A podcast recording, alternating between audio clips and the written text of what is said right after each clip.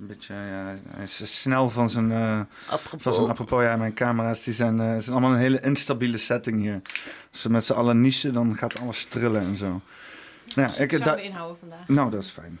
Ik, zoals je, ik, ik duik er gewoon middenin. Hè. We zijn uh, bij een heel apart getal. Uh, uh, en daarvoor heb ik maar gewoon de hele kamer vol gestouwd met dames. Want anders weet ik het ook allemaal niet meer. dus ja, poppenkast 66. Gaan we die ook nog even opzoeken? Gaan we, gaan de numerologie oh, van 66? Ja, ja laten we dat doen. Ja. Oké. Okay. Leuk idee. eens even kijken. 66 liever 69 willen doen. Ja, ja. Die komt vanzelf. Eens even kijken, want wat weet jij, uh, wat, weet je, weten jullie al iets van 66 af? Nee, maar het is een dubbel getal, dus ja. er zal vast iets met uh, uh, mooie dingen. Ja, mooi. Ja. Nou ja, ja, weet je, want Tim Lenders die zei de vorige keer van dat zou dan wel weer iets satanisch worden natuurlijk. Nee, niet altijd. Want, uh, want 66 is natuurlijk ook uh, een iets kortere vorm van 666. Ja, maar dat is bij elkaar weer 18 en dat maakt weer 9. Dus ja. Dus, dus waar hebben we het over? Is een omgekeerde 6. Ja. Now we're getting somewhere. Oké, betekenis. Eens even kijken. In het leven staat het nummer 66 voor overvloed, creativiteit en optimisme. Yeah. Als je nummer 66 blijft zien, legt het de nadruk op meer kracht in welke boodschap de engelen je ook sturen. Nummer 66 vertegenwoordigt ook zowel liefde als genezing. Uh, uh, en je beschermengelen probeer je vertellen dat je hun steun hebt. Dus we hebben de steun van de beschermengelen. Ja, right on. Nou, dat is fijn. Nou, dan uh, is dit Poppenkast 66. Woep.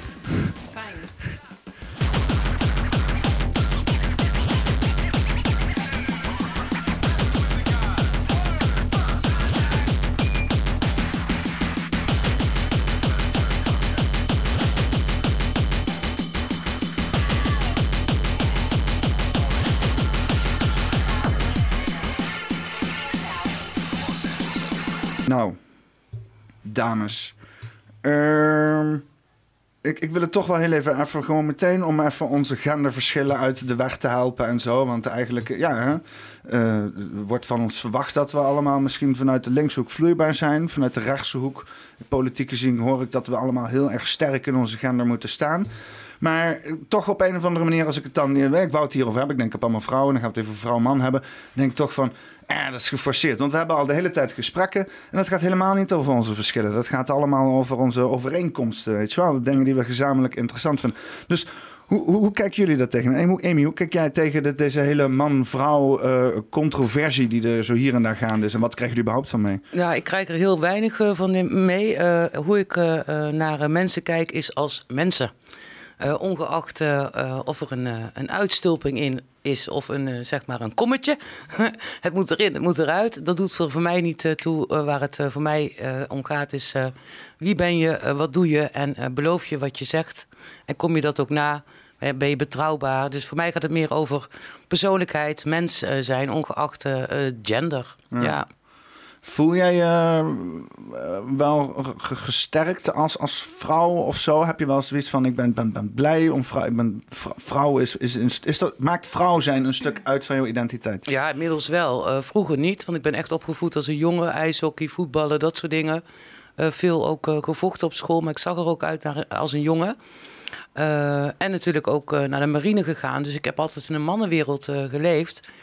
Maar dan moet je ook wel op een bepaald soort manier staande houden. Dus ehm, je vormt je dan wel op een bepaald soort manier. Maar ik kan inmiddels zeggen dat ik ook wel blij ben dat ik uh, vrouw ben. Uh, ja. Dat, ja wat, moest, dat, moest dat van diep komen, zeg maar? Of? Ja, maar ik, ik, ik denk dat het voor mannen, en, en, zeker misschien wel mijn leeftijd ook, dat het best wel lastig is. Maar dan kom je toch weer terug op persoonlijkheid. Ik bedoel, you gotta own that shit, zeg maar. Dus je bent wie je bent. En uh, die, dat kun je aanscherpen. Je bent marmer, uh, en kunstenaar tegelijkertijd. Je moet het alleen wel aangaan. En wat ik heel veel zie met gender... is dat er een soort excuus wordt uh, gemaakt. Van ja, maar ik ben dit of ik ben vrouw... of ik nou, LBGTQ, whatever. En dan neem je dus geen verantwoordelijkheid meer. En er, er zit altijd een laag ja, maar ik... of ja, maar zus. Of ja, maar zo. Nee, je moet gewoon de goede dingen doen. Ja. Eh, Claudia, eh, eigenlijk eh, dezelfde vraag voor jou. Word jij een beetje geconfronteerd met alle gaande issues en hoe sta jij daarin? Wat vind, vind, je, ervan? vind je er iets van? Ehm, ik word er niet zozeer mee geconfronteerd en ik sluit me eigenlijk wel een beetje aan bij wat Amy zegt. Ehm, ja, voor mij gaat het er ook gewoon meer om wie je bent als mens. En niet zozeer of je een man of een vrouw bent, of dat je op mannen of vrouwen valt, of beide. Of of je nou wel of niet fijn voelt eh, in een mannen- of vrouwenlichaam en dat misschien wel wilt veranderen. Eh, daar vind ik eigenlijk niet zo heel veel van. Ehm, ook herken ik me wel een beetje in Amy's verhaal dat ik me ehm, op dit moment echt wel echt vrouw kan voelen. En eh, het ook fijn vind om vrouw te zijn. Ja, want hoeveel identificeer je, hoe, hoeveel, hoeveel maakt jouw vrouw zijn deel uit van je identiteit? Alles, Alles. Ja, denk ik wel. Ik ben een vrouw, dus... dus eh, jouw hele identiteit is, bestaat om vrouw zijn. Nee, mijn identiteit... Dat is ook weer zo. Nee, ja. mijn- mijn- Kijk, ik ben natuurlijk gewoon Claudia. Eh, dat is mijn identiteit. Ehm, en als je dan nog verder gaat kijken, dan, dan is het gewoon de ziel die ik ben. Dat, dat, dat vind ik meer mijn identiteit. En dat is gewoon iets wat altijd blijft bestaan. En als ziel ben ik eh, waarschijnlijk ook heel vaak een man geweest. Ja. Eh, we hebben als, als man en als vrouw hebben we gewoon beide eh, ehm, eigenschappen en beide hormonen hebben we in ons lichaam zitten. Dus eh, je hebt mannelijke kanten en vrouwelijke kanten. En ik denk ehm, dat het bij mij nu meer een evenwicht als, is als voorheen. Ehm, maar dat heeft meer te maken met de omgeving, denk ik. Omdat ik ook een tijd heb gehad dat ik me. Het idee had dat ik me stoerder moest voordoen dan dat ik was. En met dat ik dat zeg, klopt dat ook weer niet helemaal. Want ik denk dat ik ook best wel stoer kan zijn. Maar daarmee heb ik wel mijn zachte vrouwelijke kant een hele tijd eh, een beetje onderdrukt. En ik merk dat het nu mij juist heel veel kracht geeft om dat ehm, juist te ownen en naar buiten te brengen. En eh, gewoon vrouw te zijn. En ja, dat voelt eigenlijk wel heel fijn. Ja. Ja. Ja, want ik, ik heb zelf ook wel hè, eh, moeten dealen met eh, vrouwelijke eigenschappen, naar mijn idee, zeg maar. Zoals? Ja, nou ja, ik, ehm, ik, eh, ik, ik, ik, ik, ik, ik, ik- ja, ik weet niet. Eh, ik, ik, kan, ik kan heel gevoelig zijn op een of andere manier. Hè? En dan eh, kan ik eh, ja, wel een beetje, beetje uithalen of iets dergelijks. Ik weet het Uithalen of gewoon onverwachts uit de hoek komen? Ja, ja, nou ja, Dus dat is bitchy- echt een vrouwending, bitchy. Bitchy zijn, bitchy zijn nou weet je komen wel. we gelijk weer op zo'n... Snodig. Nee, nee, nee. Ja, ik, ik, weet, ik weet niet of dat dan vrouwelijke of mannelijke eigenschappen zijn. Want dan, dan kom je ook een beetje op dat hele... Maar ik, ik voel me dan altijd... Ik voel me niet heel mannelijk, laat ik het zo zeggen. Waar, waar ik vaak mee te maken heb, is eh, zeg maar, eh, ja, mensen eh, kennen mij dan in de werkomgang en dan ben ik gewoon echt eh, on point. Eh, en als het dan meer in de privé-sfeer komt, dan hoor ik heel vaak: je bent kwetsbaarder dan dat ik dacht. En dat frustreert mij nog wel eens, want dan lijkt het net alsof ik van staal of van steen ben. En dat is het niet. Maar dat heeft ook te maken hoe anderen jou bezien, wat je aan het doen bent in de wereld. En dan is bijvoorbeeld stoer of ze vinden je een powervrouw. Maar ik ben ook gewoon nog een, een gevoelsmens, want anders zou ik dit soort dingen niet kunnen doen. Mijn kracht is tegelijkertijd mijn kwetsbaarheid. Maar op een of andere manier eh, gaan heel vaak mensen op het een of op het andere zitten. Terwijl het eigenlijk een soort eh, ja, een wisselwerking is hè, van die energie ook. En ik vind het nog wel eens teleurstellend dat mensen dan... Ja, ik, ik weet dat het goed bedoeld is, maar als ik dat dan... Ja, je bent kwetsbaarder dan dat ik. Ik denk, ja, wat denk je nou dan?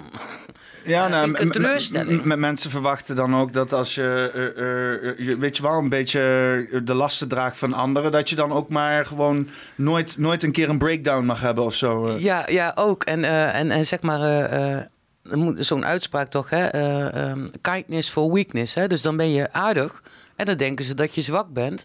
En dan denken ze ook dat ze maar alles maar even kunnen flikken over jouw rug.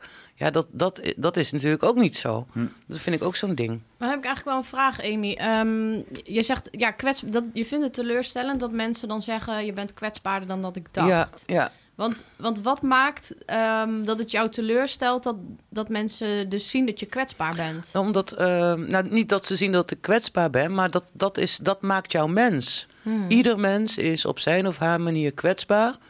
En ehm, zeg maar, wat ze van jou eh, denken of verwachten, eh, daar zit dan blijkbaar een hiaat in, want ze zijn zelf ook verrast over dat stuk.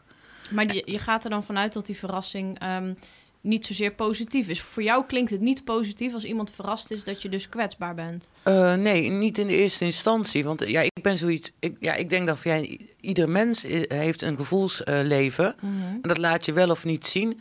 misschien zou ik het zo kunnen zeggen dat ik denk dat ik het wel voldoende laat zien, maar toch niet voldoende genoeg. Ja, precies. Want, want heeft dat dan ook te maken met hoe je zelf tegen het geen kwetsbaarheid aankijkt? Ja, ja zeker wel. Want er was uh, vanuit huis uit was daar eigenlijk geen ruimte voor natuurlijk uh, in overlevingsstand. En dan kijk je ook bijvoorbeeld naar uh, Defensie. daar is kwetsbaarheid is ook niet een, een ding wat te veel naar voren moet komen. Want dat kan je de kop kosten. Of uh, dat mensen je gaan afzeiken of zo, weet je wel. Dus ik ben wel. Het stom is dat het, heel, dat het iets heel sterks kan zijn. Uh, ik, ik, heb maar, ik heb gemerkt dan door me juist kwetsbaar op te stellen soms. Dat je dan. Uh, en je komt steeds dichter bij je eigen werkelijkheid. Dus je, je blijft ook heel dicht bij, bij, bij je eigen ja, waarheid, werkelijkheid.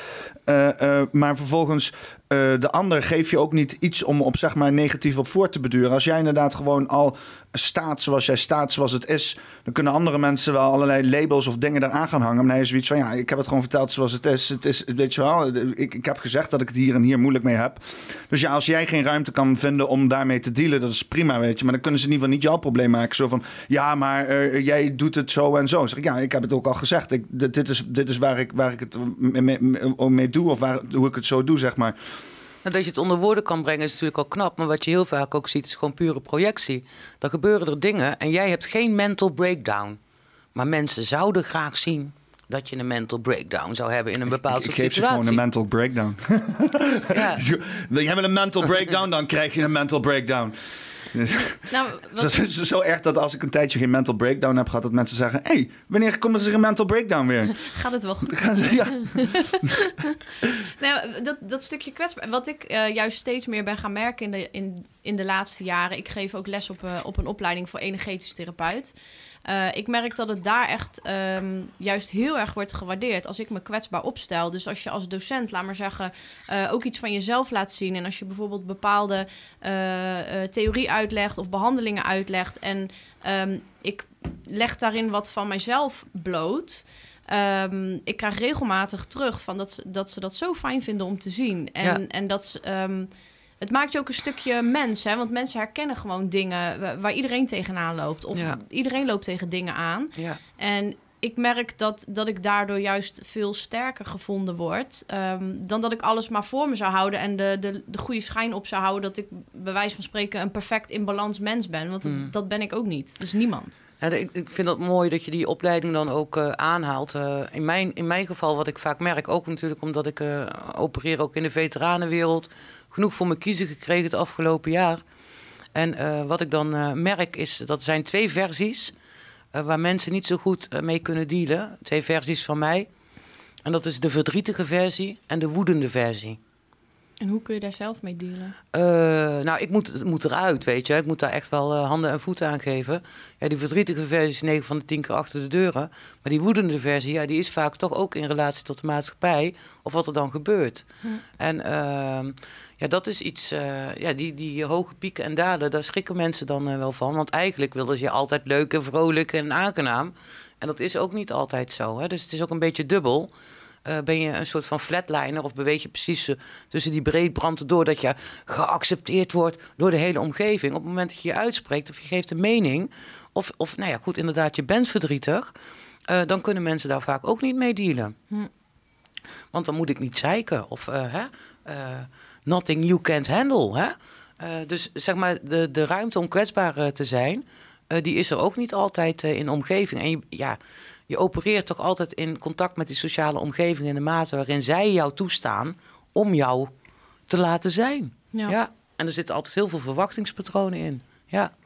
Ja, ja, en ook denk ik een stukje hoe je jezelf kunt laten zijn. Kijk, als je zegt van joh, dit, ik merk dat dit mij gewoon echt verdrietig maakt. En, en het is gewoon zo. Punt. Kijk, je kunt het wel voor je gaan zitten houden of uh, inslikken. Uh, maar het is gewoon wat het is. En ik merk dat, dat als je daar eerlijk vooruit kan komen, dat mensen het ook wel steeds meer gaan waarderen en gaan accepteren. Nou, ligt er ook een beetje aan waar je je uit. Hè? Ik heb ja. uh, afgelopen jaren in een situatie gezeten, als ik me daar uitte, dan uh, deden mijn gevoelens er niet toe. Dus dan ben je ook vrij snel uitgeluld. Mag ik een vuurtje voor jou? Ja, zeker. Alsjeblieft. Ja. Oh, dat is mijn aansteker. Oh. Wisseldruk. ja, die ga je hier verliezen hoor. ja, nu is het. ik ga altijd weg met een aansteker. Is het ah, ja, ja, ja, ja, Of meer.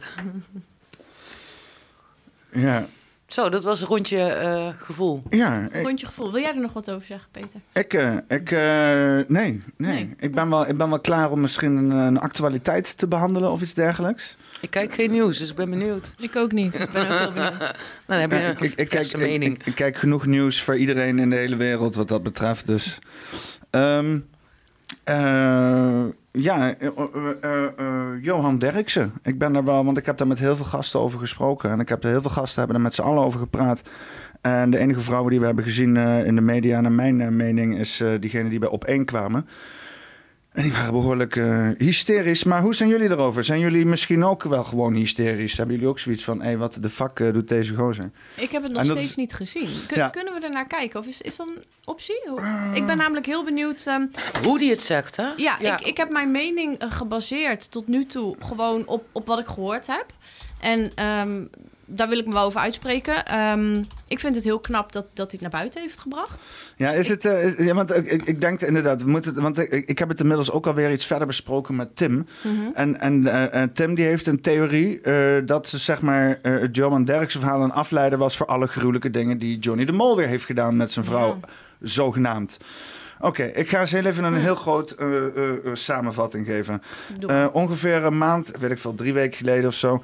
Toen eh, kwam dus inderdaad Johnny de Mol eh, dingen naar buiten. Eh Emma Wortelboer die zei schijnbaar van... ik ga niet met iemand tafel zitten die zijn vrouw slaat. Bleek dat Johnny de Mol zijn vrouw zwaar heeft toegetakeld. Emma Wortelboer, Emma Wortelboer is ook zo iemand die eh, heel bescheiden praat ook altijd, hè? is- ja, ja die heeft, die, Emma Wortelboer heeft tegenwoordig anticonceptiemiddelen in de oor hangen. En daar is ze heel, oh, heel die. erg oh ja, ja of about, zeg maar. Dat is eh, haar Maar zij was ook degene toch die met het Eurovisie Songfestival helemaal hysterisch eh, werd toen. Dat was zij toch, of niet? Ik kijk al te lang. Ik vind die Eurovisie Songfestival een groot hysterisch gebeuren. Ja, ja, ja, precies. Oké. Cancelen. Ja, maar dat is eh, inderdaad eh, een, hooi, een speld in een hooiberg vinden-. Ehm, maar dus, eh, en toen kwam in één keer Johan Derksen met ja, eigenlijk, eigenlijk dit, dit, dit verhaal. Eens even kijken. Waar, waar, waar kijken we? Ja, ik, ik zal hem hier proberen te Goed. presenteren. Ik doe Ja. mijn best. Ja. Ik doe mijn best om het allemaal inzichtelijk te maken. Ja, kijk, is zijn hij. we. Heel smerig verhaal hoor, maar dat soort dingen gebeuren. Ik was met de keeper van Veendam met twee juffrouwen op stap. En we werden liederlijk. Heeft hij nou of niet? Nee, Ja. nee, nee, Wat want was ik- dat? ik- 1936 1936? Nou, het was net na de oorlog. Ja. Maar we zijn op stap en lachen. dronken. Ja. En we gaan mee. Smakelijk naar lachende de witte mannen. En die juffrouwen die zijn, eh, zo dronken, die kotsen ons helemaal om. Wat zei je? Dat pik ik niet. Nee, maar Daar wordt niet over geluld, hè? En ik ben er niet trots op, maar dat soort dingen gebeuren als je jong bent. We zijn weggegaan en die juffrouw die lag bewusteloos eh, op, op zo'n bank. En daar stond zo'n grote kaars en die hebben we erin gestopt. Dus zijn we weggegaan. Hebben jullie nog wel aangedaan? Nee, nee, daar zou je nu gevangenisstraf voor krijgen. Ja, het is in jouw geval al lang verjaard, maar het is wel een beetje Maar dat soort dingen dit. zijn gebeurd en we hebben allemaal onze jeugdzonden. Hè? En ik vind dat nu ook met dit soort beschuldigingen, het gaat wel ver terug. Hè? Nou ja, hè? en dus daarna kwam hij er nog op terug van nee, eh, het was niet eh, eh, eh, erin, maar ertussen. En eh, het, het Oh, was, ja, eh, ja. weet je wel, allemaal een beetje geneuzel. Maar waar het op neerkwam is dat ze, dat ze niet ja, vies waren van eh, hè, een beetje wat nu misschien weg wordt geschreven als aanranding. Wat toen gewoon de normaalste zaak ter wereld was. Nee, maar hij begint al met het is een smerig verhaal en jeugdzonde, weet je wel. Het is al een soort van ingepakt. Het is wel jammer dat je dan, misschien zegt hij nou wel erin om stoer te doen. Maar ja, eh iedere huisje heeft zijn kruisje. Het is natuurlijk nooit verstandig om dat op de tv te zetten, maar te zeggen. Maar je merkt gewoon eh, tegenwoordig van eh, als er iets naar buiten komt, dan word je gelijk eh, neergesabeld. Dus Ja. ja, Ja, en je ziet dus inderdaad dat het bijna... Het is zo voorspelbaar dat het misschien zelfs tactisch ingezet kan worden, dit soort dingen. dat zou Hè, Jo- kunnen. Ja. Jo- Johan Derksen, die wou toch met pensioen. Die had het helemaal gehad met Nederlands Daar heb ik gezeik. ook iets over gezien, hè? dat hij on- onder een contract stond waar hij onderuit wilde. en dat Ja, jong. misschien- En eh, nu de Johnny de Mol die zei van... Hey, hè, eh, als jij eens even alle hitte op je neemt... dan eh, betalen we jou een mooi bedrag. Dan zegt Johan Derksen van... Nou, dat doe ik al mijn hele leven. Dus Ja. hold my snor. ja. En dan gaat hij dan. Ja, maar dat denk ik ook, hè. Eh Johnny de Mol natuurlijk Hold my eh, snor. zoon van. De, de, de appel valt niet ver van de boom, hè. Als we het dan toch over spreekwoorden hebben. Ja, ik weet het niet. eh, ja. En wat vind, wat vind je van die hele mediacultuur? eh ja, ik blijf er eigenlijk weg van. Ik, ben je er bekend mee op een of andere manier? Eh, mm, ja, ik zou niet weten in welke hoek, het, eh, hoe, hoe ik het eh, moet zoeken. wat, ik, eh, wat ik wel eh, merk is dat mensen, en zeker ook op social media, dat is ongekend, eh, hoe mensen bereid zijn om elkaar naar de mond te praten op social media. Hè? Eh, de grootste maten, best friends for life zijn mensen. En in het echte leven is dat gewoon niet waar. Het is gewoon één grote fake eh, bedoeling. Eh, en eh, ja, smeerpijperij. Eh, ja, dat ik ook denk van ja, eh, wie heb je daarmee? Je moet zelf eh, jezelf ook in de spiegel aan kunnen kijken op een gegeven moment. Het lijkt wel alsof elkaar onder de bus gooien deel uitmaakt van, van de, het, het beroemd zijn of zo. Dat, ja, dat... ja, kijken hoe ver je kunt gaan. Ja, er is gewoon aan alles een grens. Ja, dat- ik- het, is al, het is al een beetje, het is een beetje anti-manifesterend volgens mij ook. Het el- elkaar onder de bus gooien, het misgunnen, het concurreren, het, te- hoe noem je dat dan ook weer, eh, ehm, tekortdenken. Denken dat, dat je tekort komt. Eh, ehm, Schaarste. Schaarste denken, inderdaad, dank je. Schaarste denken, inderdaad, wat er dus gaande is. Want dat is ook iets wat ik van Joe Rogan heb opgepakt. Dat hij zegt, en ook hoe hij handelt, vooral niet zozeer wat hij zegt, maar wat hij doet. Hij gunt iedereen alles. Hij, iedereen betrekt hij erbij. Hij doet voor iedereen's bedrijfje wat promoten. Hij doet met dingen, weet je wel, hij is gewoon een gunner. En je ziet ook dat, dat, dat die, die gunfactor komt ook terug. En dat krijgt een positieve spiraal. En het lijkt wel dat de, de media nu in een negatieve spiraal van misgunning is terechtkomen. Wat al een tijdje gaande is, maar wat nu echt rampant is. Dus het eet zichzelf op, lijkt het wel. Ik heb uit eigen ervaringen, want toen ik in 2018 begon met helemaal vol verhalen en dat, dat begon dan echt te vliegen in 2020, heb ik ook allerlei initiatieven ondersteund, eh, geholpen, mijn energie aangegeven, eh netwerk ontsloten. En op een gegeven moment stonden die verschillende energieën, die stonden helemaal in hun kracht. En wat er gebeurde was dat ik vervolgens gewoon een, een mes in mijn rug kreeg. En dat heb ik ook meegemaakt. Dus weet je wel, dan help je mensen. En dan, eh, dan denken ze, oh, nou ben ik er. Hè? Nou ben ik het mannetje of het vrouwtje of whatever. Ik heb de aandacht. En nou ga ik jou eens even, eh, zeg maar, eh, in de wielen rijden. Hoe herken je de Judas in de maatschappij? En moet je dat überhaupt wel doen? Tot ze je kussen. Ja, ben, ben je wel eens verraden in het leven? Ik? Ja. Ehm, geen idee. Heb je wel eens verraden gevoeld? Ja, vast wel. Maar ik kan zo even niet zo 1, 2, 3 een voorbeeld noemen eigenlijk. Want, want eh, ga, jij, eh, eh, eh, hoe eh, ga jij om als mensen eh, misbruik, of nou ja, nou, misbruik klinkt altijd eh, zo heftig, hè? Maar, eh, Gebruik. nou ja, gewoon dat je bijvoorbeeld eh, dingen geeft aan mensen, je energie, tijd, moeite, en dat daar dan gewoon, je geeft dus een vinger, ze pakken je hele hand en, eh, en je hebt zoiets van, ja, eh, weet je, dit is, dit is allemaal weer, dit is allemaal weer te veel. Weet je wel, mensen Ja. die, gewoon, die gewoon niet willen ophouden met pakken, hoe ga je daarmee om? Nou, op een gegeven moment is het natuurlijk de kunst om gewoon niet je hele hand te geven. Eh, je gaat die mensen op een gegeven moment wel herkennen, vind ik, in mijn omgeving. Hè, van mensen waar, waarvan je zegt, ik geef ze één vinger en ze pakken mijn hele hand. Eh, maar soms ben je ook heel gedreven om iemand te helpen. En, en eh, is het een soort van passie waar je in terechtkomt. En dan duik je er helemaal volledig in. Ehm, dat zou ik me wel voor kunnen stellen, dat, dat herken ik ook wel. Ehm, en dan kan het zijn dat je op een gegeven moment denkt... ja, waar, waar heb ik het eigenlijk voor gedaan? Ja, en dan ben ik zo iemand die op een gegeven moment mijn handen ervan afhoudt. Dat gewoon, zeg van... Gewoon eh, beel, gewoon op het moment dat je door hebt, zeg jij, oké, hou je... Ja, weet je, dan, dan is het voor mij ook niet meer satisfying om zo iemand te helpen. Als ik één het idee heb dat het eh, en niet zo heel veel zin heeft wat ik doe. Ehm, plus als het misschien niet gewaardeerd wordt of, of als mensen alleen maar meer en meer willen en er zit, er zit niks voor mij bij. Want ik vind het heel eh, eh, satisfying om, om mensen te helpen en Ja. eh, om, om, om mensen op weg te helpen. Maar zodra dat aan mij gaat knagen en ik heb zoiets van, nou ja, dit, dit voelt voor mij niet goed meer. Ja, dan, eh, dan denk ik dat ik het bespreekbaar maak. En dat het op een gegeven moment is van... ja, nou, hè, je moet het zelf weten, maar... eh, En hoe, hoe herken je dat dan als je in zo'n situatie zit? Want vaak heb ik, heb ik in ieder geval, dan zit je, er- dan zit je er al veel te diep in. Dan, Ja. dan- Ja, weet je wel. Heb je al geïnvesteerd en zo? Want dan zit je bijna in conflict met jezelf. Van, Ja. ga, ik heb hier zoveel tijd en moeite Ja. in geïnvesteerd. Ik wil het zien slagen. Maar dan wordt het op een gegeven moment jouw ding in plaats van het ding waarmee je aan het helpen bent. Ja. Hè? Dat is, Ja, en ik, ik heb denk ik dat, dat hele... ja, het moet slagen, ja, dat is hartstikke leuk. Maar ehm, ja, ik, ik ben ook altijd wel iemand van... gun iemand zijn eigen proces. Dus als ik iemand help en, en het, het, het slaagt niet... ja, dan is dat niet mijn fout. Ook niet de fout van die ander. Dan is het gewoon de tijd nog niet. Of die ander ziet het nog niet. Of die ander heeft misschien een andere weg te bewandelen... om het te doen laten slagen. Of misschien heeft die ander nog wel een paar jaar nodig... om in te zien hoe het gaat slagen. ja. En als blijkt dat ik dan op dat moment niet de persoon ben ehm, om, om dat succesvol te maken, ja, dan moet je ook naar jezelf gewoon eerlijk zijn en zeggen van... joh, eh, volgens mij eh Zo kruis, van, jammer, maar helaas. scheiden hier onze wegen of niet. Maar in ieder geval op dat vlak wel. En er zijn Ja. natuurlijk heel veel eh, belangen. Ik moest net ook denken van eh, bijna alles wat ik doe gaat voor mij om zingeving. Hè? Eh, en dat probeer ik ook te creëren met anderen en daar ook eh, een weg in eh, te wijzen. Het gaat nooit over eh, geld of over winst of over eh, eh, populariteit of belangen. Eh, maar omdat je dat aan het doen bent, vanuit passie, zingeving, vormgeven, zit daar ook altijd hele positieve, goede energie bij. En daar willen mensen ook vaak wat van. En dus het gaat eigenlijk over currency. Zeg maar, wat is je wisselgeld? Met welke valuta hebben we hier te maken? En op het moment dat je dus iets doet voor een ander, omdat dat zijn of haar leven betert, of dat ze daardoor vooruit kunnen komen, of wat dan ook.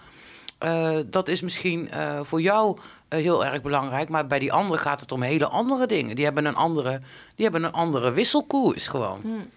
Ja, want Ja, maar moet je er altijd iets voor terugkrijgen? Dat Nee. vraag ik me soms af, hè. Want ik zie het als een wat groter geheel. Eh, ik kan bijvoorbeeld iemand volledig helpen en daarvan diegene niks van terugkrijgen. Ja. Maar ik kan net zo goed van iemand anders ehm, enorm geholpen worden. En op dat moment kan ik die ander niet iets teruggeven. Het is En- altijd asynchroon. Het- Het is, altijd, het is nooit eh, eh, totaal de wederkerigheid, tenzij je daar afspraken over Ja. maakt. Hè? Als je Ja. afspraken hebt, of het nou met een factuur is, of ik help jou met dit en jij helpt mij met dat. Je hebt daar afspraken over, dan, dan is dat duidelijk. Eh, maar eh, daar zit ook nog wel heel veel verwarring in. Of dat mensen vinden dat ze ergens recht op hebben, omdat ze zichzelf met iets gelabeld hebben. Mhm. Dat zie je ook heel veel. Dat is entitlement gewoon. Ja, ik word dus bijvoorbeeld niet heel graag geholpen door mensen die daar iets voor terug willen. Want dat voelt niet zo onvoorwaardelijk. En eh, dan heb ik zoiets van, ja, ik weet niet wat ik terug kan geven, hoe ik dat kan doen, wanneer ik dat kan doen, of ik dat überhaupt kan en dan doen. moeten er in één keer allerlei de zaken, weet je wel. ja, dat maar is dan ook voelt het in één keer ehm, eh, heel, eh, dan voelt ja, hoe moet je dat zeggen? gedwongen. Nee, maar als, Ja. je, als je geeft Ja. zonder te nemen en je laat het gewoon aan het universum over. Ik bedoel, ik heb door de jaren heen ook hier in Arnhem heel veel partijen online geholpen. Ik deed vaak ook eh, niet met de factuur, hè, maar dan bijvoorbeeld eh, ja, in de wederkerigheid. En eh, ja, dat is ook niet tijdig op één moment. Ik bedoel, ik heb, ja, wat ik al zei, heel veel partijen geholpen. Nou, misschien vier, vijf, zes jaar geleden. En er komt een moment in een co-creatie of dan heb je iemand nodig. En dan denk je, oh, die persoon doet dat en dat. Dan ga ik eens even vragen, want ik heb dat toen en toen... en dan gooi ik een balletje op. En als die persoon dan zegt, ja, nee, dat ga ik allemaal niet doen. Ja, dan weet ik één ding. Eén, ik help jou niet meer. Hè, want je, de- je, je hebt er niks eh, voor terug, zeg maar. Of je bent het vergeten, maakt niet uit. Vind ik je nog steeds een hartstikke tof mens. Maar dan gaan we dat niet meer eh, doen. Want ja, Ja. hè. Dus ehm, ja, het, is, het is altijd een soort van gevoelskwestie op dat moment. En zijn mensen bereid, eh, wanneer het er echt op aankomt, om je te helpen. Ja. En als het er echt op aankomt, hè, dus ook vanuit dat je iets vraagt uit het diepst van je verlangen of vanuit je hart. Je hebt het echt nodig. En dan laten ze je zitten, dan ben je af. Ja. Ja, soms, moet je, soms moet je ook wel echt gewoon even herstellen hoor. Ja. Hè, maar ik ben ook wel eens, ik ben wel ook wel eens genaaid op, op, op manieren waarin ik ben wel eens zeg maar genaaid door een situatie waardoor ik anderen had genaaid, waar ik niks meer aan kon doen. Hè, eh, wij werden niet uitbetaald, dus ik kon andere mensen niet uitbetalen. En, eh, en daar ben ik, ben ik nog steeds om gehaat door een paar mensen, weet je wel. Ja, cut out the middleman. En oh man, eh, ja, ja, ja, wij, wij- ja, weet je wel, we, hadden een idee, we gingen een livestream doen bij een, bij een, een, een eh, drie podiums hadden we helemaal gerikt, alles opnemen, twee podiums zelfs livestream, of nee, groot podium zelfs livestream en zo, helemaal episch. Hele filmproductie hadden we gedraaid. Betaalden die motherfuckers aan het eind niet uit, omdat we niet alles... Het was één grote chaos over twee dagen, weet je wel. En op zo'n festival was nachtmerrie met kabels en zo. Gingen mensen jouw kabels lopen verleggen en... oh man... En, eh, eh, dus ja, niet alles was vastgelegd, maar dik 75% wel. Eh, maar ze betaalden ons niks. Hè? En, dat, en- is, dat is een beetje wat ik bedoel. Weet je wel, alles eh, moet eh, dicht met eh, contracten en weet ik veel wat allemaal. En daarom zei ik ook net een woord, een Ja, woord, maar nu een heb ik er spijt van gehad. Nu heb ik er Ja. spijt van gehad dat het niet helemaal dichtgetimmerd was met onze voorwaarden. Ja, maar want soms het wil je ook zo goed gewoon niet werken. Want je wil gewoon de vrije energie, de vrije ruimte hebben. En gewoon, eh, je gaat dat samen doen. En als je dat ik- tot een goed succes brengt. Ik heb dus nu drie gasten bij die ik eh, eh, eh, 1000 euro de man had beloofd, weet je wel. Eh, eh, eh, onder het mom van. En dat was nogal, eh, weet je wat, dat, dat, dat kwam me goed. Eh, als er gewoon uitbetaald werd. Maar, of in ieder geval iets, weet je wel. Want ik had al een beetje gezegd van, nou, zo, zo om en nabij. Maar, eh, ehm, Helemaal niks. Ik heb ze helemaal niks kunnen geven. En ze hebben wel 16 eh, uur per dag daar lopen, lopen bikkelen voor drie dagen, weet je wel. Wij ook, daar niet van. Maar ja, die, die, gasten zijn waren zuur tegen mij. ja. Ik heb, ik heb dat ook in het project. Ik ben vorig jaar echt flink getraineerd. En toen zat ik in een situatie dat ik financieel met de stichting helemaal niks meer kon. En toen heb ik zelf 5000 euro moeten lenen om de kunstenaars te betalen. En daar was ik bereid toe, omdat de co-creatie te mooi, te belangrijk en ik voelde me ook verantwoordelijk. En ik kwam dus in een situatie dat ik zelf maanden niet betaald eh, kon worden. En als organisator of als projectleider sta je altijd onderaan de streep. En ik vind het belangrijker dat de mensen zich goed voelen in de co-creatie dan dat ik uiteindelijk betaald eh, krijg. En die bereidheid zie je eigenlijk bij heel weinig mensen. Ja. Dat is ook zoiets. Ja. Maar Ja, het is, het is ook wel, eh, ja, het is ook wel misschien, eh, hè? Ja, het is ook wel heel veel mensen die, die zeggen dan ook van ja, dan, ho- dan hoor je ook gewoon te betalen. Maar ja, als het, als het geld er niet is, plus er waren rekeningen zelfs. de spul gehuurd en zo, weet je wel. Dus dat was, eh, Maar het is wel een les, denk ik. Ik bedoel, je leert uit dit soort situaties altijd wel heel veel. ja, ik ben daarna in de carwash gaan werken. Ik denk, fuck al dit ondernemen, laat me zitten. Ja, maar dat is, weet, je, weet, weet je wat mooi is? Eh, dit gaat eigenlijk ook over, weer over waarden. Bijvoorbeeld, eh, een van mijn waarden is vrijheid. En eh, dat betekent dat je die ander ook zijn of haar vrijheid gunt, zoals je die jezelf ook eh, gunt. En dat vind ik eigenlijk ook in het ondernemerschap, zeg maar. Dus op het moment dat dat een van jouw waarden is, dan ga je die ander ook niet het eh, mes op de keel zetten. Want je, je hebt zelf ook behoefte aan die vrije creatieve ruimte. En daarom denk ik ook van ja, als je afspraken maakt met elkaar, of er nou een papier onder ligt of niet, eh, in de medemenselijkheid, dan, ja, dan ga je daar ook verder over in gesprek. En wat je tegenwoordig natuurlijk heel vaak ziet, eh, als je iemand aanspreekt op een bepaald soort falen of dat je, je vindt er ergens van, dan krijg je gewoon een blok. En dan blokkeren ze je overal en dan besta je niet meer. En dat is eigenlijk gewoon struisvogel. Dat zijn peuters. Als een peuter denkt van, eh, ja, ik wil jou niet meer zien... die doet dan zijn handen voor zijn ogen en die ziet jou niet meer. Dus dan neem je ook geen verantwoordelijkheid. En dat vind ik eigenlijk wel een beetje het hele punt eh, met deze da- maatschappij. daarvoor hebben we toch ook gewoon alles helemaal juridisch dichtgebouwd. En ik, hebben we eindeloze contracten. Om, omdat, dus, om, omdat er gewoon ook mensen zijn die er met de pet naar gooien. Dan wel niet eh, eh, eh, bewust, dan wel niet onbewust. Weet je, mensen die er ook gewoon in duiken met het idee van eh, ja, gewoon falen in, in, in, het, in het ondernemerschap. En dan domme keuzes maken of zo. Maar je hebt ook mensen die gewoon met malafide intent erin gaan vanaf het begin denken van... Yo, hè, waar, daar waar ruimte is, dan gaan we iedereen een oor aan naaien zo groot mogelijk als Precies, dat lekker net doen eh, alsof chaos, drama organiseren... en dan lekker je keutel intrekken en dan het slachtoffertje gaan spelen. Of gewoon inderdaad zo bezig zijn met zichzelf en helemaal geen oog hebben voor de destructie die de omgeving aangaat. Weet je wel? Precies. Alleen maar dat, dat zelfrecht van ja, maar ik ben hier toch bezig met iets groots. Ik ben hier toch iets. Ik ben de wereld aan. Dat megalomane krijg je dan, zeg maar. En dan, dan vinden mensen meteen al dat iedereen dan maar moet buigen en zeggen van oh, dan gaan we dat helemaal doen zoals jij dat eh, moest maken. En dan moet dat ten koste van alles. Ik heb dat vaak gezien. Vooral ook inderdaad in de feestorganisatie en zo. Hè, van die feestorganisatoren die, eh, die helemaal losgaan op. eh, op hun groots, grootsheid, zeg maar. ja, Ja, weet je, ik ben ook wel eens genaaid met een contract. hey, toch? Ja, toch wel. Ja. Ehm, ja, ik heb daar heel veel uit geleerd. Weet je, ik, ik, ik ben eh, veel meer op de kleine lettertjes gaan letten. Ehm, ik was bijna genaaid. Ik kwam er op tijd achter. Eh, werd onder druk gezet om een contract heel snel te tekenen. En dan ben ik op mijn op mijn dode gemak. Ik, tuurlijk zat ik daar niet op mijn gemak, maar ben ik wel helemaal door gaan lezen. En het klopte inderdaad niet. Ehm, dus ik, ja, ik ben daar wel. Ik heb daar wel van geleerd dat ik gewoon. Eh, niet zomaar eh, onder druk alles maar toezeg. Of ehm, ik heb ook heel erg geleerd om, om te kunnen zeggen: ik moet er even over nadenken. Ja, dat, dat is heel knap. Maar wat, wat ook eh, mooi is, dat je intuïtief vaak eh, wel voelt van... hé, hey, je klopt iets niet. Ja, zeker. Waar ik dan mee te maken heb, en dat is echt mijn persoonlijkheid... eh, dat ik voel, hier klopt iets niet, maar ik ben zo nieuwsgierig. Ja. En dan denk ik, nog even volhouden. Even kijken wat er gebeurt.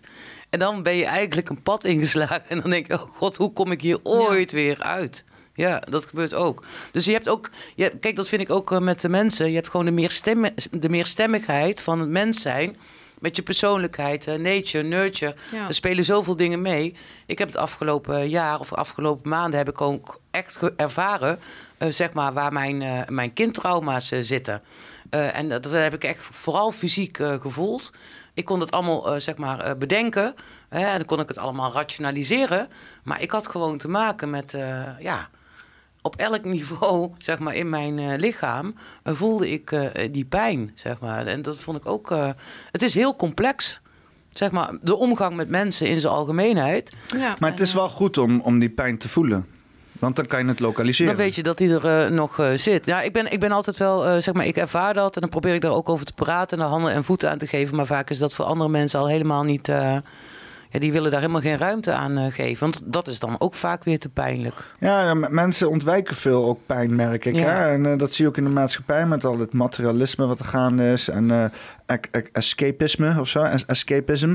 Eh, mensen die gewoon inderdaad geen pijn willen ervaren, ook niet willen praten over pijn. En eh, daardoor eigenlijk alleen maar meer en meer...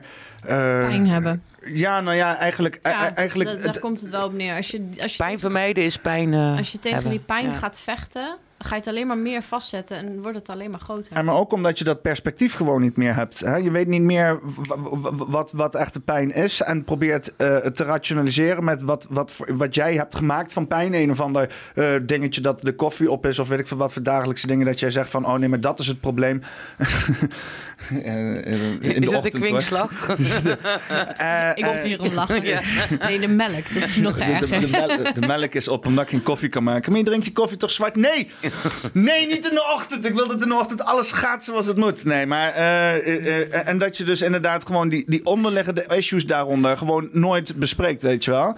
En Want dat dat wat, heel veel... wat, wat is het onderliggende issue? Van de koffie die niet op is? Die wel op is dan, denk ik. Ja, gewoon weet ik veel. Dat ik, dat ik niet zo fit ben als dat ik had kunnen wezen of zo. Nou, of dat je gewoon eh, jezelf de schuld geeft dat je niet op tijd koffie hebt gehaald. Ja. En nu word je geconfronteerd met het feit dat je jezelf eh, in de steek gelaten hebt. Ja, het, is wel, Ja. het, het is wel, het zijn wel van die terugkomende foutjes. Dat, dat weet je wel gewoon vergeten inderdaad. Hè? Laksigheid en dat soort dingen. En dat ik dan aan, de- aan het, eind- het, kortste eind trek van mijn eigen laksigheid. Dat is altijd wel frustrerend inderdaad. Hetzelfde als met de de, ochtend. En dan- Hetzelfde als met vertrouwen is dat, hè? Dus eh, dan zeggen ze van ja, mijn vertrouwen is beschaamd. Ja, heeft die ander jouw vertrouwen beschaamd? Of heb je jezelf eh, beschaamd? Heb je vertrouwen gegeven waar je dat eigenlijk niet had moeten doen? Ja. En dan word je geconfronteerd eigenlijk met je eigen falen. Ben je dus Dat- eigenlijk boos dat je zo zwak was om iemand te vertrouwen. Precies. En dat dan blijkt het, dat je dat eigenlijk beter niet had kunnen doen. Ja, of dat je en- dat niet gezien hebt. Ja, ja, en dat niet zien is dan eh, zien, ja, zien, zien, voelen, horen.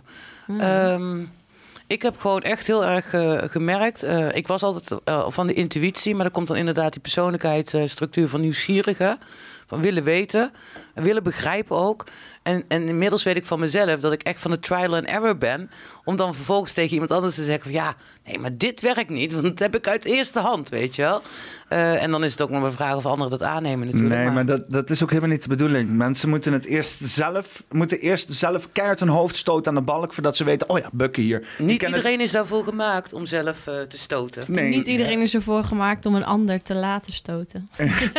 Nee, je moet niet iemand laten stoten. Maar als jij... Kijk, als, als iemand... Pas op, kijk nee, maar uit. kijk, hè, eh, eh, eh, als, iemand, als jij een laag stuk hebt... Iemand komt in huis en er zit een balk die niet weggehaald kan worden. En die gaat Dat is daar heel dealen- letterlijk dit. Die gaat, daar heel, die gaat daar dealen met zijn leven. Met dat hij dus dat afstapje heeft met die balk daarna. Eh, je kan hem dus inderdaad constant waarschuwen van... Oh, kijk uit, pas op, pas op, weet je wel. Nee, hij moet gewoon een keer zijn fucking hoofd stoten. En dan weet hij pas... Oh ja, ik moet inderdaad oppassen voor deze balk. Hè. Dat, is, dat is een beetje hoe ik het altijd zie. Mensen moeten gewoon zelf struikelen. En dan weten ze... Oh ja, daar zit een, een putje in de weg. Hè. Als je, kan het wat grote posters ophangen. Let op het putje op de weg. Maar niemand gaat er naar kijken. Wordt dit de podcast eh, van, de, van, zeg maar, van de uitspraken? Hè? Van, eh, eh, ja. Metaforen en Ja, zo. ja, precies. Zo'n, een eh, ezel stoot zich over het algemeen Hugo de Jonge podcast. niet twee keer aan dezelfde steen. Eh, eh, juist door dat wel keer op keer te doen. Want het is gewoon een handelingsexperiment, weet je. Op het moment dat je denkt, ja, eh, maar dit ga ik niet meer doen... want toen gebeurde er dat en dat. Andere context, andere spelers, er zit een les in. En je moet gewoon dat toch weer aangaan. Dus dan word ik wel weer die ezel die zich weer bereid is, vindt... om Ja. zichzelf te stoten. En dan te kijken van, oké... Ik heb me heel hard gestoten. Dat deed heel lang pijn. Nu ga ik me iets minder hard stoten. Iets minder pijn. Net zolang dat je zoveel eelt op je kop hebt, Ja, ja, ja, ja, dat het geen pijn meer doet. Ik vind dat wel een hele mooie, want, want er komt natuurlijk nog gewoon een dag dat, dat jouw melk of je koffie op is en dat je er niet meer boos om wordt. Ja, dat is het mooiste. Hetzelfde met sigaretten. Hè. Daar kan ik me ook niet meer... Ik, op een gegeven moment was ik gestopt met roken. En dan, eh, dan weet je gewoon van... dan komt er een bepaald soort rust in. Dus als ik nu geen sigaretten heb, s'avonds of zo... eh, en ook geen klikklakjes, eh, dan, eh, ja, dan accepteer ik dat. En dan ga ik gewoon lekker rustig liggen. En dan weet ik, oké, morgenochtend word ik wakker. En dan pak ik een kop koffie en dan trek ik aan mijn stut. Dan ga ik als eerste naar de winkel. Tenzij je je hoofd stoot. Tenzij je hoofd stoot. Dan ja. wil je een sigaret. Nou, dat, ja, maar dat gebeurt dan als je dan te vroeg wakker wordt, om een uur of vier, zeg maar. En dat je dan op zoek moet gaan naar benzinepompen die 24 uur per dag open Ja. zijn. Ja. Ja. ja. Ja. Ja. Nou ja, ik, ik heb zelf ook wel. eh, ik, heb, ik bedoel, ik, ik, ik, ik, heb al meer, ik heb al meer dingen overwonnen wat dat betreft. Weet je, Kijk, ik maakte me vroeger. Als er ergens een blauwe brief in mijn brievenbus was, dan flipte ik me al helemaal de pan uit. Eh, eh, alles wat aan het plafond bevestigd moet worden, ging niet zonder één grote scheldpartij van hier tot Tokio. Eh, nee, ja, ik, ik, heb me, ik heb me om zoveel dingen druk gemaakt, zoveel dingen boos gemaakt. Ook over, mensen en zo, hoe mensen met elkaar omgaan. En vrienden, vrienden die dingen vonden, vrienden die geen contact hebben, mij niet includeren. Dingen waar ik bij moest zijn. FOMO, fear of missing out, weet je wel. Daar ik me ook, oh, dan was- was ik 16 en ik wou naar een feest, daar kaartje voor, maar ik was nog aan het werk. En ondertussen was ik schijnbaar iemands verjaardag vergeten. Oh, mijn hele wereld stortte in, weet je wel. Dat was, ja, ik, ik heb me om zoveel dingen druk zitten maken. Maar dat, ja, inderdaad, dat is wel fijn van oud worden. Dan maak je steeds minder. Je hebt op een gegeven moment zo vaak druk gemaakt om dat ene ding. Op een gegeven moment denk je van ja. Op een gegeven moment houdt het gewoon een keer op. Op een gegeven moment denk je van ja, nu ga ik me er gewoon niet druk over maken. Het is nu al duizend keer goed gegaan. Het komt wel een keer, weet je wel. Dus dat is wel, dat is, ik denk dat het ook gewoon een stukje ouder worden is. Ja. Amy, als oudste van ons, maak jij je minder druk dan vroeger? kan, je, kan je dit beamen? Nee, ja, ik, ik, eh, ik moet zeggen, ik eh, probeer dan Zeg even... dat het zo werkt. Nee, ja, nee, ja, maar het Geef ons hoop. Ja, nee, nee. eh, ik, ik geef jullie zeker hoop, zeg maar, want jullie zijn nog niet bij de 40. En dat is wel een soort van magisch eh, getal. De vorige keer ook over gehad, eh, rond die tijd. Je denkt dat het in eh, fases van 7, 7, 7. Dus eh 28, eh, wat is het dan, 35, 42. Oeh. Ja, s- rond die leeftijd, eh, dan ga je echt je eigen dingen bevechten, je vrijheid bevechten. Eh, en eh, tot die tijd is het ook een soort van onderzoek. En dan komt er wel een omslagpunt. Eh, in mijn eigen leven heb ik eh, gezien dat ik eigenlijk gewoon aan het worstelen was. Hè. De eerste 20 jaar waren lijden, toen 20 jaar leren. En daarna ben ik echt pas gaan leven. En eh, dat deed ik eigenlijk best wel goed. Maar ik ben uiteindelijk ook weer eh, afgelopen jaar echt vet tegen de lamp eh, gelopen. En teleurgesteld eh, geraakt in mensen. En eh, ja, daar, daar zit dan toch nog zo'n stukje. Ja, en dan, eh, ja, als ik daar nu ook over nadenk, dat is echt wel complex. Wat een prachtig uitzicht heb ik hier. Echt geweldig, die bossen ook. Gewoon geweldig. Ja, hij wordt steeds groener, hè? Dat Oh, is, eh, ja, nee, het was eh, ineens ontploft hè, deze week. Bam! Ja, in één keer vlop overal bladeren Ja, ja. uit en zo. Dan moet ik ook denken aan de, aan de feng shui. Ik was mijn auto aan het parkeren en ik flop op.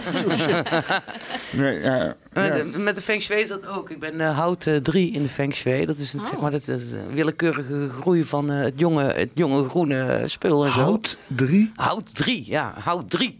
Ja. Is dat een niveau? Of ja, dat is net zoals met horoscopen en zo. Hè? Dus eh het is gewoon Oh, een- een soort een- een- een, een, teken. een type? Ja, je kunt vuur, aarde, eh, hout eh, zijn. Hoe ja. kom je erachter wat je bent? Ik Ja. weet het niet. Eh, gewoon in eh, gewoon geboortedatum, eh, geboortedatum, geboortetijd. Maar hoe heet dat? Feng Shui. F-E-N-G. Ja, maar Feng Shui wat? Feng... En dan S-H-U-I. Hoe schrijf je... Oh, Feng Ja, Shui. ik, ik zeg Feng altijd shui. feng shui. Maar ja, Feng Shui, waarschijnlijk maar dan het inderdaad... eh, eh, wat is dat dan? Wat is het? Berekenen erachter. Berekenen. Ja. En dan kom je vast wel ergens een website tegen waarin je dat gratis. QA-nummer berekenen? QA-nummer? Bereken jij geboorte-element? Ja, die. Geboorte-element? Oké. Oh, eerst zeggen wat je denkt dat je bent. Ik ben heel benieuwd. Ik denk dat jij lucht bent. Ik? hè? Lucht of vuur? Nee, ik denk lucht. Hete lucht. Lucht. Ben hete lucht. wat, wat ben ik, denk je? Ja, eh, eh, water denk ik dan inderdaad. Hè? Ja. Ja, een beetje verzorgend. Nee, ik vind je ook wel aarde. Ja? Ja. Hm, nou, jij bent modder en ik ben hete lucht. Ja, maar dat is, dat is wel met de feng shui. Ook, ook met het inrichten en zo van je Samen huis. zijn we een moddergijzer. Wat krijg je dan? Zo'n warm modderbad, weet je wel? ik, ik heb toevallig, toevallig heb ik laatst een film gezien over een moddergijzer. Die verplaatst. Nou. Ja, Die, die, die valt een spoorlijn aan in Amerika. nou, Een modderlawine. mo- mo- moddergijzer. Daar- daar is ons met, met, met, met al onze, maar dat is misschien. Met alle technologie van de wereld wisten ze niet hoe ze moeten dealen met die moddergijzer. Grote poel modder waar iedereen in weg kan zakken. En het, het wordt verwarmd vanuit onder, vanuit tektonische invloeden. En het bubbelt de hele tijd. En het spoor wordt opgevreten. Het zijn allemaal technici zijn ermee bezig. En wetenschappers en zo. Dat is krachtig. Het ziet er misschien niet, niet heel charmant uit. Maar een, een moddergijzer, die shit, daar zitten we in. Die feng shui is ook helemaal natuur eh, georiënteerd. Mijn huis is ook eh, feng shui ingericht. Even als voorbeeldje. In een huis kun je bagwa's hebben. En een bagwa is gewoon een gedeelte. Een huis is meestal opgedeeld in negen bagwa's. En ik heb bijvoorbeeld eh, aan de achterkant van mijn huis heb ik een, eh, een douche.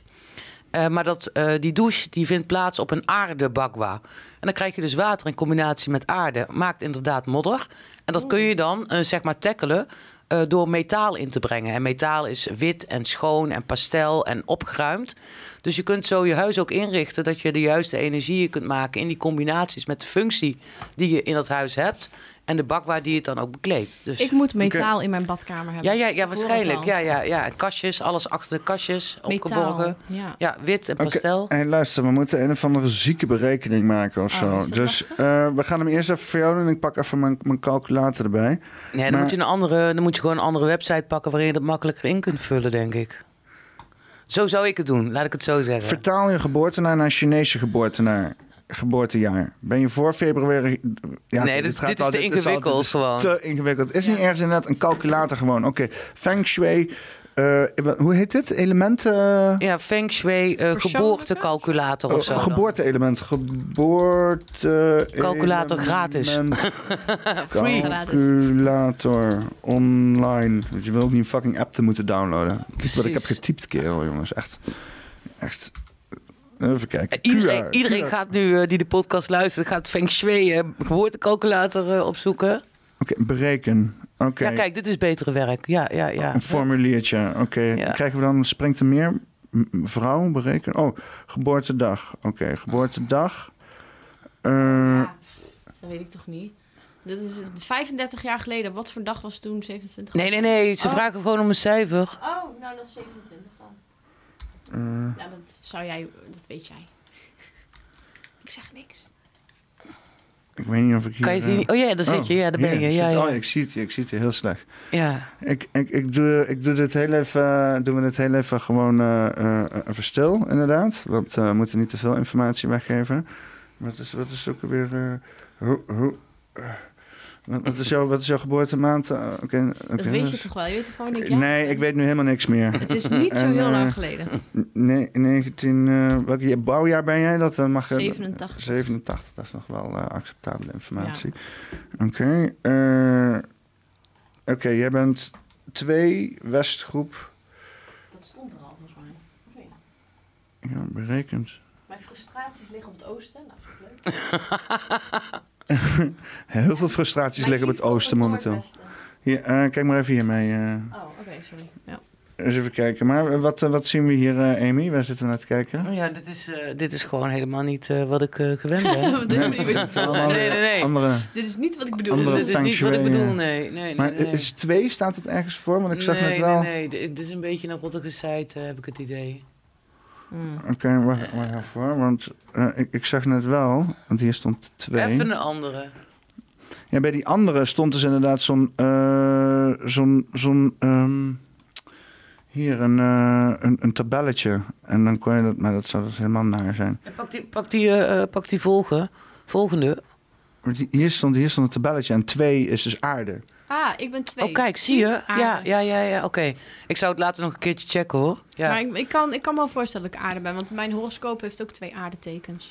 Weet je wat ook een hele mooie eh, techniek is? Dat is human design. Kennen jullie Oh, dat? Ja. ja, daar heb ik ook een heel uitgebreid... eh, Weet je wat je bent ook in de human design?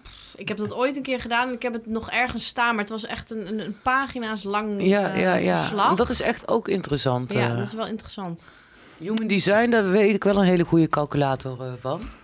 Maar, dat, dat kun je niet zo heel goed gratis doen, toch? Oh, jawel, er is een hele mooie gratis eh, calculator. Want ja. ik heb er toen wel echt eh, minimaal Ja. 100 euro voor betaald. Ja, ja, advies is eh, heel goed, want er zitten heel veel componenten in. Het is een Oh. combinatie tussen Oosten, Westen, astrologie, alles wat erbij betrokken. En feitelijk heb je vier eh, hoofdtypes. Nummer 1. Manifesta manifestors, generators, projectors en Volgens reflectors. mij ben ik wel een manifestor, dacht ik. Weet ik niet zeker. Ja. Want dus één is water. Dan ben ik Oh, water en jij aarde. water. Oh, wauw. Oh, wauw. Hmm, hmm, Water. hmm, water. Toch Dan die eh, zitten we- modderpoel eh, Dan zitten we hier met een hè? 1, 2, 3'tje. En ik ben hout. Ja. Ja. En water en aarde voedt hout. Dus dank u. Maar hoe... Nou, Ja. alsjeblieft. hey, godnon. Maar hoe is hout een element dan? Ja, hout is, eh, ja, hout is gewoon een element. Ja, hout is gewoon Ja, een- dat is, ik, Bos hout voor de deur. Metaal is ook een element. Ja, ik, ik dacht dat hout altijd een soort van combinatie was tussen eh, aarde en water. Nou, ja, dat maakt het nog dat, mooier. ja, ja, precies. Ja.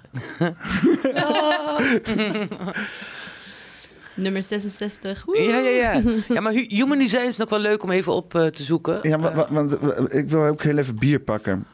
Oké. Kan, kan heel even... bier pakken? Wil je dat doen?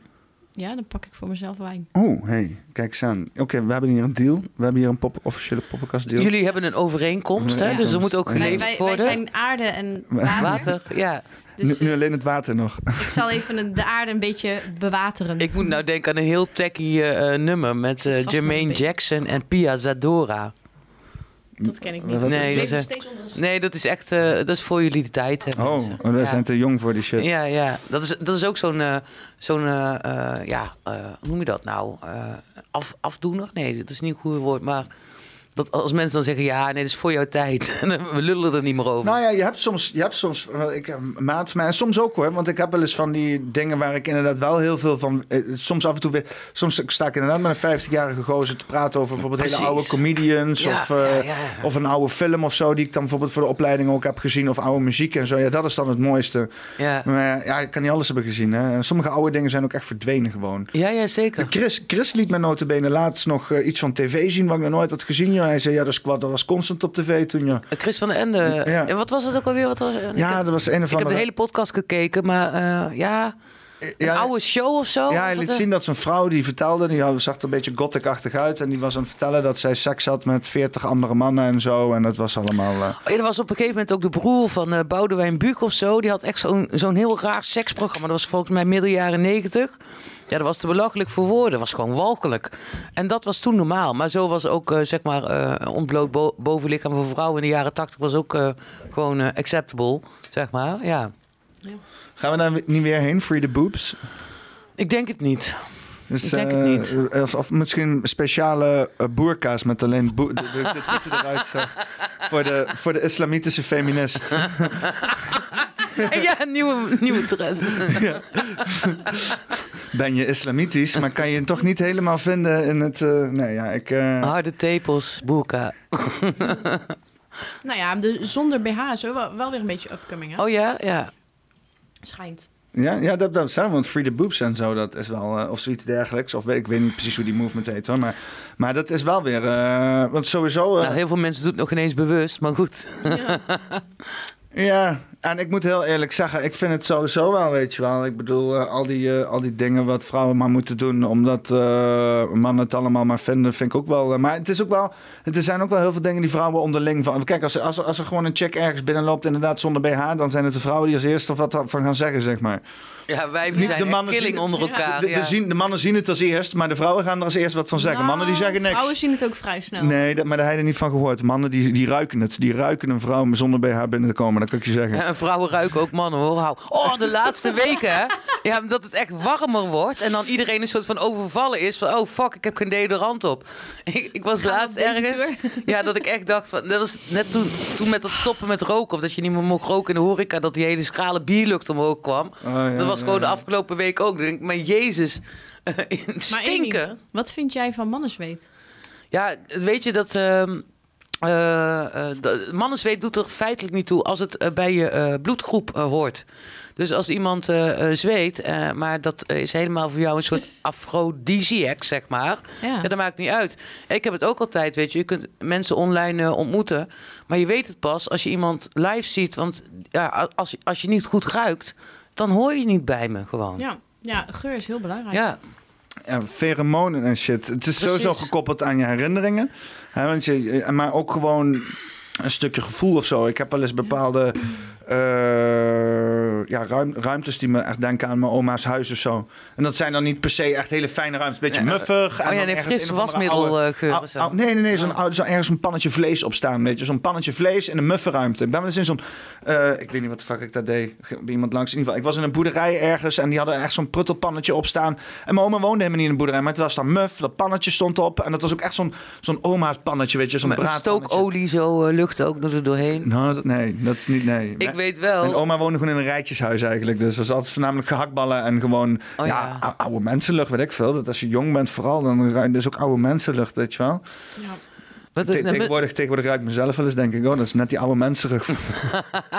wat, eh, Claudia, wat is jouw eh, eh, eh, geurherinnering? Als je, als je daar al eh, bij zou kunnen komen. Wat is een geurherinnering voor jou? Ja. Ik heb denk heel veel. Ja, ik ben sowieso wel heel erg eh, op, op geur. Ik, ik eh, ben wel heel gevoelig voor geuren. Ik ruik ook wel heel snel dingen. En eh, nou ja, als, je, als je het dan hebt over, over lichaamsgeuren. Ik kan letterlijk iemand heel mooi en heel aantrekkelijk vinden op het oog. Maar als iemand een lichaamsgeur hebt die ik niet aantrekkelijk vind, dan wordt het hem niet. Nee, nee. Ehm, en, en, en maar geen specifieke herinneringen aan een geur? Een bepaalde geur daar altijd wel denkt van... Oeh, oh ja. Ja, paardenneus. Ja, oh ja. Ja, ik ben, ik ben En- en weg. hoe- hoe ik- omschrijf je die ja, geur? Ja, ik ben Als- weg. Ja, ja, Als ja. wat? Heeft een paardenneus een Frikandel. aparte geur? Ja, frikandel. Ja, Ja, ik ook van frikandel speciaal. Ja, ik, mijn, ik ben twee jaar vegetarisch geweest en het enige wat ik miste was frikandel speciaal. Dat had ik ook nog wel af en toe. en toen ging je paardenneuzen ru- ruiken. Nee, dat heb ik Oh. altijd al gedaan. Ah. Ik vind, ik vind eh, eh, paardenneuzen ruiken zo lekker. Dat is, dat is echt zo'n... zo'n Volgens mij is het ook heel zacht en zo, hè? frikandelneusje. En het is zo zacht. Het Ja. is fluweel zacht. Ja. En ja, daar, daar geef ik altijd kusjes op. En dan snuif ik even zo. En dan denk ik, ah, lekker. Ja. En dan zeg ik altijd frikandelneusje. Ja, Maar als je geen paarden in de buurt hebt, dan... eh, dan ruik ik aan Peters ook zo. of, of, of je haalt een, of je haalt een frikandelletje. Heftig hoor. Het is wel heel intiem eh, ineens. hè. ik heb dat met zeeluchten. Ik, was, eh, ik had eh, twintig jaar had ik niet gevaren. En toen werd ik uitgenodigd voor een varende dag. En toen was ik, eh, nou ja, sinds jaren was ik weer bij de marine. Stond ik op het helidek. Daar brak ik sowieso in tranen. Dat ik dacht, ik heb hier zoveel herinneringen liggen. En het eerste wat ik toen eh, wilde doen was eh, de wc's ruiken. Want in die, op die oude... Ja, nee, nee. Die oude standaard fregatten, die Het kan hadden... altijd gekker. Dat kan altijd gekker. Die hadden een, een open Nu systeem. valt het wel mee eigenlijk, Ja. hè? Frikandelneusje. Valt mee. Die, die oude standaard fregatten die hadden een open systeem. Hè, dus eh dat was direct in verbinding met de zee. Hm. Eh, alleen die nieuwe fregatten waar ik dat op dat moment toen ook op eh, stond, een M-fregat, die hadden al een gesloten systeem. Dus ik, ik, ik rende zeg maar eh, eh, langs het helikopterdek en ik wilde dan naar binnen om, om de geur van die wc's te ruiken.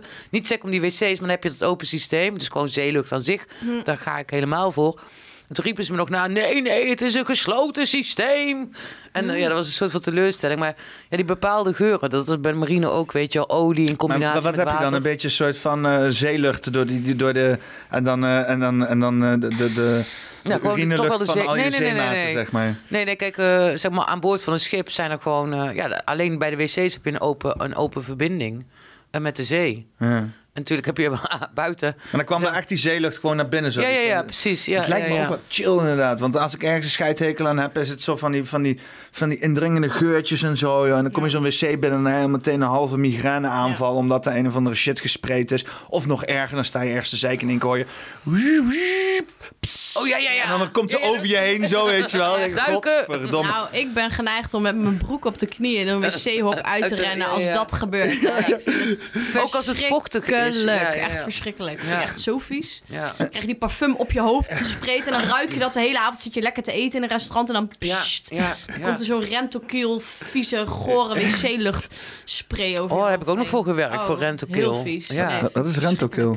Rent, Dat wc-merk. ja, Rentokil die eh, sanitair. en die vieze ja, maar ze, doen ze deden nog heel veel meer eh, dingen. Ze hadden ook eh, plantenverhuur. Het klinkt... Ja, ja, tropische planten voor in kantoren. En eh, ze doen ook, eh, ehm, ze deden, maar weet ik niet of ze dat nu nog doen, ongediertebestrijding. ja, dat bedoel ik. Want het klinkt alsof i- iemand iets gaat vermoorden. Rentokil. ja. Ja. Ik hoor een blue. ja, dat klopt. Ja, ik heb weer iets aanstaan wat geluid maakt op de computer. Gelukkig... eh, Gaat er niks uit. gaat- eh, nee. Dan is het goed.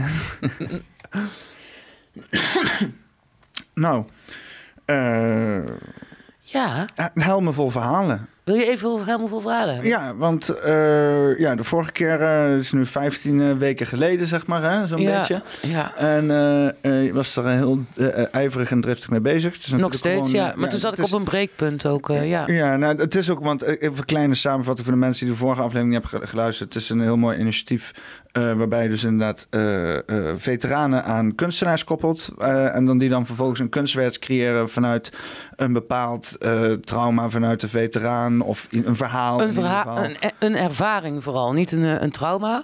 Dus, Er zit overal wel een trauma achter natuurlijk. we hebben allemaal krasjes. alleen het gaat erom hoe je daarnaar kijkt. Soms moet heb je iemand anders voor nodig. zijn, zeg maar, nee, dat is niet de insteek. nee, ja. het gaat puur over... Je, je ziet gewoon dat heel veel eh, burgers... en heb ik de vorige keer ook al gezegd... Hè, met, de, met de tijd van corona... was eigenlijk de eerste keer dat burgers ook eh, zich bewust eh, waren... Wat, het ja, wat er voor nodig is om iets van jezelf op te geven... voor het grotere geheel. Eh, we hebben natuurlijk de val van Afghanistan gehad. Natuurlijk in februari eh, Eh, en eh, dat tenminste, ik ervaar dat eh, zeker wel, ook op lichaamsniveau. Maar waar heel weinig mensen zich van bewust zijn, is dat de mensen die wij de buitenschil laten bevechten, dus onze militaire veteranen, dat het hun ook iets kost. En niet alleen hun, maar ook hun thuisgrond. En waar je mee te maken hebt, is eigenlijk die terugkeer naar die burgermaatschappij. Tine Molendijk, zij is gespecialiseerd in moral injury, die vertelt het ook heel mooi. Eh, vroeger eh, werden, eh, zeg maar in de tribes, werden de, de strijders werden echt onthaald door het hele dorp. En die moesten dan bijvoorbeeld bepaalde rituelen doen voor het aantal mensen wat ze gedood hadden. En dat, die werden echt ontvangen. En dat gebeurt nu niet meer. Het is allemaal heel individualistisch in de maatschappij. En met helemaal veel verhalen, met, zeker met de kunsten, probeer ik dat eigenlijk een soort nieuwe vorm te geven. En wat ik zo mooi vind aan militaire veteranen en kunstenaars, dat die van oudsher al heel vaak met elkaar verbonden waren. Want vroeger werden ook de kunstenaars geronseld. Die werden gewoon een pak aangetrokken. Die zeiden, ga maar mee het strijdveld op, want je moet dat in beeld brengen hè, voor de tijd van de fotografie en zo. Dus eh, die, die beroepsgroepen zijn al heel vaak met, met elkaar verbonden geweest. En wat ik doe, ik koppel die mensen eh, op eh, gezamenlijke levens- en werkwaarden of, of een gezamenlijke eh, ehm, ervaring. En dan hebben ze al een soort van gemeenschappelijkheid, waardoor ze samen mee op missie gaan door de kunsten. En dat varieert van drie maanden tot eh, twee jaar. Eh, het laatste kunstwerk wat in het project onthuld moet worden is van Marco Kroon. Dat wordt eh, over drie weken onthuld. En dat is een missie die heeft twee jaar gelopen. Dus soms is het ook zo lang nodig voor de kunstenaar om mee op te lopen. Om echt ook de essentie te pakken. Want een kunstenaar die wil ook iets veranderen in de wereld. Ook in de wereld van die veteraan. En die laat zich ook niet met een Jantje van Leiden wegsturen, zeg maar. Of ervan afmaken. En eh, op het moment dat het een kunstwerk is, dan is het ook door de burgermaatschappij te zien. En dan kan het een klap in, die, in je gezicht zijn of een stomp in je maag. Maar de kunst is een woordeloze taal. Ja. Zeg maar. En daar gaat het voor eh, mij om. En dat is helemaal voor verhalen. Dus veteranen kunstenaars. En we zijn eh, op weg naar een reizende expositie. En die gaat binnenkort reizen. In, eh, die start in het Memory Museum in Overijssel vanaf half juni. Ja, En wat, wat- wat vind je daarvan, Claudia? Want het is natuurlijk ook een beetje therapeutisch kunst op een of andere manier. Ja.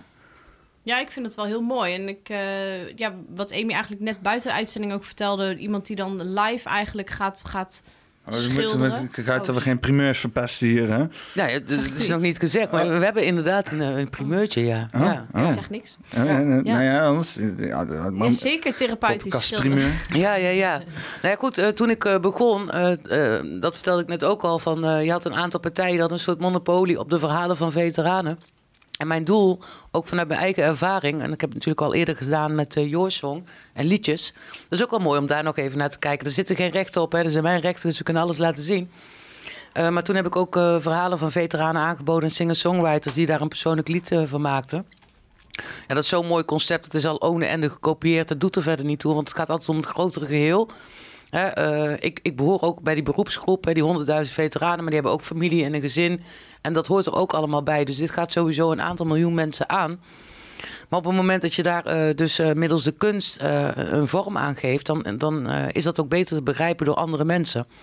Nou hebben we als pion vooruit, zo zie ik het maar, hebben we eerst veteranen en, en kunstenaars aan elkaar gekoppeld, 20 stuks. Met hen gaan we ook reizen door Nederland. En in elke provincie wil ik eigenlijk eh, een, eh, opnieuw koppelingen maken tussen veteranen en kunstenaars. Zodat die kunst, eh, kunstwerken ook in de provincie achter kunnen blijven. Terwijl wij verder reizen. Dus ehm, we gaan nu als eerste naar Overijssel. Dat is heel mooi. Daar blijven we drie maanden staan. Juni, juli, augustus. En daar gaan we een soort van pilot draaien, ook om in contact te komen met de regio. Dus ondernemersverenigingen, scholen, creatieve therapie, primair onderwijs, voortgezet onderwijs. Eh, maar ook de overheid. Ook kijken of we nog meer kunstenaars en veteranen aan, kunnen, aan elkaar kunnen koppelen. Wat mij betreft zou ik zeggen, iedere veteraan een kunstenaar. Ja, want, hoe, want eh, kunst is natuurlijk een heel erg gevoelsding, zeg maar. Het is niet... De beste kunstenaars maken iets vanuit hun hart, vanuit hun gevoel, denk ik. Niet heel gecalculeerd eh, eh, eh, op een of andere manier. Toch of niet? Of, of zie je dit anders? Zeg Ja. ik nu iets heel raars? Nee, dat is nee, helemaal niet. Afgelopen donderdag, was bevrijdingsdag, stonden we op Wageningen 45. En had ik eigenlijk voor de eerste keer een gesprek eh, in het publieke veld met een veteraan en een kunstenaar. En eh, de betreffende veteraan, jonge arts Aniek Priesterbach, die had ik gekoppeld aan Bas eh, Fontijn. En die zei ook van ja, Bas heeft mij mijn verhaal doen laten inzien. Dus zij was ook erg op zoek naar haar verhaal en haar achtergrond. En in de eerste ontmoeting, eh, dan gaan we eigenlijk helemaal van A eh, tot en met Z. Dus eh, waar ben je geboren, ouders, keuzes. En, en Bas heeft een, een prachtig klein werk voor haar gemaakt.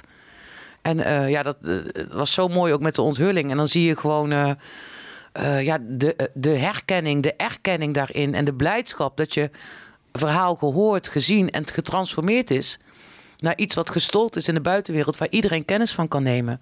En zij herkennen zich daar zo in. Dat is Wat- geweldig. Ehm, even een vraag tussendoor. Want eh, kan ik het zo zien dat, dat die veteranen vertellen hun verhaal... en jij koppelt daar een kunstenaar aan... en die maakt daar een kunstwerk van? Ja, ja dat is eh, de werkwijze natuurlijk. We moesten gaan organiseren in corona. Maar er zitten heel veel eh, participanten in. Dus wat we nu in coronatijd deden is dat we hadden een eerste ontmoeting. Daar ben ik er ook altijd bij, omdat ik zowel de taal spreek van de kunstenaars als de veteraan. Dat is ook de safe space waarin je dat eigenlijk creëert. En eh, dan gaan we zo'n gesprek in. En in principe is de kunstenaar in gesprek met de veteraan. En af en toe stuur ik een beetje bij of dan benoem ik wat. Zo'n gesprek duurt drie, vier uur. Feitelijk wordt de kunstenaar volledig overvoerd. Maar ze hebben een soort spiritueel contract. Ik geef de kunstenaar een helm. En dan zeg ik van, nou, vanaf nu zijn jullie ervan. Jullie zijn buddies. Dus ze zijn ook, eh, ze moeten bogen op elkaar. Ze hebben verantwoordelijkheid voor elkaar. En dan gaan ze vanaf het eerste gesprek gaan ze mee op missie door de kunsten. En dan zijn er allerlei uitwisselingen. Dus foto's worden uitgewisseld, vragen worden er gesteld. En dan na een aantal maanden komt dat kunstwerk is dan klaar. Ik noem dat thuisbrengen. En dat wordt dan onthuld. eh, het liefst in de privésfeer. Want op het moment dat er andere mensen bij zijn, dan krijg je ook weer andere emoties. eh, echt of geveinsd. Dat doet er eigenlijk niet zoveel toe. Maar Krijg het je, is- krijg je van die standaard ehm, tv-shit met dat emotie-gevis Precies, en dan precies. lekkere zoomshots op traantjes Ja, en zo. ja, ja. Mensen die zich zitten in te houden en zo. Ja, ja of, of, of zichzelf gaan overschreeuwen, dat kan ook. Je hebt heel vaak van die situaties op tv en dan staat iemand daar Ja, ja, en dan staat er gewoon zo'n cameraman op en dan een groepje mensen bij te kijken. En dan zit te schreeuwen, geef dat mensen een knuffel, weet je wel. Maar dat gebeurt dan niet. Het is alleen maar drama-tv. Ja. Ja, dat soort dingen moet je natuurlijk helemaal weten te voorkomen, ja. Dat moet je helemaal niet hebben. Maar de- we, we hebben eh 11 3D-kunstwerken en we hebben 11 2D-kunstwerken. En eh, de autonomie van de kunstenaar is ook eh, verzekerd. Het enige wat ik aan richtlijnen heb meegegeven is eh, plat vlak anderhalf bij anderhalve meter. En eh, 3D eh, een kubieke meter, met name voor het vervoeren. Ja, dat is natuurlijk des kunstenaars. Niet iedereen heeft zich daaraan gehouden. Dus nu moet ik een hele gro- grote vrachtwagen gaan regelen. Want we hebben ook eh, kunstwerken van 2 meter 5, heb ik inmiddels Oh, begrepen. Ja, Kan, ja. kan niet gewoon een of andere boer met een trucker met een trekkerflex of zo? Ik, ik bel even met de Oekraïne. Oh. Ja. Oh, vanuit Oekraïne ook gewoon? Of... Nou, we hebben, ja, we hebben ook een Oekraïense kunstenaar, woonachtig in eh, eh, Arnhem, Tatjana Krienko. En dat is een heel bijzonder verhaal. Zij is gekoppeld aan generaal buitendienst Hans Dame. Eh, hij, hij sprak ook eh, zijn voorkeur uit voor haar. Wat zij doet is met eh, oude gordijnstof, niet gebruikte gordijnstoffen, maakt ze textiele kunstwerken, wapperende textiele kunstwerken. Oh, ah, en eh, ja, ja, wapperend. houden van wapperende En, dingen. eh, op dat is een soort, Van eh, wapperende dingen. Ja, ja, ja, wapperende zielen. Eh is een soort glas in Wapperende lood. jassen ook. Ja. Eh, Auda's. en is aan twee kanten te bekijken. En wat zij doet, is zij maakt een, een ontwerp en dan zoekt ze dan die stoffen bij en dat pakt ze dan in. En dat gaat dan per post naar de Oekraïne. Daar heeft ze een vrouwenproject waarin die vrouwen die eh, werken in elkaar zetten. En een- één vierkante meter, daar doen ze een week over. Dat is een hele speciale techniek, omdat het dus van twee kanten te bekijken is. En dus je kunt niet afwerken aan de achterkant. Het moet gewoon eh, helemaal in elkaar passen. En eh, ik had, eh, toen ik hen koppelde, dat was volgens mij eind 2020 had ik altijd zo'n gevoel van... ja, die vrouwen zijn belangrijk, die naaisters in de Oekraïne zijn belangrijk. En ik wist niet waarom. Maar ik zei ik toen al tegen Tatjana... we moeten echt een mooi inzetje maken, ook op de website... om die vrouwen ook zichtbaar te maken. Ja. En zij is super trots op dat... want het is echt gewoon een zelfvoorzienend vrouwenproject. Nou, toen was... eh, wat was het, eind eh, februari, volgens mij 24 dat eh, Rusland Oekraïne binnenviel. En de volgende dag hadden we elkaar aan de telefoon en we eerst gewoon een uur zitten huilen. We konden daar geen woorden aan geven. En toen zeiden we van, oké, wat kunnen we nu doen? En toen zijn we een soort van luchtbrug gaan maken. En zij belt dus elke dag met die vrouwen in de Oekraïne... die eigenlijk ja, belegerd zijn, hoe hun leven nu is. En dat, dat mailt ze dan aan mij en dat zet ik dan weer online. Dat heet Stemmen uit Oekraïne. En eh, dat is ontzettend eh, goed bekeken de afgelopen weken... maar ook heel inspirerend voor andere mensen. Die dragen die dagboekfragmenten ook voor... Eh, kinderen doen dat, spoken word artists. We stonden dus ook afgelopen donderdag Bevrijdingsfestival Wageningen. Stonden wij ook daarover te praten. Wij waren ook in Wa- Wageningen. Oh, ja. Ik stond in het park. Volledig misgelopen. Oh ja, ja. Oh, waar ook die gasten aan het drummen waren en zo. Ja, dat was, dat was een beetje raar geprogrammeerd. Want wij hadden dus eh, interviews met kunstenaars en veteranen. En tegelijkertijd was er een fanfareband geprogrammeerd. Dus Ah, eh. Ja. ja, heel goed over nagedacht. Misplaatst feestelijk, zeg Ja, maar. ja, ja, ja. ja. nou kom ik overal wel bovenuit, daar niet van. Oh ja, hier heb je stemmen uit de Oekraïne. Ja, mooi. Even kijken, ik zet hem even wat eh, groter voor jou. Ja. Voor ons allemaal, zo. Oh, helikopter. Dat is ook, dat is ook militair. Dat was eh, met dus, eh, Chris Volgers, eh, een eh gozer uit Purmerend... die toch wel een beetje gek wordt van alle internetdingen dingen die hij naar, naar zich toe gesmeten krijgt. En eh praten over dat hij achtervolgd werd. En toen wij hier zaten, een ongeïdentificeerde helikopter overvloog. Manifestatiekracht. hè. Ja, ik doe me denken. Maar stem uit Oekraïne, vertel Stemmen er uit. Oekraïne, ja, ja. Dus eh, dit is, eh, hier zien we eigenlijk eh Lyudja. eh, is een van de vrouwen in het project. En die, brengt, die heeft hier haar eh, zoon en haar man eh, eten gebracht. Die aan het front vechten. En eh, in de eerste weken was het natuurlijk ook gewoon eh, overleven. En eh, dat ze zelf ook niet meer wisten wat en hoe. En nu eh, proberen ze ook weer gewoon een beetje het normale leven... voor zover dat mogelijk is op te pakken. En eh, onder andere, eh, je zag net ook die eieren, eh, Pasen vieren. Daar was het een eh, week later eh, Pasen. Hoezo En ze- is het nou weer een week later Pasen? Ja, dat weet ik. Orthodox, orthodox ja. Orthodox Pasen. En eh, dat je toch ziet dat ze toch weer teruggaan naar schoonheid. En dat was ook met de oudere vrouwen. Die hadden zoiets van, ja, ik ga gewoon, eh, ik ga mijn groenten inzaaien, want het wordt lente. Weet je wel, eh, de oorlog me reed. Ja. Ik ga dat toch doen. En dan ga je toch weer terugvallen in rituelen en tradities. En wat, wat je ook ziet, en dat geldt voor iedereen van ons... in de situatie van corona, maar ook in andere situaties... eh, dan ga je op een gegeven moment dingen doen die je al heel lang niet gedaan hebt. En Lydia, die had al heel lang geen auto gereden... maar die moest en zou dat eten bij haar man en zoon aan het front brengen. Ja, en die is in een auto gestapt... En eh, dat vertelt ze ook in die blog. Eh, dan is alles zoals je als je aan het autorijden bent, zoals je dat allemaal dan moet herhalen. Hè? Dus eh, richtingaanwijzer aan, binnenspiegel, buitenspiegel. Dus die zat zo al pratend te rijden, weet je wel. En eh, mensen daar ook op reageren. En toen zei ze, ja, laat gaan, ik rij. ja. Dus eh, ja, wat ik zo mooi vind aan stemmen uit de Oekraïne... en ook hoe Tatjana dat opschrijft... eh, de manier waarop het geschreven is, klinkt ook Oekraïens. Dus ook dat staccato, die staccato taal, weet je wel? Dat hele af, zo is het en zo gaan we het doen en zo. Ja, en, en ik ben super blij, want het is eigenlijk een soort side project geworden. En ehm, daar hebben we nu ook subsidie voor aangevraagd, Stemmen uit de Oekraïne, om een eh, installatie te maken. Ook met podcast, omdat het ook voorgelezen wordt. En we hebben een, eh, in het project van Helemaal Vol Verhalen... hadden we op een gegeven moment van een materieel logistiek commando... een, een motorkap gekregen uit Afghanistan... waar de letters UN op staan. Ja, en eh, die motorkap, eh, ja, die was een soort van over. Maar ik ben ook van de upcycling. Dus ik had zoiets van, ja, als je zo'n motorkap hebt... en dan een beetje zo... Up, upcycling? Ja, ja, zeg maar hergebruiken van materialen. Dus niks gaat Geen verloren. recycling? Upcy- Is nee, je het maakt eigenlijk iets mooi. Ja, het maakt iets mooier van. Dus we hadden een motorkap. Ja, daar kun je verder niks mee, losse motorkap. Oh, je- Je krijgt echt een, een, een upgrade Een voor upgrade, dat. dus ja. Het wordt oké. Het Ja. was eerst eh, een- iets, gewoon een onderdeel van iets en nu wordt het in hergebruik genomen Ja. voor kunst. Altijd Ja, kunst? ja, ja, dus eh, zeg maar die motorkap. Kan het ook een wasbak worden? het kan, zo? ja, precies, kan van alles worden. Maar je, hebt- je hebt die motorkap, zeg maar, die is een beetje zo tapstoelopend. En er staat eh, UN op, hè, United Nations. En eh, die hadden we dus van over, over. En toen dacht ik, oh, hoe mooi zou dat zijn om daar een spreekstoelte van te maken. Als je dat dus inknipt, gewoon naar de zijkant, zeg maar op twee derde. En je klapt die dingen naar de achterkant. Dan heb je een spreekgestoel. Dan heb je een, hè, een, eh, wa- waar je je laptop op, op kunt zetten of achter kunt staan of wat dan ook. Hè? En, en daar zijn we dus nu mee bezig. En dat, dat vind ik zo mooi van upcycling. We hebben heel veel van dat soort elementen ook in de expositie. Dus eh, van iets bestaans maken we iets eh, mooiers. Oké, nou ja, stem uit Oekraïne. Ja, Eh, het staat op de site helmenvolverhalen.nl. ja. Even kijken, helmenvolverhalen.nl. Ja, ja. Slash stem uit Oekraïne als je echt helemaal geen zin hebt om nergens op te klikken. Hè? Ja, Reuniform, wat ernaast staat, is ook een onderdeel. Dus eh, van afstudeerder Jaap Spruitenburg. Reuniform staat eh, links van. Oh, eh, hier, ja, hier ja, zo, dat. ja. Is ook wel zeker de moeite waard. Het is ook upcycling. Dit Jaap, is- ja. Jaap moest afstuderen aan de Fashion Academy. En eh, ja, heel veel van zijn eh, studiegenoten die gaan natuurlijk voor het hele flamboyante en eh, zeg maar dat oude space wat je tegenwoordig ziet. Maar hij had zoiets van nee, ik wil iets doen voor veteranen, gecombineerd met denim, duurzaam denim.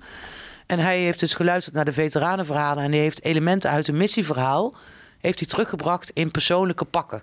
Zodat burgers ook kunnen zien, hé, hey, dat is een veteraan. Zonder dat hij in het militaire pak met groot kruisen en zo staat. En eh Reuniform is daar ook een onderdeel van. Dus heel veel upcycling. We hebben ook, ik heb nu een veteraan die maakt eh, mooie lichtarmaturen van drie poten. Eh pio's, dat zijn pionierschepjes en helmen.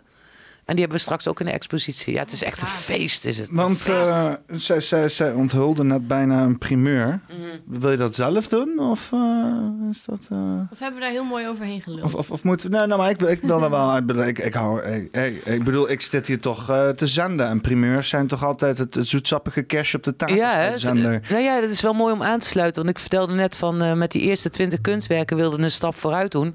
Toen ik eh, de inschrijvingen opende in eh, mei eh, 2020, dacht ik van ja, ik heb wel twee maanden nodig om voldoende verhalen te krijgen. Maar op een of andere wonderlijke manier was het zo dat in die eerste drie weken zich 75 kunstenaars en 75 veteranen aanmelden. Ongekend. Wauw. Ja, toen wist ik van ja, ik heb En hier was iets. het eh, toen ook niet 75-jarig? eh was 75, ja, precies, klopt, klopt. In dat eh, jaar, klopt. En toen hadden we eigenlijk al moeten. eh, Wat was begonnen- 75 jaar een jubileum? Vrijheid, ja. ja, ja. We hadden al eerder moeten beginnen, maar ik werd eh, natuurlijk, dat is altijd met toffe ideeën. Er wordt gekaapt, geclaimd, gedaan. Maar ik, eh, ik was standvastig en uiteindelijk konden we in 2020 beginnen. Toen hadden we die oproep gedaan. Toen dacht ik ook van ja, nee, hier is grote behoefte aan. Eh, maar ga er maar eens aan staan. En ik weet gewoon uit vorige projecten dat het heel erg gaat ook om het koppelen van de juiste mensen aan elkaar. En dat doe je niet even over één nacht ijs. Daar moet je echt wel goed op invoelen. Dus ik dacht van oké, dit gaan we doen. Ik ga 40 jaar Nederlandse missies een overzicht maken eh, met jonge veteranen. En ik wil uit elke provincie een veteraan. Dus zo ben ik ook ingestoken. Het gaat niet zozeer om het verhaal, maar gewoon op een bepaald soort dekking eh, te krijgen. En ieder verhaal doet ertoe. Dus die 20 kunstwerken, die zijn al klaar. Daar gaan we mee reizen. Ik wil dus iets achterlaten in elke provincie waar we, waar we gaan reizen. En ik had eh, het idee dat, eh, dat is eh Def natuurlijk, Pascal Griffioen van de Osdorp Possie. Heel veel militairen zijn daarmee opgegroeid. Dus je zou kunnen zeggen, de dertigers tot en met vijftigers... die zijn gewoon opgegroeid met de Nederlandstalige hiphop van Osdorp Possie en Def P. En dat is een heel aansprekend persoon. En ik wilde hem heel graag koppelen. Hij was natuurlijk de afgelopen tijd, voor corona, nog met muziek bezig. Maar hij is nou helemaal overgegaan op het schilderen.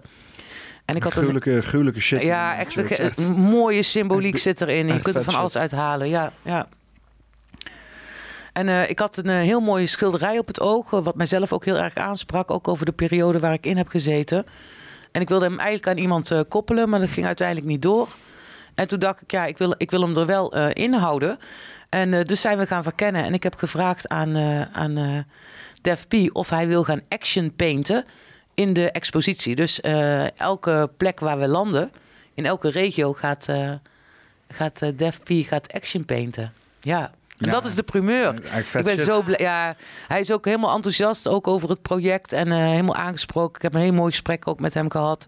Eh, ook over militairen in zijn leven, in zijn verleden. En hij heeft ook het nummer De Pion geschreven, wat eigenlijk ook gaat over, over veteranen. Ja. Wanneer zijn jullie in Arnhem dan? Of in Gelderland in elk geval? Ja, op een of andere rare manier. Het is helemaal geen rare manier. Maar ik heb, eh, ik heb altijd een beetje problemen met Gelderland. Ook met Arnhem. ja. Eh, ja. Komt het omdat je er woont? Of? Nou ja, nee, daar, daar zitten gewoon mensen en die vinden iets eh, van je. En die zitten op posities die beslissingsbevoegd zijn. En als ze je niet trekken, dan doe je gewoon niet mee. Zo werkt het in Arnhem. Uh, en In Gelderland. Ja.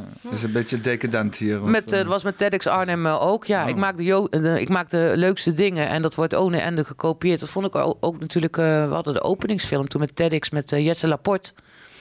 En die sprak ik heel toevallig met Koningsdag. hoe heet het? Het gezelschap trad op en... eh, Jesse Laporte is Arnhemse stadsdichter, hè? ja, ja, en Jesse was daar zeg maar ja, de MC voor de dag.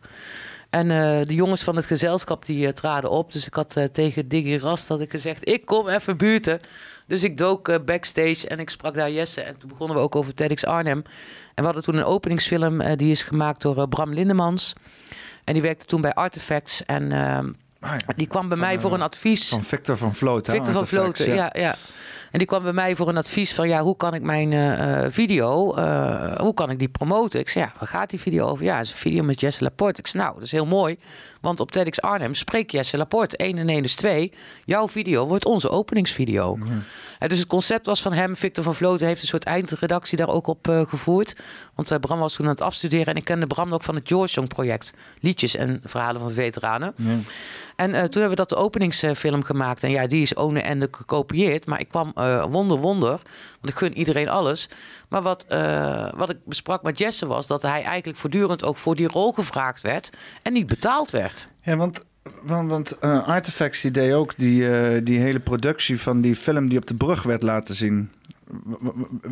Er werd op Bridge to gegeven Liberation. moment- Ja, ja, Ja, er werd, ja. werd die, ik heb daar nog in meegespeeld. Ja, maar dat is eigenlijk Ik- Ik, hetzelfde. dan- ik was Jantje of zo en ik rende Was je een in Jantje? een heel Ja, oud pakje. Ah, hoe- lang geleden is dat?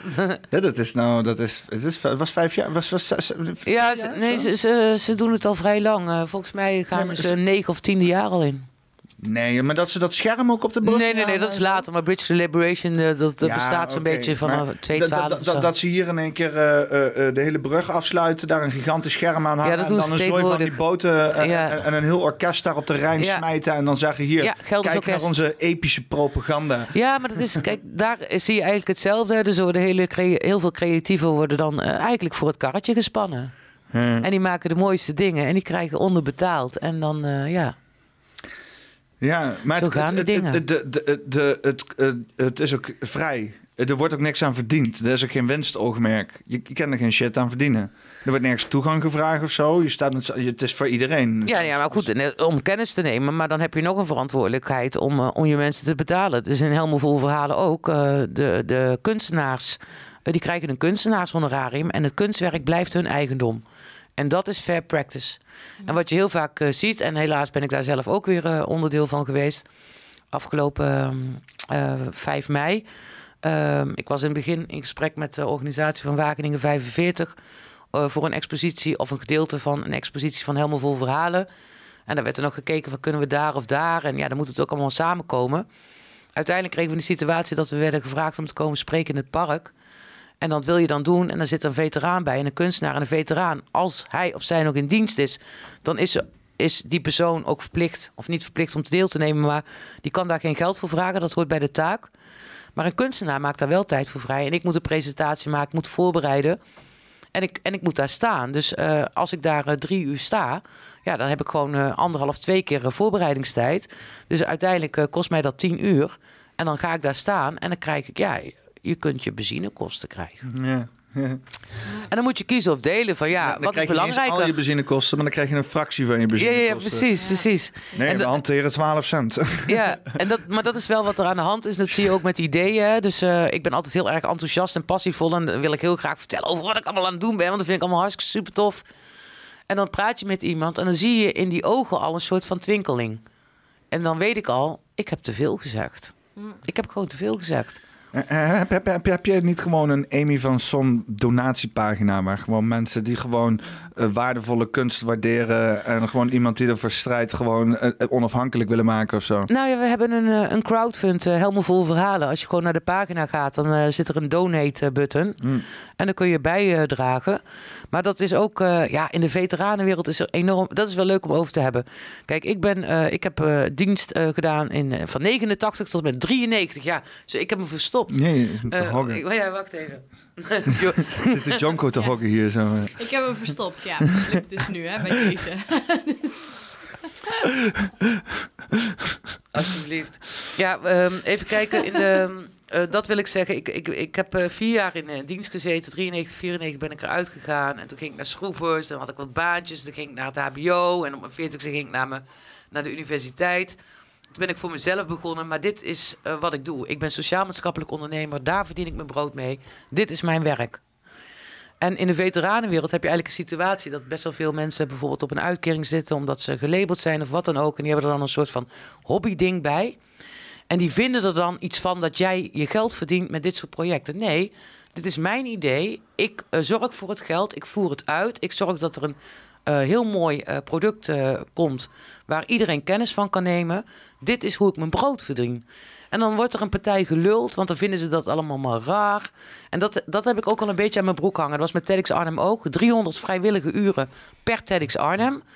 Maar het zag er allemaal zo professioneel en kwalitatief hoogstaand uit. Dat iedereen dacht dat, TEDx Arnhem was, eh, was goede shit. ja, dat ik daar heel veel geld aan verdiende. Is niet zo. Het kost me 300 uur en een hernia. Je had er veel geld te verdienen als het alleen een A4'tje was met TEDx erop geschreven. En, Ja. eh, weet je wel, ergens in een kantine. Dan had Ja, je veel geld aan verdienen. Maar dat heb je ook, hè? De mensen denken, oh, ik doe even een TEDx. Nee, er hoort een licentie bij. Je krijgt goedkeuring uit Amerika. En dan komt er een of andere Quibus komt er voorbij. En die denkt, ja, ik doe een projectorscherm, die zet ik neer. En ik heb een paar TEDx-printjes en dan hebben we een TEDx. Nee, zo werkt het niet. Maar wat is de meerwaarde van een TEDx ten opzichte van gewoon een eigen gecreëerd evenement? Krijg je die, die eh, is het gewoon puur dat je dan die naam mag gebruiken, waardoor dan je event sneller gezien wordt? Of? Ja, je hebt er allerlei eh, zeg maar drempels die je doet neem, moet nemen. Dus je moet een, een concept indienen, wat de titel is, welke sprekers je wil hebben. Ja, je, maar moet daarom, daarom. je moet bewijzen dat je het kunt. Hè? Want je kunt, eh, ik heb ook heel veel partijen meegemaakt die een soort van eh, overmoedig waren. Ja, doen het even. Nee, je doet het niet even.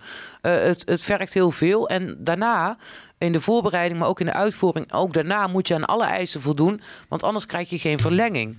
Nou, de eerste eh, licentie die je krijgt is voor 100 mensen in de zaal. En als je die goed doorloopt, dan krijg je een, een, een licentie voor meer mensen. Dus ik heb nu een licentie. Als ik zou willen, kan ik het Gelderdoom vullen, zeg maar. Maar waar je eh, tegenaan loopt, dat iedereen dus een soort van eh, aan wil haken bij TEDx eh, Arnhem. maar daar geen investering in wil doen. Het zij in tijd en in, of het zij in geld. En dat mensen dus ook willen bepalen wie er op het podium staat. En dat is ook zo'n regel van TEDx Arnhem. Jij als curator bepaalt en niet de sponsor. En de TEDx is een super streng concept. Super streng. Want, want je, je kan niet zomaar eh, een of andere wappie TEDx-conventie eh, eh, gaan doen, zeg maar, met allemaal zware overheidskritische shit. Want ik heb wel de meest kritische shit ook via TEDx dingen gehoord. Weet Ja. je echt in Amerika, echt hoe eh, bepaalde mensen echt heel met bewijs fucking de FBI laten zien eh, Ja. hoe, hoe ze terroristen kweken. Mensen die inderdaad de medische eh, wereld aan toch wel aanspreken van hey, wat jullie aan het doen zijn is allemaal niet effectief. Daar worden wel rebelse geluiden Ja, ja, maar het moet ook wet- wetenschappelijk onderbouwd zijn. Of, eh, dus, er is ook een ook wel eens- blacklist. nee, maar ik heb ook wel eens spirituele verhalen gehoord. ja, dat steeds dingen. meer. Maar dat was, was eerst Er ook was niet geaccepteerd. goeroes en zo, weet je wel. Ja, nee, maar dat ligt er een beetje aan of, of ze er tussendoor eh, eh, glippen. En dan heb je, dit is nog even een extra checkje. Ja, er is weer een guru doorheen Ja, geklikt. ja, ja, maar dat, dat, dat gebeurt wel. Er is ook gewoon een blacklist. Maar even, stel bijvoorbeeld, je hebt een event, je hebt 15 Er sprekers. is ook een blacklist. Ja, ja, ja. Gurus, guru blacklist. gewoon, ja. Shit. Deze Ja. gurus zijn niet toegestaan. Nee. Dat de TEDx eh, onderling zeg maar elkaar mail sturen. Of ja, als die zich meldt, die moet je niet nemen. Ja, maar je hebt er ook charlatans bij die heel erg goed zijn in het stroopsmeren. Die zijn er zeker. En ja, iedereen die tegenwoordig een boekje heeft geschreven, vindt ook dat hij op het podium hoort. Maar er is echt wel iets meer voor nodig. Je moet dat verhaal kunnen onderbouwen. Je moet energize, eh energize zijn. Je moet presence hebben. Maar, maar, maar bijvoorbeeld een, eh, bijvoorbeeld een, een, eh, een, een Arno Wellens. Die zeggen mij niks. Dat meen je niet. Nee, wie is dat? Ah, ja, ja. Hier, kijk, daarom. Daarom moet hij dus een fucking, in ieder geval bij zo'n TEDx komen. Die, die gozer is een, eh, een, een, een, een, een, een, journalist. Die werkt alleen maar met bewijzen. En die Ja. pluist zeg maar de hele structuur rondom de plus. EU uit. Ja. En die, komt aan, die zit alleen maar de hele dag rapporten te lezen. En die heeft dus ook zeg maar de hele... De, de, eh, eh, hoe het nou? Corruptie bij de Duitse bank heeft hij allemaal Ja. blootgelegd en zo. Ja, maar geen politiek, geen religie, dat zijn eigenlijk de richtlijnen. Nou, dat, er slipt dan altijd wel iets tussendoor. Maar stel bijvoorbeeld dat je die Arno Wellens zou eh, presenteren en die maakt daar een, eh, eh, een hartstikke mooie talk van, van minder dan 18 Niet- minuten. Niet, niet alleen hij. Dan ook nog Matthias Desmet. Ken je Matthias Desmet? Die naam vaak wel, maar Is een, een, een, een, een, god, ook wetenschapper, iets, iets hetzelfde heeft hij al een TED-talk gedaan. I- i- Ietsoloog, volgens mij niet. Ietsoloog over, en heeft hij, hij schrijft over totalitarianisme totalitarisme. Eh, en heeft hij een heel onderzoek naar gedaan en heeft hij naar verschillende systemen gekeken en eh, hoe dus inderdaad totalitarisme zich uitspreekt en wat vooral ook verschil is tussen bijvoorbeeld een dictatuur en totalitarisme en hoe in het gesprek vaak die dingen eh, door elkaar heen worden gehaald Ja. en zo. Ja. Dus daar heb je dan zoiets. En dan, dan, dan misschien nog eentje. Dan heb je zeg maar zo'n mooi palet van drie mensen die gewoon. En dan kan je het als, als totaalkheid, zeg maar, zeg maar. weet je wel, gewoon. Het, het, is, het is uiteindelijk die hele, die hele macht die nu inderdaad over onze maatschappij eh, eh, zit, zeg maar. Waar jij ook constant tegenaan het boksen bent. Dat er gewoon constant top-down allemaal weerstand wordt gegeven. Omdat er allemaal imago's en, en ego's moeten behartigd Piemels. worden. Weet je, ja, maar dat, en het is ook in de bankenwereld is dat gaande. Want, Intermezzo. Ar- Arno Wellens zou dat in de bankenwereld kunnen, eh, kunnen, eh, kunnen, kunnen vergelijken. Eh, Matthias Desmet zou dat inderdaad op, op machtsstructuurniveau kunnen bevestigen. En dan mis je misschien nog één schakel. En dan heb je volgens mij toch een hele Dat, zieke dat, nee, maar dat is de kunst. Heel mooi dat je dat nu zegt. Anouk Leonne, een van de kunstenaars ook in het Helemaal Vol Verhalen project, maar stond ook op TEDx Arnhem. Wat zij heeft gedaan, zij gaf wel eens workshops eh, voor de Zuidas. Maar zij is echt gewoon een autonoom kunstenaar. En op een gegeven moment was ze dat zo zat, omdat zij was eh, zeg maar in dat geldding ge- eh, getrokken. Waardoor ze dus niet meer eh, echt vanuit haar passie kunst maakte. En op een gegeven moment, eh, ja, was natuurlijk ook met de bankencrisis en zo, en dat frustreerde haar zo. Toen is ze naar de Zuidas gegaan. En toen is ze van banken de disclaimers, de kleine lettertjes, is ze op de Zuidas gaan schrijven met krijt. Waardoor je vanaf de hoogste toren keek op je eigen disclaimer. Wow. En dat zou dan ook weer een hele mooie aanvulling zijn eh, voor een TED-talk. Ja, maar nog even over dat, eh, want anders heb ik dat lijntje Sven- niet afgemaakt. Sven Hulleman op de TED-talk. Ja, nou misschien. Ik krijg de Ik laatste tijd. stem best fijn. de fijne stem van Sven. Ken je Sven Hulleman? Ja, ik heb, eh, ik heb hem laatst gezien eh, bij. eh, God, hoe heet hij? Waar was hij bij eh, Johan Luca? Ja. ja, ik vond dat, dat, promotie met, dat promotie met dat water gebeurde, vond ik een beetje over de top toen. Ja. Ja, want dat is... Dat lag er te dicht op. Daar hou ik niet van. Nog even mijn lijntje Ja, afmaken maak met je Ted. lijntje af. Je kunt mensen uitnodigen, die kunnen een fantastisch verhaal maken. En vervolgens stuur je die video in naar TED. Dus je mag hem zelf niet publiceren. Hij gaat naar TED Amerika.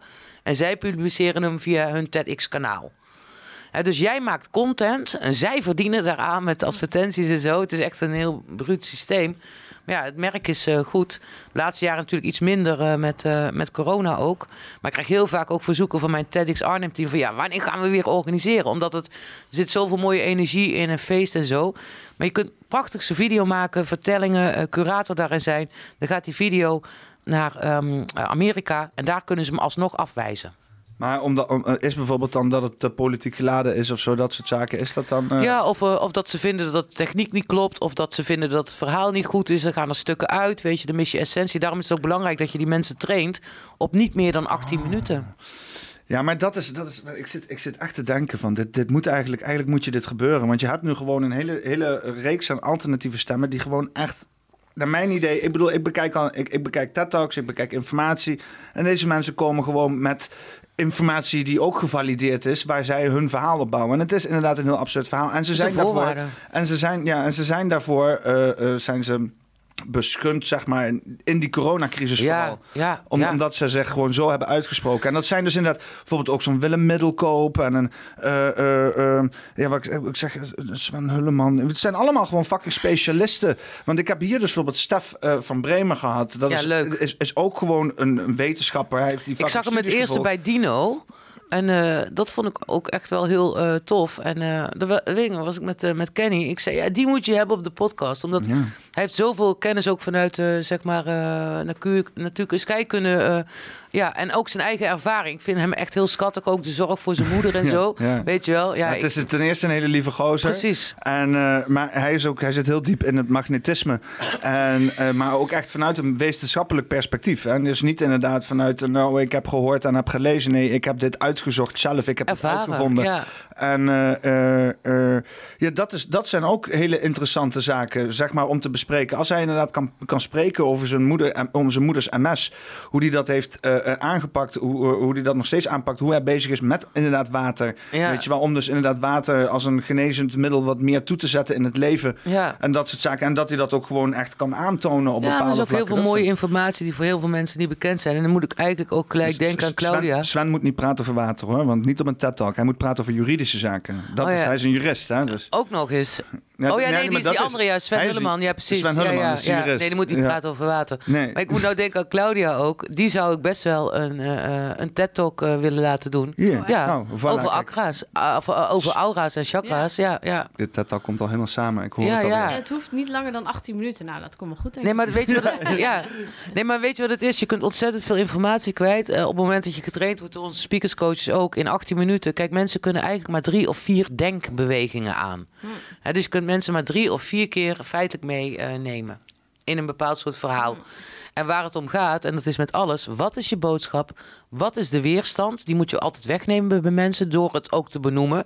Heel veel mensen hebben de neiging, ja, ik ga die pijnpunten niet benoemen. Ja. Ik ga stroop smeren. Probeer Nee, het uit de weg te gaan. en Precies, je moet ze benoemen, want dan erkent het publiek... oké, je hebt ook aan mij gedacht. Je zult altijd weerstand moeten benoemen. Advies op de korte termijn, doelstelling op de lange termijn... en een call to action aan het einde. En 18 minuten, daar kun je de wereld in winnen. Vaak nog meer in 10 minuten. Ja. Want dan heb je de mensen echt nog bij de ballen. Ja. En eh, nou ja, goed, als ik helemaal vol verhalen niet aan het doen was, dan, dan had ik echt wel een TEDx eh, Arnhem al georganiseerd. Gaat er misschien aankomen, weet ik niet. Als de expositie gaat reizen, heb ik misschien wat iets meer tijd. Maar ik wil ook iets doen met de Comedy Warriors, stand-up eh, comedy met veteranen. Dus ook rituele heling. Eh, het zou leuk zijn als ik eh, eh, Chris van de Ende daar ook een Oh, rol in kan ja, geven. ja. En ik ben gewoon, ja, ook een beetje, da- ja, ik blijf toch altijd zitten op het zingevingsaspect en het delen van verhalen. Maar ik, nee, ik, ik heb ervaring met Claudia. Dat komt ook door de podcast. Voor mijn podcast in januari, toen zag ik jullie podcast. En eh, dat ging onder andere over eh, eh, wapperende zielen of klapperende, Wapperende aura's. ja. wapperende ouder. Wapperende aura's. Ja. Ja, ja, en eh, nou ja, goed. Ik had zelf ook het idee dat ik aan het wapperen was. En eh, ik heb die podcast toen gezien, die podcast gedaan. En vervolgens ben ik gewoon. Ik zeg tegen Claudia, ik wil jou op de behandeltafel. en eh, ik ben, daar ben ik gekomen. Ja, maar Ja. jij hebt Amy wel een paar keer zo behandeld, zeg Ja. Een maar. paar keer. Zo. Nou ja, ja want, want en, Amy, hoe heb je dat zo ervaren, zeg maar? Want, het is, eh, want eh, als jij zeg maar naar de huisarts was gegaan en je het probleem had voorgelegd, dan had hij of doorgestuurd of een paar pillen voorgeschreven. Ja. Eh, eh, hoe, hoe is dit, zeg maar, met Nee, dit- emotionele dit- kwesties zo? Ja, dit was echt briljant. Eh, ik heb eerder ervaring gehad, was de eerste TEDx Arnhem. Toen had ik ook nog een briljante idee. Ik ga een TEDx doen, maar ik ga ook mijn badkamer verbouwen. En eh, dat viel een soort van samen. En uiteindelijk belandde ik eh, met een hernia. Ik kon niet meer voor of achteruit. En eh, ik weet nog een aantal maanden voordat ik eh, die hernia kreeg, had ik al zoiets van ja, volgens mij ga ik een hernia krijgen. Toen was ik bij de dokter geweest en eh, ik ben heel lenig. En toen zei ze, ja, ga maar liggen en doe je been omhoog. Dus ik doe gewoon mijn been omhoog. Ik ben een turnmeisje, weet je wel. En zij had zoiets van, ja, nee, als je je been omhoog kunt doen, heb je geen hernia. Maar ik had echt zoiets van, volgens mij krijg ik een hernia. Half jaar later, full-blown hernia. Hè, dus ik heb zoiets, de, reguliere medicijnen gedoe. Nee, dat, nee. En ehm, zeg maar, ehm, de podcast die wij toen deden was eind januari. Eh, er stond heel veel op het spel. Ik dacht het een, het was het ander. En toen dacht ik van ja, ik kan dit niet meer volhouden. Eh, ik voelde me ook een soort van eh possessed of bezeten, zeg maar. Dat ik merkte van ja, ik heb allerlei energieën bij me die niet van mij zijn. En ik was zelf niet meer in staat om dat los te maken. Ik heb wel geleerd, hè, voor als je de deur uitgaat, in, beel, in een grote zon en die beschermt je met je aura en dan ga je op weg. En dat was voor mij eigenlijk nooit geen probleem. Maar ik voelde dat ik allerlei gaten in me had en dat ik daar ook gevoelig voor was. En ik had ook eh, kort daarvoor had ik een DHL-bezorger, had ik eh, de deur eh, dicht gegooid. Toen die zei pakketje voor de buren, toen zei ik nee, rijd nog maar een keer, bam! En toen dacht ik, oh dat is niet goed Amy, dat ben je niet. En ja, toen zag ik de podcast met Claudia en toen dacht ik, ja, ja zij, zij weet dingen. En eh, dus daar heb ik een, eh, een, een afspraak eh, in, ingepland. En dat was een verademing. En ik weet nog de eerste keer dat ik, ja, ik vond het echt super professioneel. De tijd die je neemt en dat je dan vervolgens allerlei dingen gaat doen. Ik heb me daar echt aan overgegeven. Want zelf kon ik het niet meer. Ik kon, niet, ik kon het niet van me afhouden waar ik eh, En, in zat. en je hebt ook geen idee wat ze aan het doen is, hè? Ze is dingen aan het doen, denk van, Ja, nou, het zal allemaal wel, weet je wel. nee, nee, maar... nee, nee. Dat is misschien zoals jij Ja, ik, ik had het wel. Ik dacht van, nou ja, het zal wel, weet je wel. Maar ik, moet- ik, ik wil zeggen, het resultaat is wel dat er gewoon zaken gebeuren. Zaken worden in gang gezet. Dat had ik voor mezelf. Ja, ja. Niet- niet- nee, zonder niet- Claudia eh, weet ik niet eh, of ik er nou zo fris bij had gezeten. is echt wel een beetje reddende engel geweest. Nou, Ja. Nou, als mensen ook worstelen met hun energieën, waar, eh, waar, waar, moeten, ze dan, eh, waar moeten ze dan terecht bij jou? eh? Nou, Claudia, Je, je, je, who een, you gonna call? ja, je hebt een mooie nieuwe website ook, toch? Hup. Ja, ja dat is Ja. mijn website inderdaad. Heb je al de kortere URL? Ja, ik heb het er korter ook. Je kunt ook eh www.realife.nl. Dan kom je er ook. Rea live. Dan liep ik net nog te hekelen van hè, die reclame van water. Dus ik, eh, ik heb wel eens... Ja, laten we over, over de inhoud nog even eh, doorgaan. Ehm, wat ik merkte eh, tijdens de behandeling... dat het... ehm, het is gewoon instant, eh, was het voor mij. En eh, ik heb ook... eh, wat ik ook heel fijn vond... is dat ik me daaraan over kon geven. Dus eh, ja... eh, dat, je, dat je bereid bent om je te laten wiegen door een ander. Ja. En, en dat die ook professioneel is. Dank je wel. Ja, nou heel erg graag. Ja, ja. Ja. ja. Eh, eens even kijken of we nog, eh, of we nog iets hebben om, eh, om, om, eh, om verder door te steken. We hebben iedereen geplukt. Iedereen heeft alles, alles, alles gezegd. Heb ik nog wat te pluggen? Gebe- ja, kijk naar Dutch Matrix volgende week. Nee, wat, ik wil misschien We, even wil nog even wat Ja. zeggen? Ja, we zijn nog helemaal niet klaar. Ja, Misschien moeten we gewoon even Ik een pauze niet, doen. ik, ik zeg ook niet dat we klaar zijn. Ik wil alleen heel even... Oh. Ik ben gewoon... nou, daar leek het wel op. Ben je een beetje moe, Peter? Nee, nee hoor. We moeten het overnemen. Nee hoor. Nee, je zit nou met twee vrouwen. Ja, ja. Can you deal it? Energie. Nee. Ja, nou, wat, wat ik wel heel leuk vind eh, aan, mijn werk is dat ik, dat ik voornamelijk gewoon werk met de ziel. En, en ik vind het toch iedere keer weer gewoon heel leuk en een echt een verrassing om iemand te ontmoeten. Zowel op, ehm, ja, op dit niveau, hè, dat je met elkaar praat, dat je de Ja. persoon ziet, dat je iemands levensverhaal hoort. Maar zodra iemand dan op die behandelbank ligt, ehm, dat je echt contact maakt met die ziel. En, oh, Is dat op beeld? Weet ik niet, denk het. Heftige shit. ja, en dat, dat, eh, ja, dat vind ik gewoon iedere keer weer eh, heel bijzonder. Vind ik Ja. echt eh, altijd weer een heel mooi moment dat je iemand... Ja, iemand die je gewoon face-to-face zo leert kennen... op zielsniveau ook mag leren kennen. En dat, Ja, dat, dat ontroert mij gewoon bijna iedere keer weer. ja. ja ik, wat, zeg maar, als ik... ehm, kijk, want ik was natuurlijk nooit op jou gekomen als ik de podcast niet had Ja. gekeken. Ik was natuurlijk uitgenodigd. Ik was toen nummer 50, briljant. En eh, jullie gesprek ook. En eh, ik herkende daar zoveel eh, in. En tegelijkertijd hoorde ik nieuwe dingen die zo plausibel waren. Hm. En toen dacht ik, ja, eh, this girl no shit. en eh, ja, voor mij was het gewoon een 1 2 Het was, eh, ja, nee, maar dat is ook eh, synchroniciteit. Laten we het over positief manifesteren hebben. Ja, precies. Ja. Eh, nu ook Ik- hoe we hier vandaag weer bij elkaar zitten. En eh, de gesprekken die we al eerder hadden. Dat ik denk, ja, onze paden kruisen voortdurend. Ja. ja. Ja. Ja, maar ik, ik sta er ook wel van te kijken hoe, ehm, hoe eh, dingen overeenlopen. Ook uit Ja. het hele gebeuren met Daf P. Eh, dat dat op een gegeven moment ook op mijn pad is gekomen als een mogelijkheid. Als Ja. iemand voor op de podcast, terwijl het helemaal niks met jou te maken. Terwijl jij ook een Daf P Ja, ja, ja. ja. dingetje gaande heeft, zeg Ja, maar. Dat is ja. toch...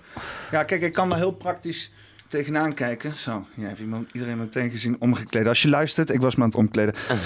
Ehm, Gebeukt tegen de microfoon.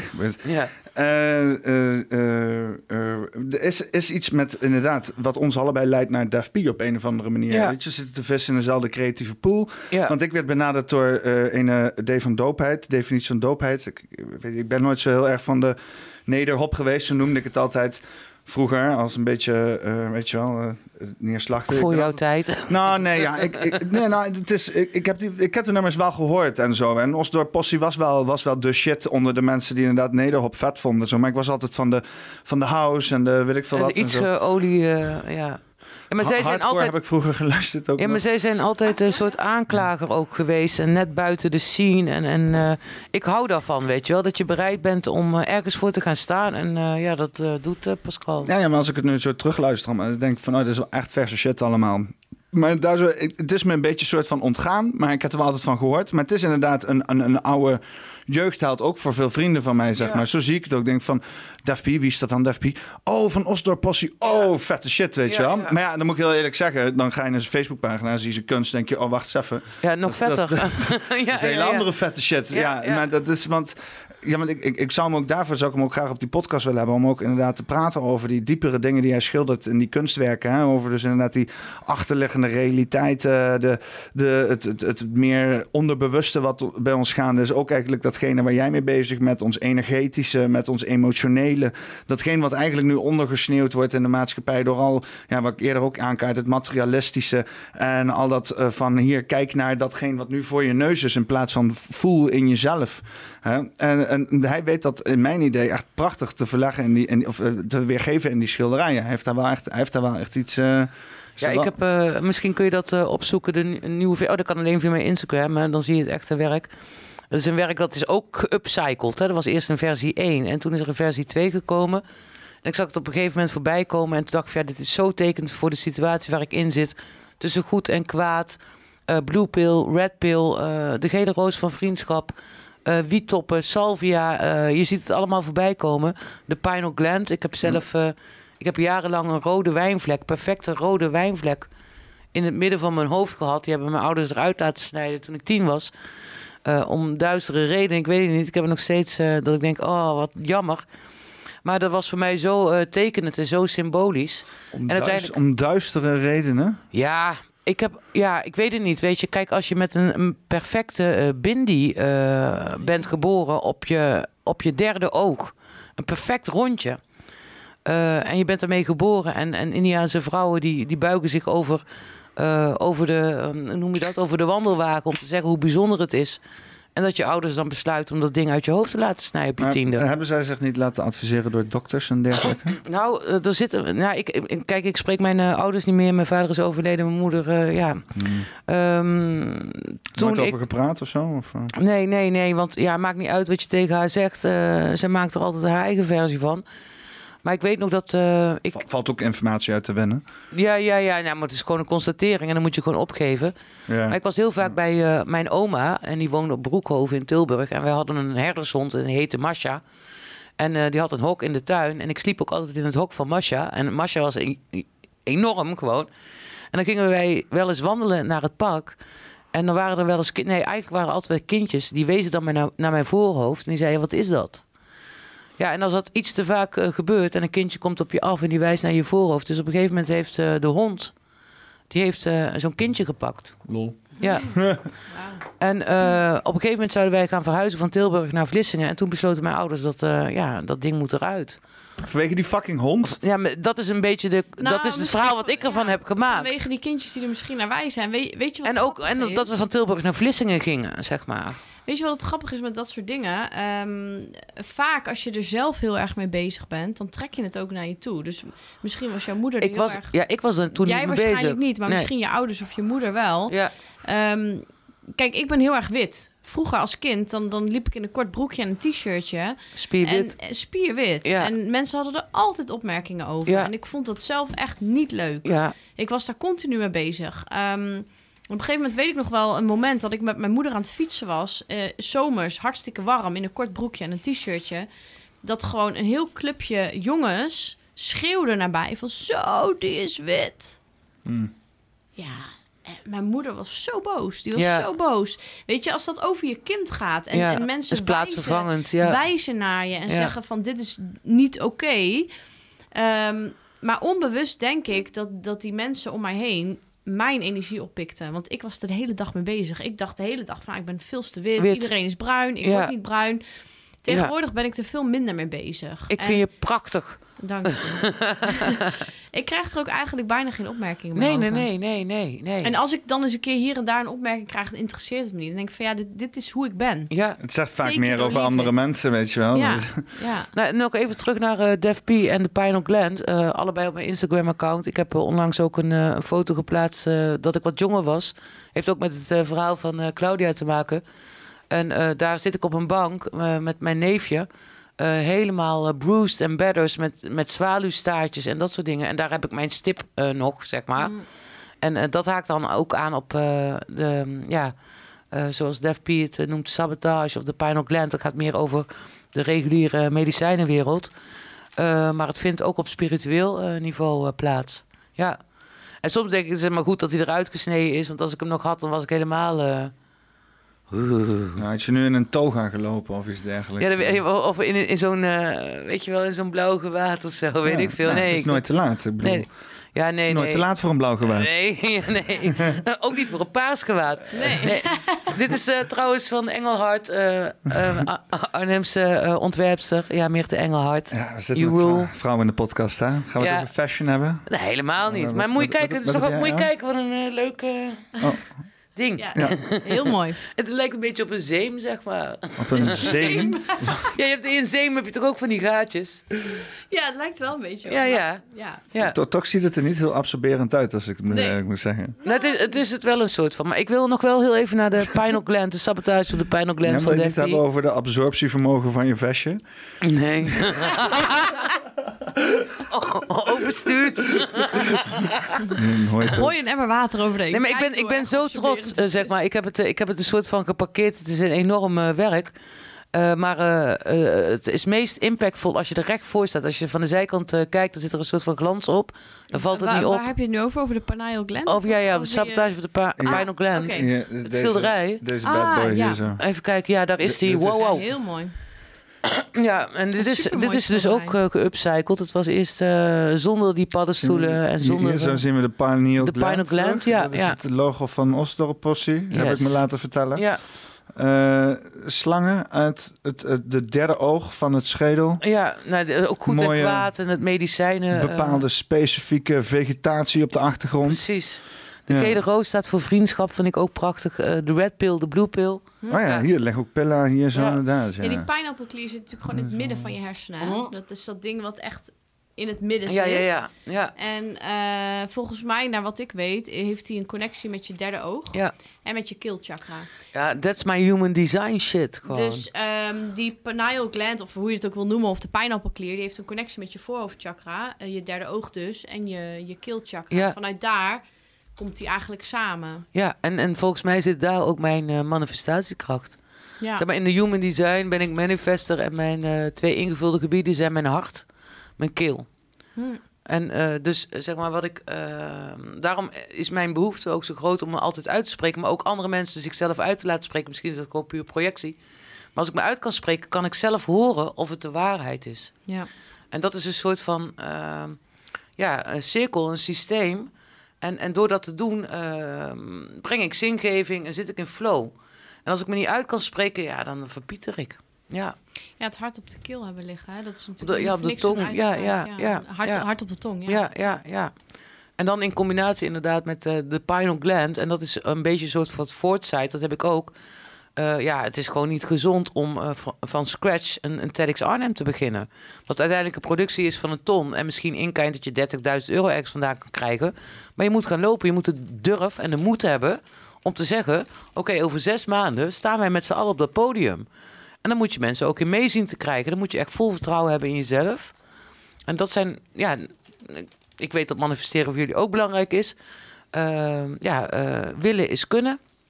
En eh, zien is maken.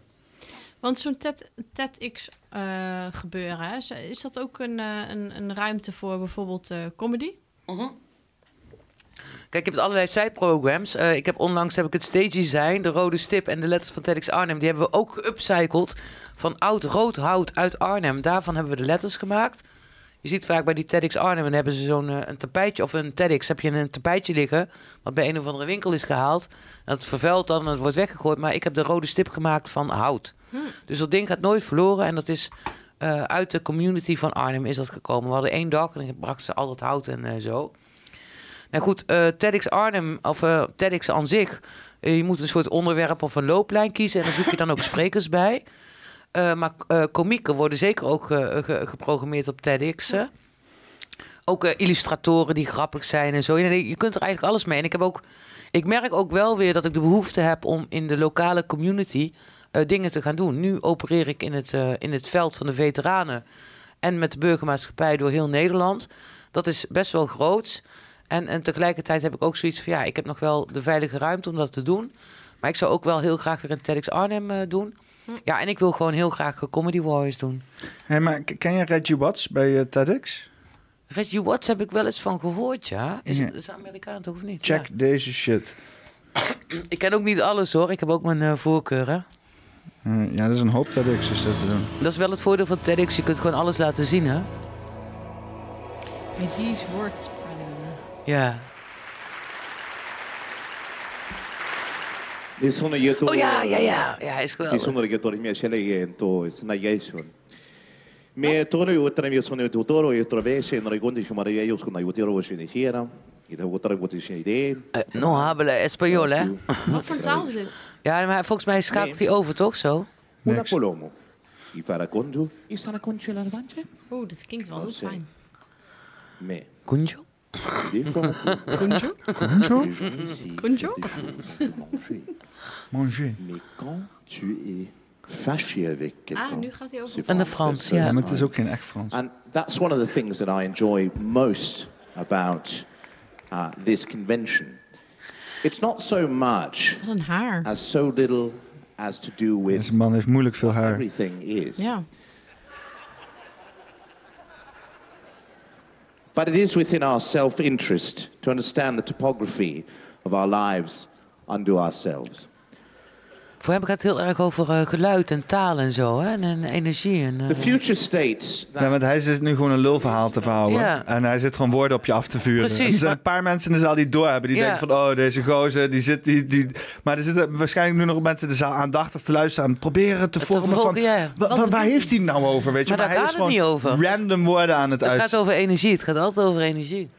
as we face fear in these times, and fear is all around us, we also have anti fear.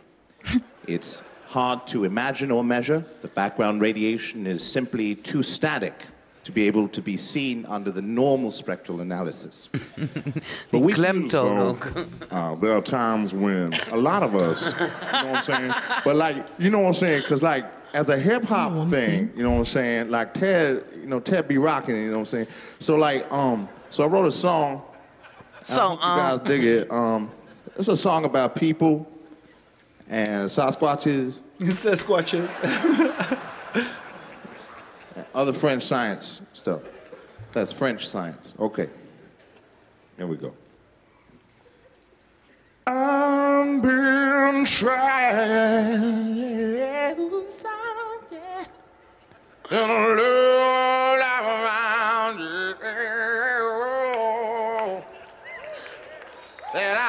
I've been so trying to say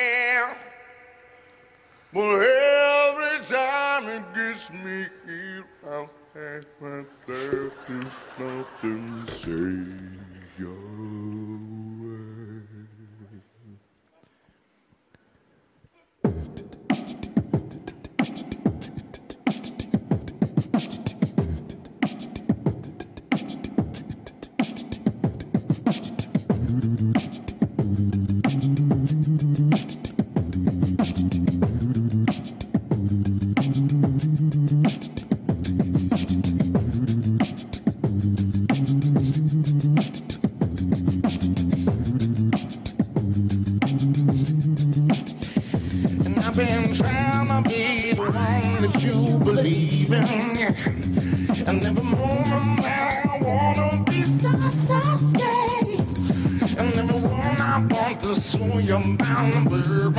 Hij doet het allemaal met zijn stem, zeg maar. En allemaal opnieuw Ja, opnemen. briljant. Maar dat is ook de vibratie van de stem. Dat merk ik ook. Ik hoor vaak eh, mensen... Of dan zeg ik dingen tegen mensen, die begrijpen ze helemaal niet, maar ze voelen ze wel. Ja.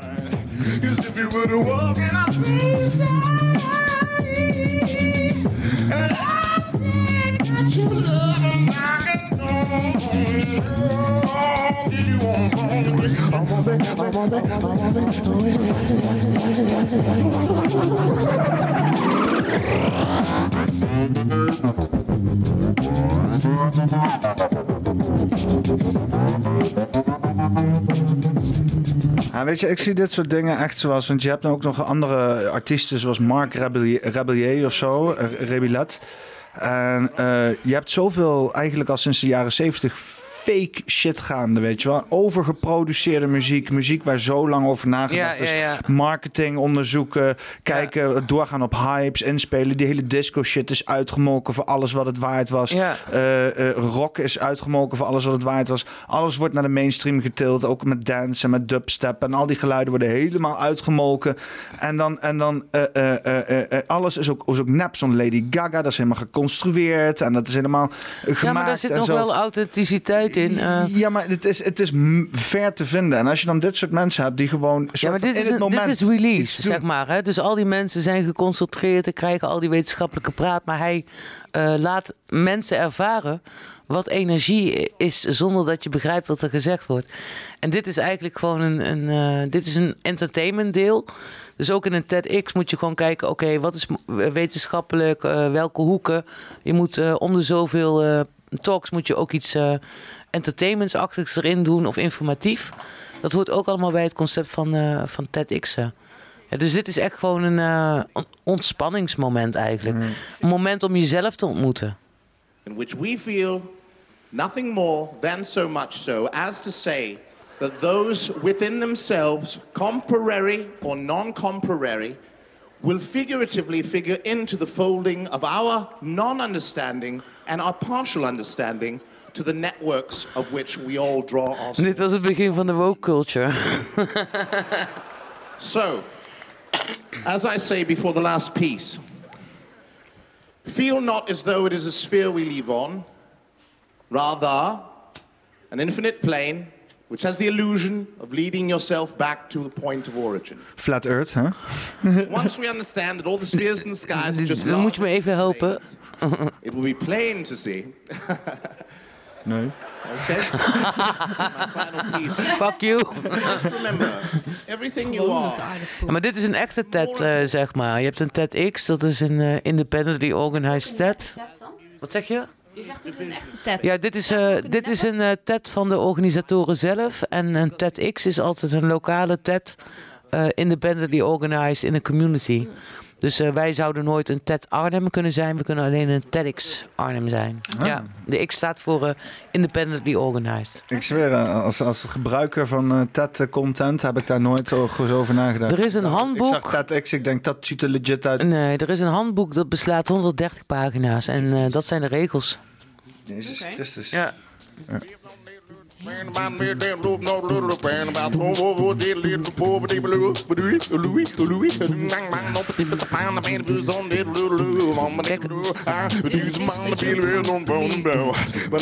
als je zo vrij kunt zijn, weet je. Okay, now for the last piece I'd like to do, this one goes very similar to this. Dat is het mooiste, hè? Als mensen vrij kunnen zijn, dan worden ze ook eh, geaccepteerd. Eh, en dat is eigenlijk gewoon de enige manier om te zijn. Ja. Maar heel veel mensen zijn niet vrij en dan krijg je een All masker. right, here we go.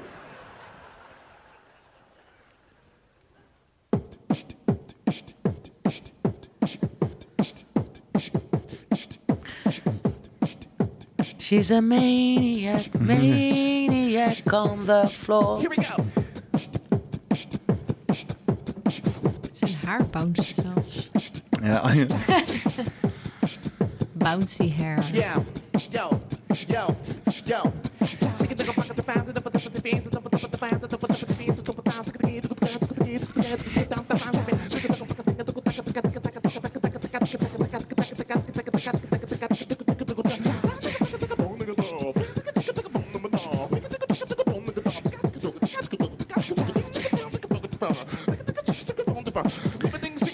het, is, het is wel echt inderdaad wat je zegt, weet je. Want vooral inderdaad op zo'n TEDx, waarbij iedereen aan het spreken is en eh, zijn woorden goed uitkiest en probeert dingen duidelijk te maken, laat hij zien van, dit, is niks, dit heeft niks met woorden te maken. You can be fooled. Dit, ja, maar dit, ja, dit is inderdaad ja, het, eh, toon en, en eh, de geluiden en presentatie. Ja, maar bij zo'n TEDx, zeg maar, zeg maar ja, dat noemen ze Great Minds Think Alike. Eh, er komen natuurlijk allemaal mensen bij elkaar die zich willen laven, die hopen, eh, zeg maar, eh, gelijkgestemden te ontmoeten. In zo'n zaal zit zoveel energie. En dat is eigenlijk ook wat je eh, wil doen. Je wil het eh, memoriabel maken. Dat mensen jaren later nog denken, oh ja, nee, daar was ik bij. Gelijkgestemden, die hebben wij ook gehoord, hè? Ja, ik moest ook denken aan het woord Vertel. gelijkgestemde. Oh, je, heel zalvend eh, klinkt ja, het. daar Als zijn je we wel een beetje mee eh, om ons oren heen ge, ge- Oh ja? gegooid. Cla- Claudia is niet zo fan van het woord gelijkgestemd. Ja, ik weet niet waarom. Ik vind Wat doet het eh, met je? Nou, als mensen dan zoiets hebben van... Ja, nu zijn we met gelijkgestemden. Oh, dus Dan- inpalmen, dan soort van... Nee, meteen wat- dan verwacht je in één keer dat ik iets moet zijn of zo. Wat Ja, jij wat- in je dan- hoofd hebt zitten. Oh ja, ja, Dan ja, ja precies. Wat is de definitie van gelijkgestemde? Want eh, ja, mensen noemen zich dan wappies of wakker. Daar ben ik ook een beetje allergisch voor. Denk ik van... gelijkgestemd kun je met iedereen zijn. Ik Ja. ben gelijkgestemd als ik in hetzelfde dorp woon. Als Ja. ik dezelfde mening heb, eh, dezelfde politieke partij stem. Als ik dezelfde opleiding heb gedaan. Er zijn zoveel dingen waarmee je Gelijkgestemd kan zijn, met ja. mensen. En het, het, het biedt Nou, ik een denk, beetje eh, zo'n ik denk in, van eh, uitsluiting. Zo van, wij zijn gelijkgestemd Ja, ja. en de rest... Nee, maar ik denk bij een TEDx dat je je op kunt trekken, zeg maar. Dus dat, dat je te maken hebt met van, oh ja, zij, zij gaan ook die kant op. En ik kan mee eh, varen daarop. Of, of, ik, of ik kan mezelf zijn. Dat heb ik ook wel eens met festivals meegemaakt. En eh, eigenlijk eh, trek je elkaar op Ja. naar een bepaald soort niveau. Waarin je bereid bent om dingen voor elkaar te doen. En ehm Maar ook niet gelijkgestemden kun je optrekken. ja, zeker, ja, zeker. Ja, maar juist dat. Dus waarom zou je alleen maar op zoek gaan naar gelijkgestemden? Ja, misschien is dat ook gewoon een Ja. manier om iemand in te palmen. En zeggen Ja. van ja, wij zijn gelijkgestemd. En dan, wij, wij, ja, wij Ja, ja, ja, ja, ja. En de rest is allemaal... Het heeft een gevoel van Polarisatie. dat je een beetje boven iemand staat. Ja. Weet je wel? Van wij zijn gelijkgestemd, wij Ja. denken zo. Ja. En iedereen die anders denkt zit onder ons. Ja, daar ben ik niet zo van. En dat zie je bij een TEDx ook. Weet je, dan heb je voor. 100 kaartjes, die moet je dan verkopen. En ehm, ja, wij we hadden echt wel een lage prijs. Ik bedoel, sommige ehm, kaartjes gaan voor het dubbele. Maar dat is dan, ehm, dat is ook zoiets met TEDx. Eh, je moet eh, twee of drie blokken maken. En mensen moeten eten krijgen. Er moet verantwoord zijn. Er moet drinken zijn. Het is allemaal included in die prijzen. Mm. Toen hadden wij ook een eh, kaartje voor 60 euro. En dan begon iemand zich te reclameren. Ja, waarom moet dat 60 euro eh, kosten? Maar dat is het verschil. We doen een livestream. Je kunt gewoon vanuit je luie stoel die livestream bekijken. Betaal je noppes. Ja. Wil je erbij zijn? Wil je gevoed worden? Wil je interactie aan? Wil je verbinding? Dan betaal je 60 euro. En Ja, dat is voor een hele dag nog steeds heel weinig. 60 euro voor voeding. En, nee, nee. Ja, en het hele programma. Ga, ga eens naar de Ja, maar bioscoop. je, je krijgt ook even vreten. Alles, alles Ja. zit daarin. Ja. Nou, sorry hoor, maar ik teken ervoor. 60 ja. euro voor een hele dag aan vreten. Ja, precies. en- maar en- sommige en- mensen vinden daar nog steeds iets van. Ja, maar dat is, eh, weet je ook, dat, ik, ik pak dat voorbeeld altijd van een hoofdkussen. Sommige mensen kopen gewoon een hoofdkussen bij de IKEA voor 2,50. Die hoor je nooit. En anderen kopen gewoon een hoofdkussen van 100 euro. Het is gewoon je persoonlijke keus. Ja. Je kunt die anderen niet afvallen eh, dat hij onder een, eh, onder een eh, ja, weet ik veel, iets van een IKEA slaapt. Weet je wat, het is, er zijn ook gewoon mensen die geven makkelijk 60 euro uit aan een festivalkaartje. En dan gaan ze vol aan de drugs, kunnen ze niks meer herinneren van de artiesten en alle vrienden niet meer vinden. Ja. En gaan helemaal onder de modder met ges- gescheurde kleerscheuren naar huis en een gebroken ziel onder het Ja. hart. Met een ernstig dopamine en Ja, serotonine nog slechter dan dat ze gingen. Ik heb ook een IKEA-bed, by the way. ja, daar is en, niks mis mee. Ik ook. Dus, dus, ja, nee, maar ga dan eens een keer naar iets wat je eh, eh, intellectueel prikkelt. Iets wat je Ja, maar dat is eng, want dan word je ook on- geconfronteerd met jezelf, zeg maar. Het, eh, zeg maar festivals is eigenlijk ook gewoon een manier Kom- van je emoties eh, afdekken. Ja, maar kijk, luister, mensen worden. ik- Het hele idee dat mensen bang zijn om geconfronteerd te worden met hunzelf, dat is volgens mij. Valt het, het wordt nu. Er wordt, is, ligt zoveel afleiding. Ze hebben zeg maar gewoon lappen met broodkruimels voor iedereen's neus gesprongen. Van kijk, je wordt vooral niet, wordt vooral niet gezond, wordt vooral niet geheel. eh, eh, Ja, vooral achter dat gat aan van je leven, weet je wel. Met reclames en en allemaal dat is- waar, dat is een de geld- een verdien, waar een verdienmodel achter zit. Precies. Dat, dat, dat is gewoon. Als je niet met je kern bezig kunt zijn, heb ik ook afgelopen jaren gemerkt. Ik ben echt toffe dingen aan het doen. En het enige waar anderen plezier in hadden, was mij uit mijn flow halen. Dat heb ik zo gemerkt. En ik heb ook ontdekt, van ja, daar ben ik gevoelig voor. Want ik heb als weer, oh, heb jij pijn? Ik wil jouw pijn wel oplossen. En dan was ik weer afgeleid. En ik, ik wil helemaal niet zelfzuchtig zijn, maar het kan bijna niet anders. Want de rest is eigenlijk bezig om jou in de wielen te rijden. Ja, nou ja, maar er En dat is ook met- er zijn, er, zijn, afleiding. er zijn altijd mensen bezig die jou in de wielen rijden. Ze kunnen niet anders, want ze weten niet wat de andere kant is. Maar het is niet iedereen. Nee, niet iedereen. Het is, het is, je moet inderdaad eh, gewoon heel goed ja, zijn. maar je focus je altijd op de shit. Ja, oké. Nou, maar dat, dat- is een dat keuze dan. Dat, dat- is een keuze. Ja, dan. nee, maar je, op een gegeven moment kun je dat niet uitschakelen. Ik bedoel, je hebt een vervelende strontvliegen en die moeten op een gegeven moment gewoon dood. Zal ik mooi nog, nog een Joe Rogan lesje erin gooien? Ja, Hij eh, zegt, eh, hij doet altijd een, eh, een hoe noemt hij dat nou? Iets van post en dump. Eh, po- nee, post and go of zo, of iets. ik En, kijk geen Joe Rogan, maar tell me. Nou ja, hij, hij, hij, hij, hij, hij, hij zegt dus gewoon de, de enorme haat die je krijgt als je eenmaal groter wordt, is onvermijdelijk. En wat je ook doet, het is nooit goed. Er is altijd wel iemand ergens die je gaat haten om whatever de fuck je doet, weet je wel. Helemaal als je veel mensen bereikt. En hij zegt van, ik, ik ga gewoon bijvoorbeeld op Twitter. Hij zegt zelf, Twitter is de giftigste plaats ter wereld.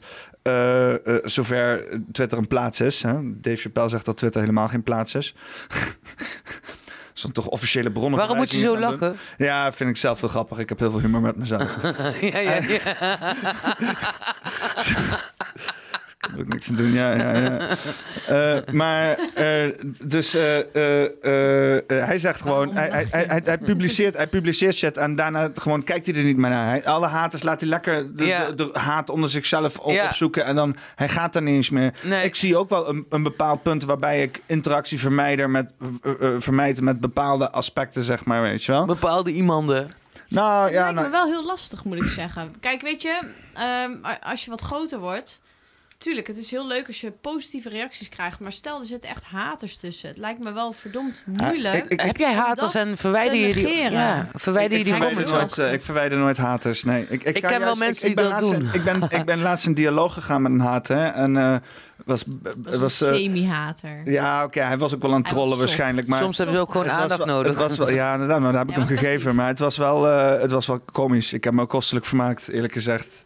Dus, Maar even Da- Dave Chappelle, want... eh, oh, oh, jij wil ja. meer weten over Nee, Chappelle? ja, jij begon over Dave Chappelle en je wilde daar iets over vertellen. Of, eh, oh En nee, de- dat die haters, eh, dat je die... Nee, nee, Dave Chappelle zei Twitter isn't the real Oh, place. ja, ja, precies. Ja. Weet je wel? Hij, Het is gewoon een marketingkanaal, dat weet je zelf ook. Het is gewoon een persoutlet. Ja, ja, ja. Iedereen heeft in één keer zijn persoutlet nou. Iedereen, iedereen, Ja, ieder zijn eigen Ieder is een uitgever. idioot en zijn moeder heeft een, heeft een persoutlet. Die kan Ja. alles uitgooien wat ze Ja, willen. ja. In 140 karakters.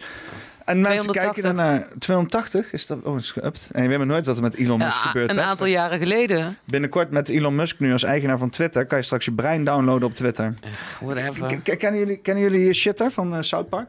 Shitter? Nee, Heb ik wel eens van Shitter. gehoord. ben ja, dat is dus eh, eh, eh, Shitter, dat is het nieuwe ding in South Park. En Eric Cartman die gaat er helemaal los op. En dan eh, laten ze een soort van ding in hun hoofd installeren. En dan al hun gedachten worden rechtstreeks naar het internet uitgezonden.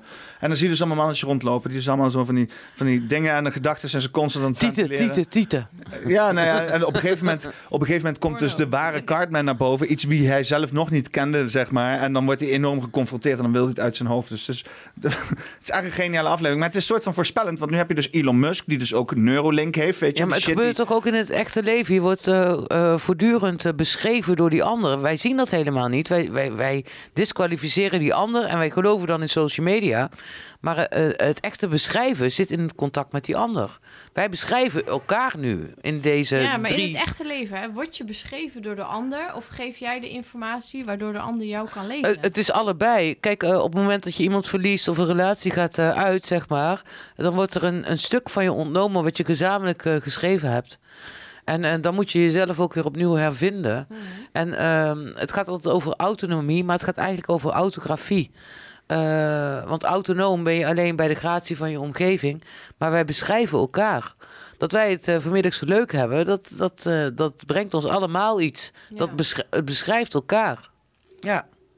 Ja, ik geloof ook wel dat wat, wat je zelf uitzendt, onbewust... Dat, dat is wat de ander oppikt en ook beschrijft over jou. Ja, maar ook vice versa. Ik zeg maar, eh, we hadden het eerder over human design. En dat eh, zeg maar mijn, eh, de chakras die bij mij gevuld zijn, zijn mijn hart en mijn keel. En de, voor de rest ben ik open. En dat betekent dat ik heel veel informatie ontvang van anderen. En dat eh, projecteer ik. En dan worden ze eigenlijk geconfronteerd met hun eigen wensen of verlangens. En eh, dat is heel confronterend. En dan ben jij de schuld. Maar ik ben alleen maar degene die dat terugspiegelt. Ja, Punt. spiegels in het leven. Ja, ja, ja, ja. Ja, dat is wel heel mooi. Hadden we het nog ik. steeds over Dave Chappelle? Of, eh? Ik weet niet, ik weet niet eens wie dat is. Nee, ik, ik moest... Ik eh, leef onder een steen nog steeds. Nou ja, wa- wat ik wou zeggen, want, want, want, want, want- met je witte benen. Ja, met mijn witte benen onder een steen. nee, want Ik hebt, zie geen zonlicht. je, je hebt nou dus Elon Musk, die heeft Twitter gekocht, hè? Het is een beetje een rare vent, is het, hè? Wie, Elon, Elon Musk? Ja. Het is, het is geen, het is geen vrouwenversierder, nee. Jawel, op zijn eigen manier, nee, hè? nee. Hij had, zijn laatste vriendin was een van de gare gothic en heeft hij een kind meegekweekt Ja, maar die hij een code heeft gegeven, heeft zijn ook, naam. eh, dan komen op met het die ex van, eh, die ex Waarom van, is eh, een Johnny Depp? vrouw niet heel vrouwelijk? Ik, zeg, ik zeg toch helemaal niet dat ze Dat vrouw... is, een- dat is een ik soort het van hoer vrouwelijk. uiteindelijk, hè? Gothic Een eh, hoer? ja. Hoer?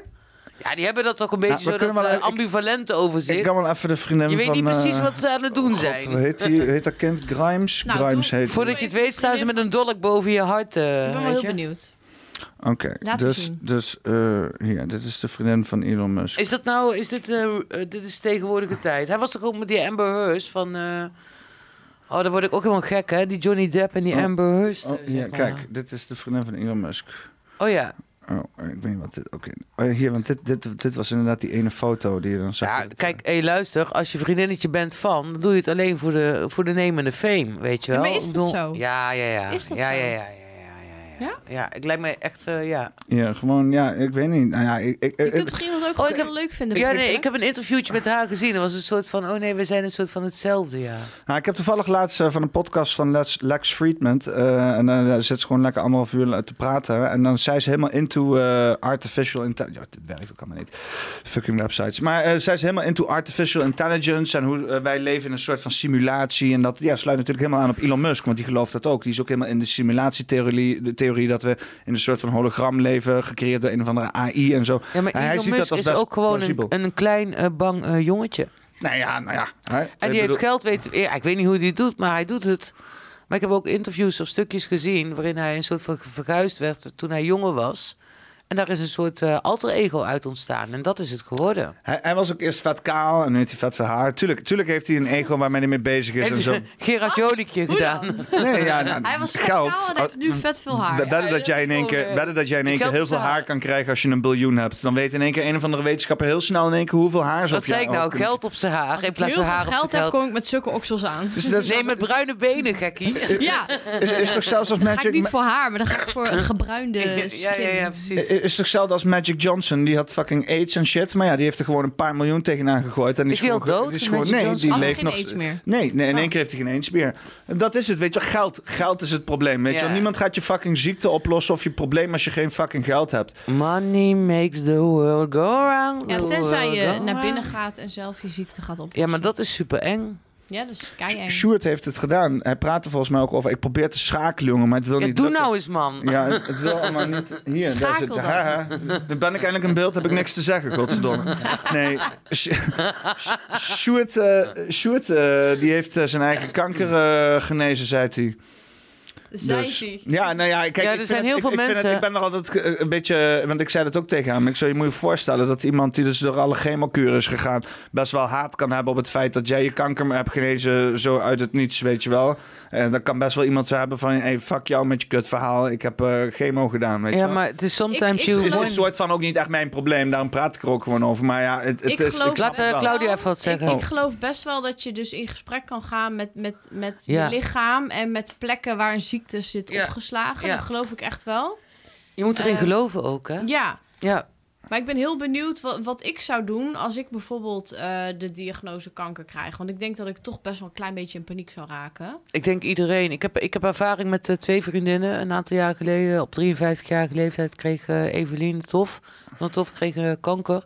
En zij kreeg eh, ehm, bot, botkanker. En eh, zij was altijd, ehm, ja, zij was eh, borderliner. En dat was altijd heel erg heftig. En op een gegeven moment zei ze tegen mij van ja, eh, botkanker op de harde delen, dat krijgen mensen die het leven niet aan willen gaan. Hm, Dus ik heb dit aan mezelf verdiend. En die ging ook. jeetje. En ik heb andere vriendinnen en die hebben Zij zoiets is van... overleden ook. Zij is overleden, ja. Jezus, dat is Ja. heftig inderdaad. Ja, Eh, ja maar ook eh, op een hele dan- eh, dan hij rare wel- manier. Dan heb je wel echt, dan heb je, dan heb je echt, dan heb je echt vrede gezocht in wat je verhaal is of zo. nee, je Dan- kunt niet anders omdat je het nooit anders ja, hebt het- gedaan. Het, moet, Ja. het moet ook wel, ja, inderdaad.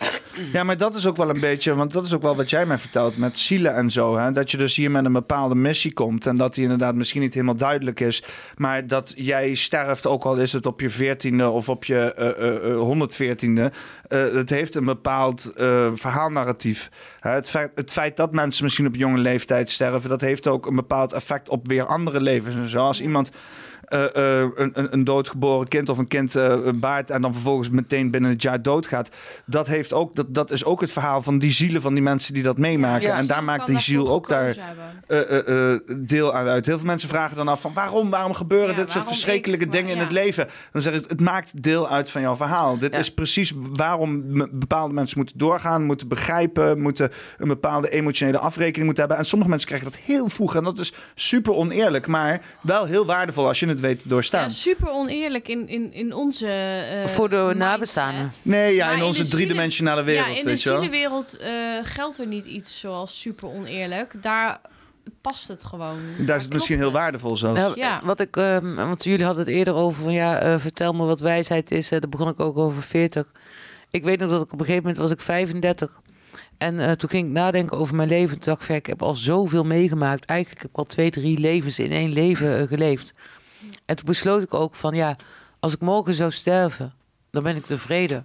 En dat geeft een hele nieuwe dimensie aan het leven. En dan nog, zelfs nu nog, kan ik me druk maken over de waarom-vraag. Weet je wel, dat blijft ook een soort eh, van ding.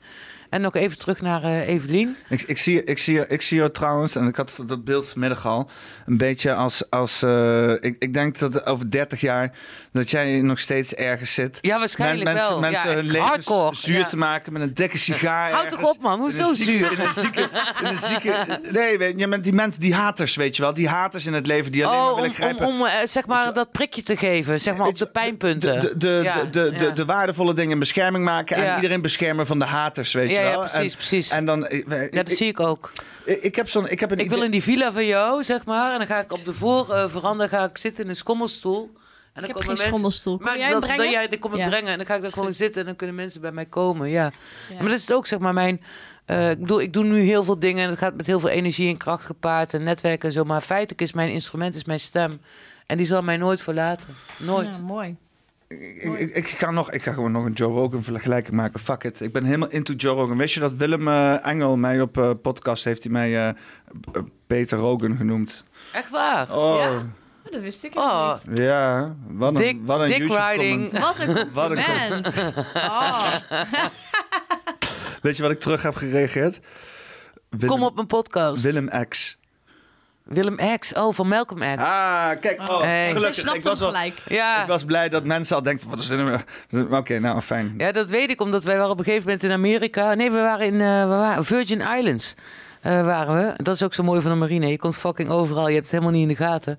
Eh, maar we waren op de Virgin Islands en eh, toen reden we daar rond. En toen eh, zag ik een, t-shirt, blauw-wit, met rode letters Malcolm X. En ik wist helemaal niet wie Malcolm was, maar het eh, ontwerp sprak me heel erg aan. En ik heb het gekocht en daarna ben ik pas eh, in Malcolm X gaan duiken. Weet, je, ja. weet je wie Malcolm X was? Je zag hem, je zag hem aankomen al. Je zegt, ik weet, ik, ik weet Nee. niet wie Malcolm X was. even googelen. Nee. Maar een Nee. soort van tegenhanger van onder Martin mijn Luther King. steen, nog Het, steeds. het, het is, ik eh, het het, het is inderdaad de, ja, de Martin Luther King underground, zeg Ja. maar. eh. Ah, maar het was een vrijheidsvechter voor zwarte rechten in Amerika en zo. En Shit was, eh, shit was gaande. En die gast, volgens mij is hij kapot gemaakt. Het is geschoten of doodgeschoten of zo. Het is allemaal één groot weet, drama. dat weet ik niet. Dat weet ik niet. ik Maar, dat Willem ik had moet wel blijven leven hoor, jongens. Kom op, maar ik, ik, ik begreep dat Willem helemaal over. vredelievend is en zo. Komt hij al op de podcast of wat? Nee, nee, nee. Ik ga naar hem toe.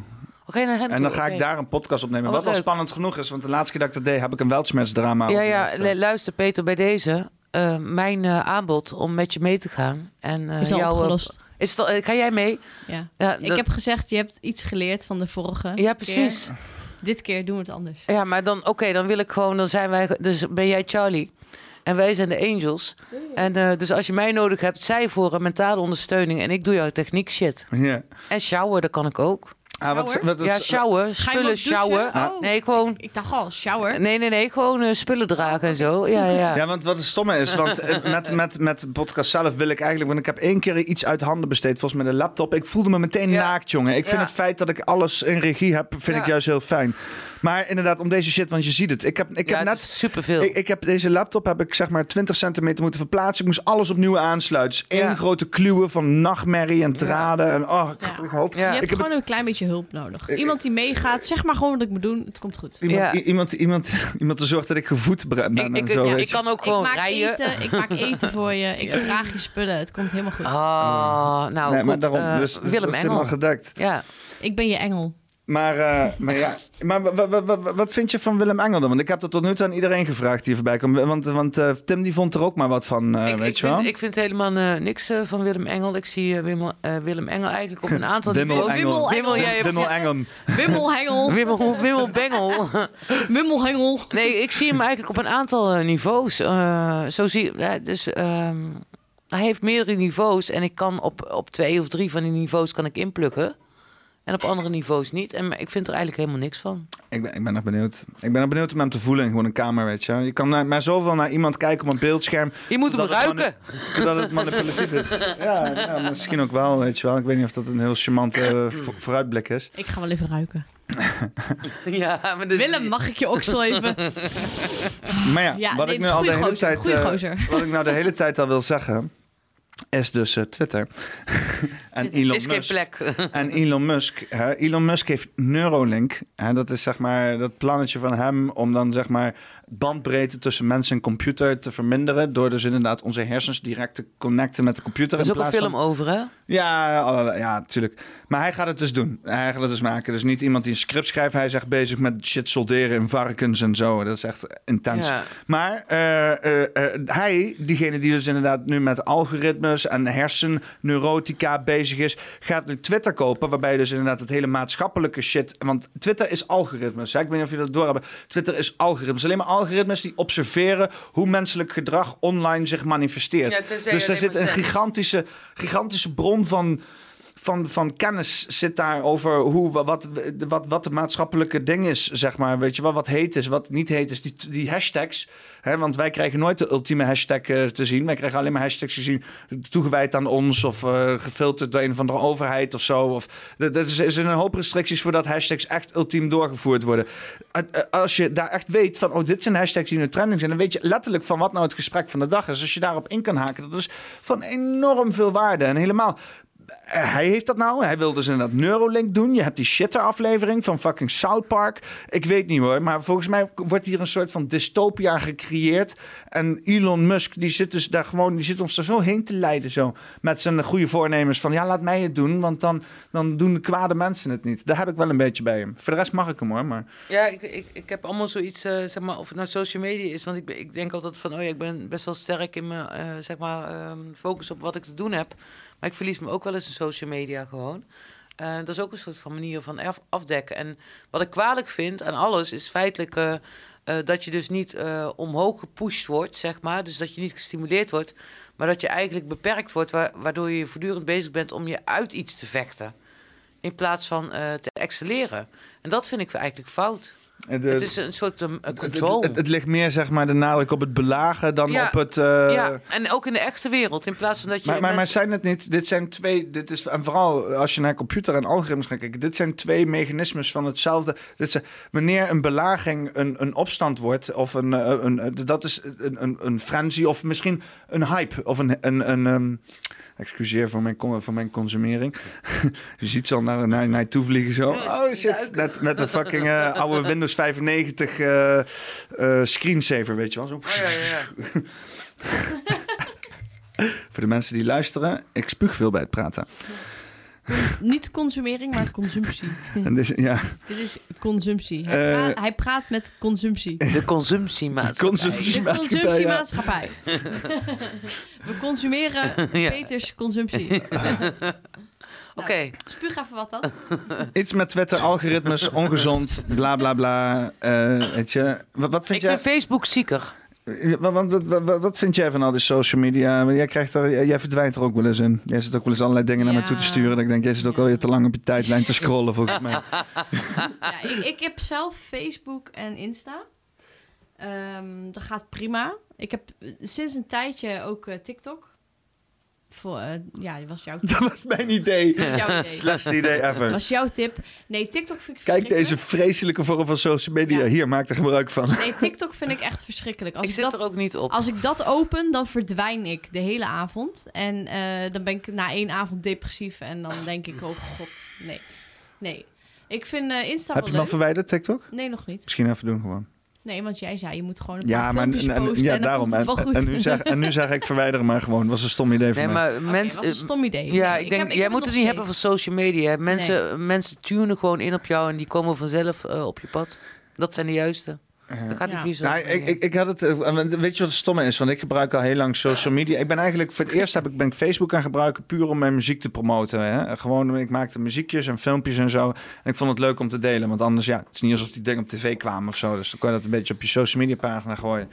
Maar ik, ik heb het nooit gebruikt om voor te connecten of zo, weet je. Ik heb wel eens met mensen ontmoet en dat je dan elkaars fa- Facebook liked of zo, maar om dan daarover te gaan praten. Ik heb ook nooit, ik hou ook helemaal niet van sms'en en appen en zo. Je ziet van die mensen die zitten de hele dag te appen en sms'en. Ik hou niet eens van bellen wat dat betreft, weet je wel. Ik heb meestal zoiets van, hang gewoon op, ik ben in mijn eigen ruimte. Nou, als ik met jou ben, ben ik met jou. Als ik niet met jou ben, ben ik niet met jou. En, en dat hele eh, constant in elkaars leven zijn en eh, constant geconnect zijn en niet meer vertrouwen dat wat diegene aan het doen is, maar gewoon, eh, weet je wel, gewoon, gewoon vertrouwen. Zo van, hier ga de wereld in en ik zie jou weer als ik je zie. Nee, dat moet allemaal gecheckt worden en oh, waar ben je nu en nu en afgestemd worden. En dat is, dat is wel, dat is wel de, een norm geworden waar ik me absoluut niet mee conformeer, zeg maar. Ik, groene vinkjes, als jij gaat lopen zeiken over vinkjes, weet je wel, zo van, joh, joh, maar eh, ik heb gezien dat je mijn bericht hebt gelezen. Fuck jou. Dan krijg je meteen een blok van mij, vlek maar op.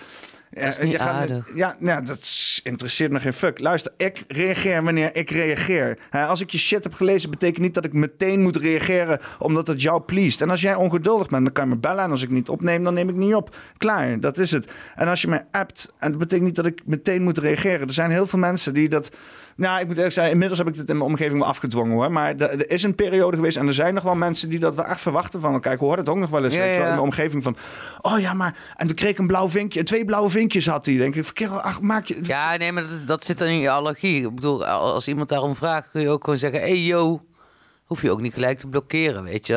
Dat is ook niet zo Nou ja, wat je vraagt. Hè? Ja. Kijk, zeg, stel het is vier uur en je zegt gaan we om vijf uur wat drinken. En je ziet twee blauwe vinkjes. Iemand heeft het gelezen en reageert tot acht uur niet. Dan heb ik wel zoiets, reageer dan in ieder geval van nee, ik kan niet. Ja. Precies. Nee, maar Dat kijk, het maar, maar de, de, kijk, de ellendige communicatie die andere mensen voeren in hun leven, heb ik niks mee te maken. En ik voer mijn communicatie helder met iedereen altijd vooraf. En ik ben gepland en dat- ik hou, er, ik hou er niet van zelf om te wachten. Dus ik laat mensen ook niet wachten. Nee. En het kan gebeuren dat je een keer in de file staat of in je ballen bent geschopt door een Ja. kleuter, weet ik veel. Er kan van alles gebeuren. Maar dan informeer je mensen erover. Als mensen mij laten wachten om niks, dan hou ik er ook niet van. Maar ik zorg dus niet dat ik in zo'n situatie Nee, terechtkom. nee, maar ik heb... Ik, Maar dan moeten mensen mij ook niet verantwoordelijk houden voor hun ja, maar daar, daar- rare maar daar situaties zit die het ze gaande hebben. Ik krijg nooit zoiets van, ja, je je. hebt dit bericht gelezen. Nee. Zo'n bericht krijg Het- ik nooit. Je bent sowieso niet verantwoordelijk. Want hoe vaak komt het bij mij wel niet voor dat ik een appje in de ochtend krijg, lees en dat ik denk, oh, ik app zo meteen terug.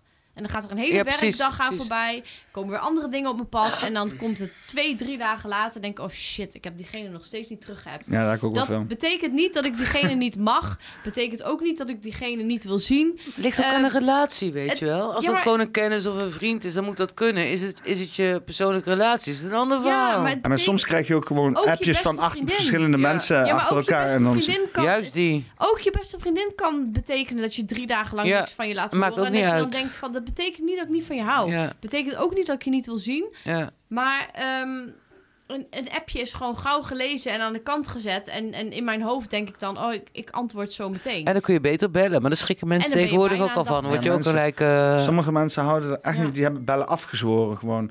Maar ja, in de zekere zin denk ik ook van, we zijn daar ook ver gegaan. Want we zijn eh, in de jaren negentig zomaar maar over die hele grens gestapt dat je overal maar bereikbaar bent. Vroeger flikker je kind je huis uit. Ja, maar en dan is zeg je voor het, kom, voor het, eh, kom terug als de lichten aangaan. Als de lantaarn... Ja, Ja, ik, ik, als de ik lantaarns ging zo naar de paarden vroeger. Weet je, ik Ja. ging op een fietsje naar, de, naar het weiland, naar mijn paardjes. En dan was het, als de lantaarnpalen aangaan, moet je naar huis, want dan gaan we eten.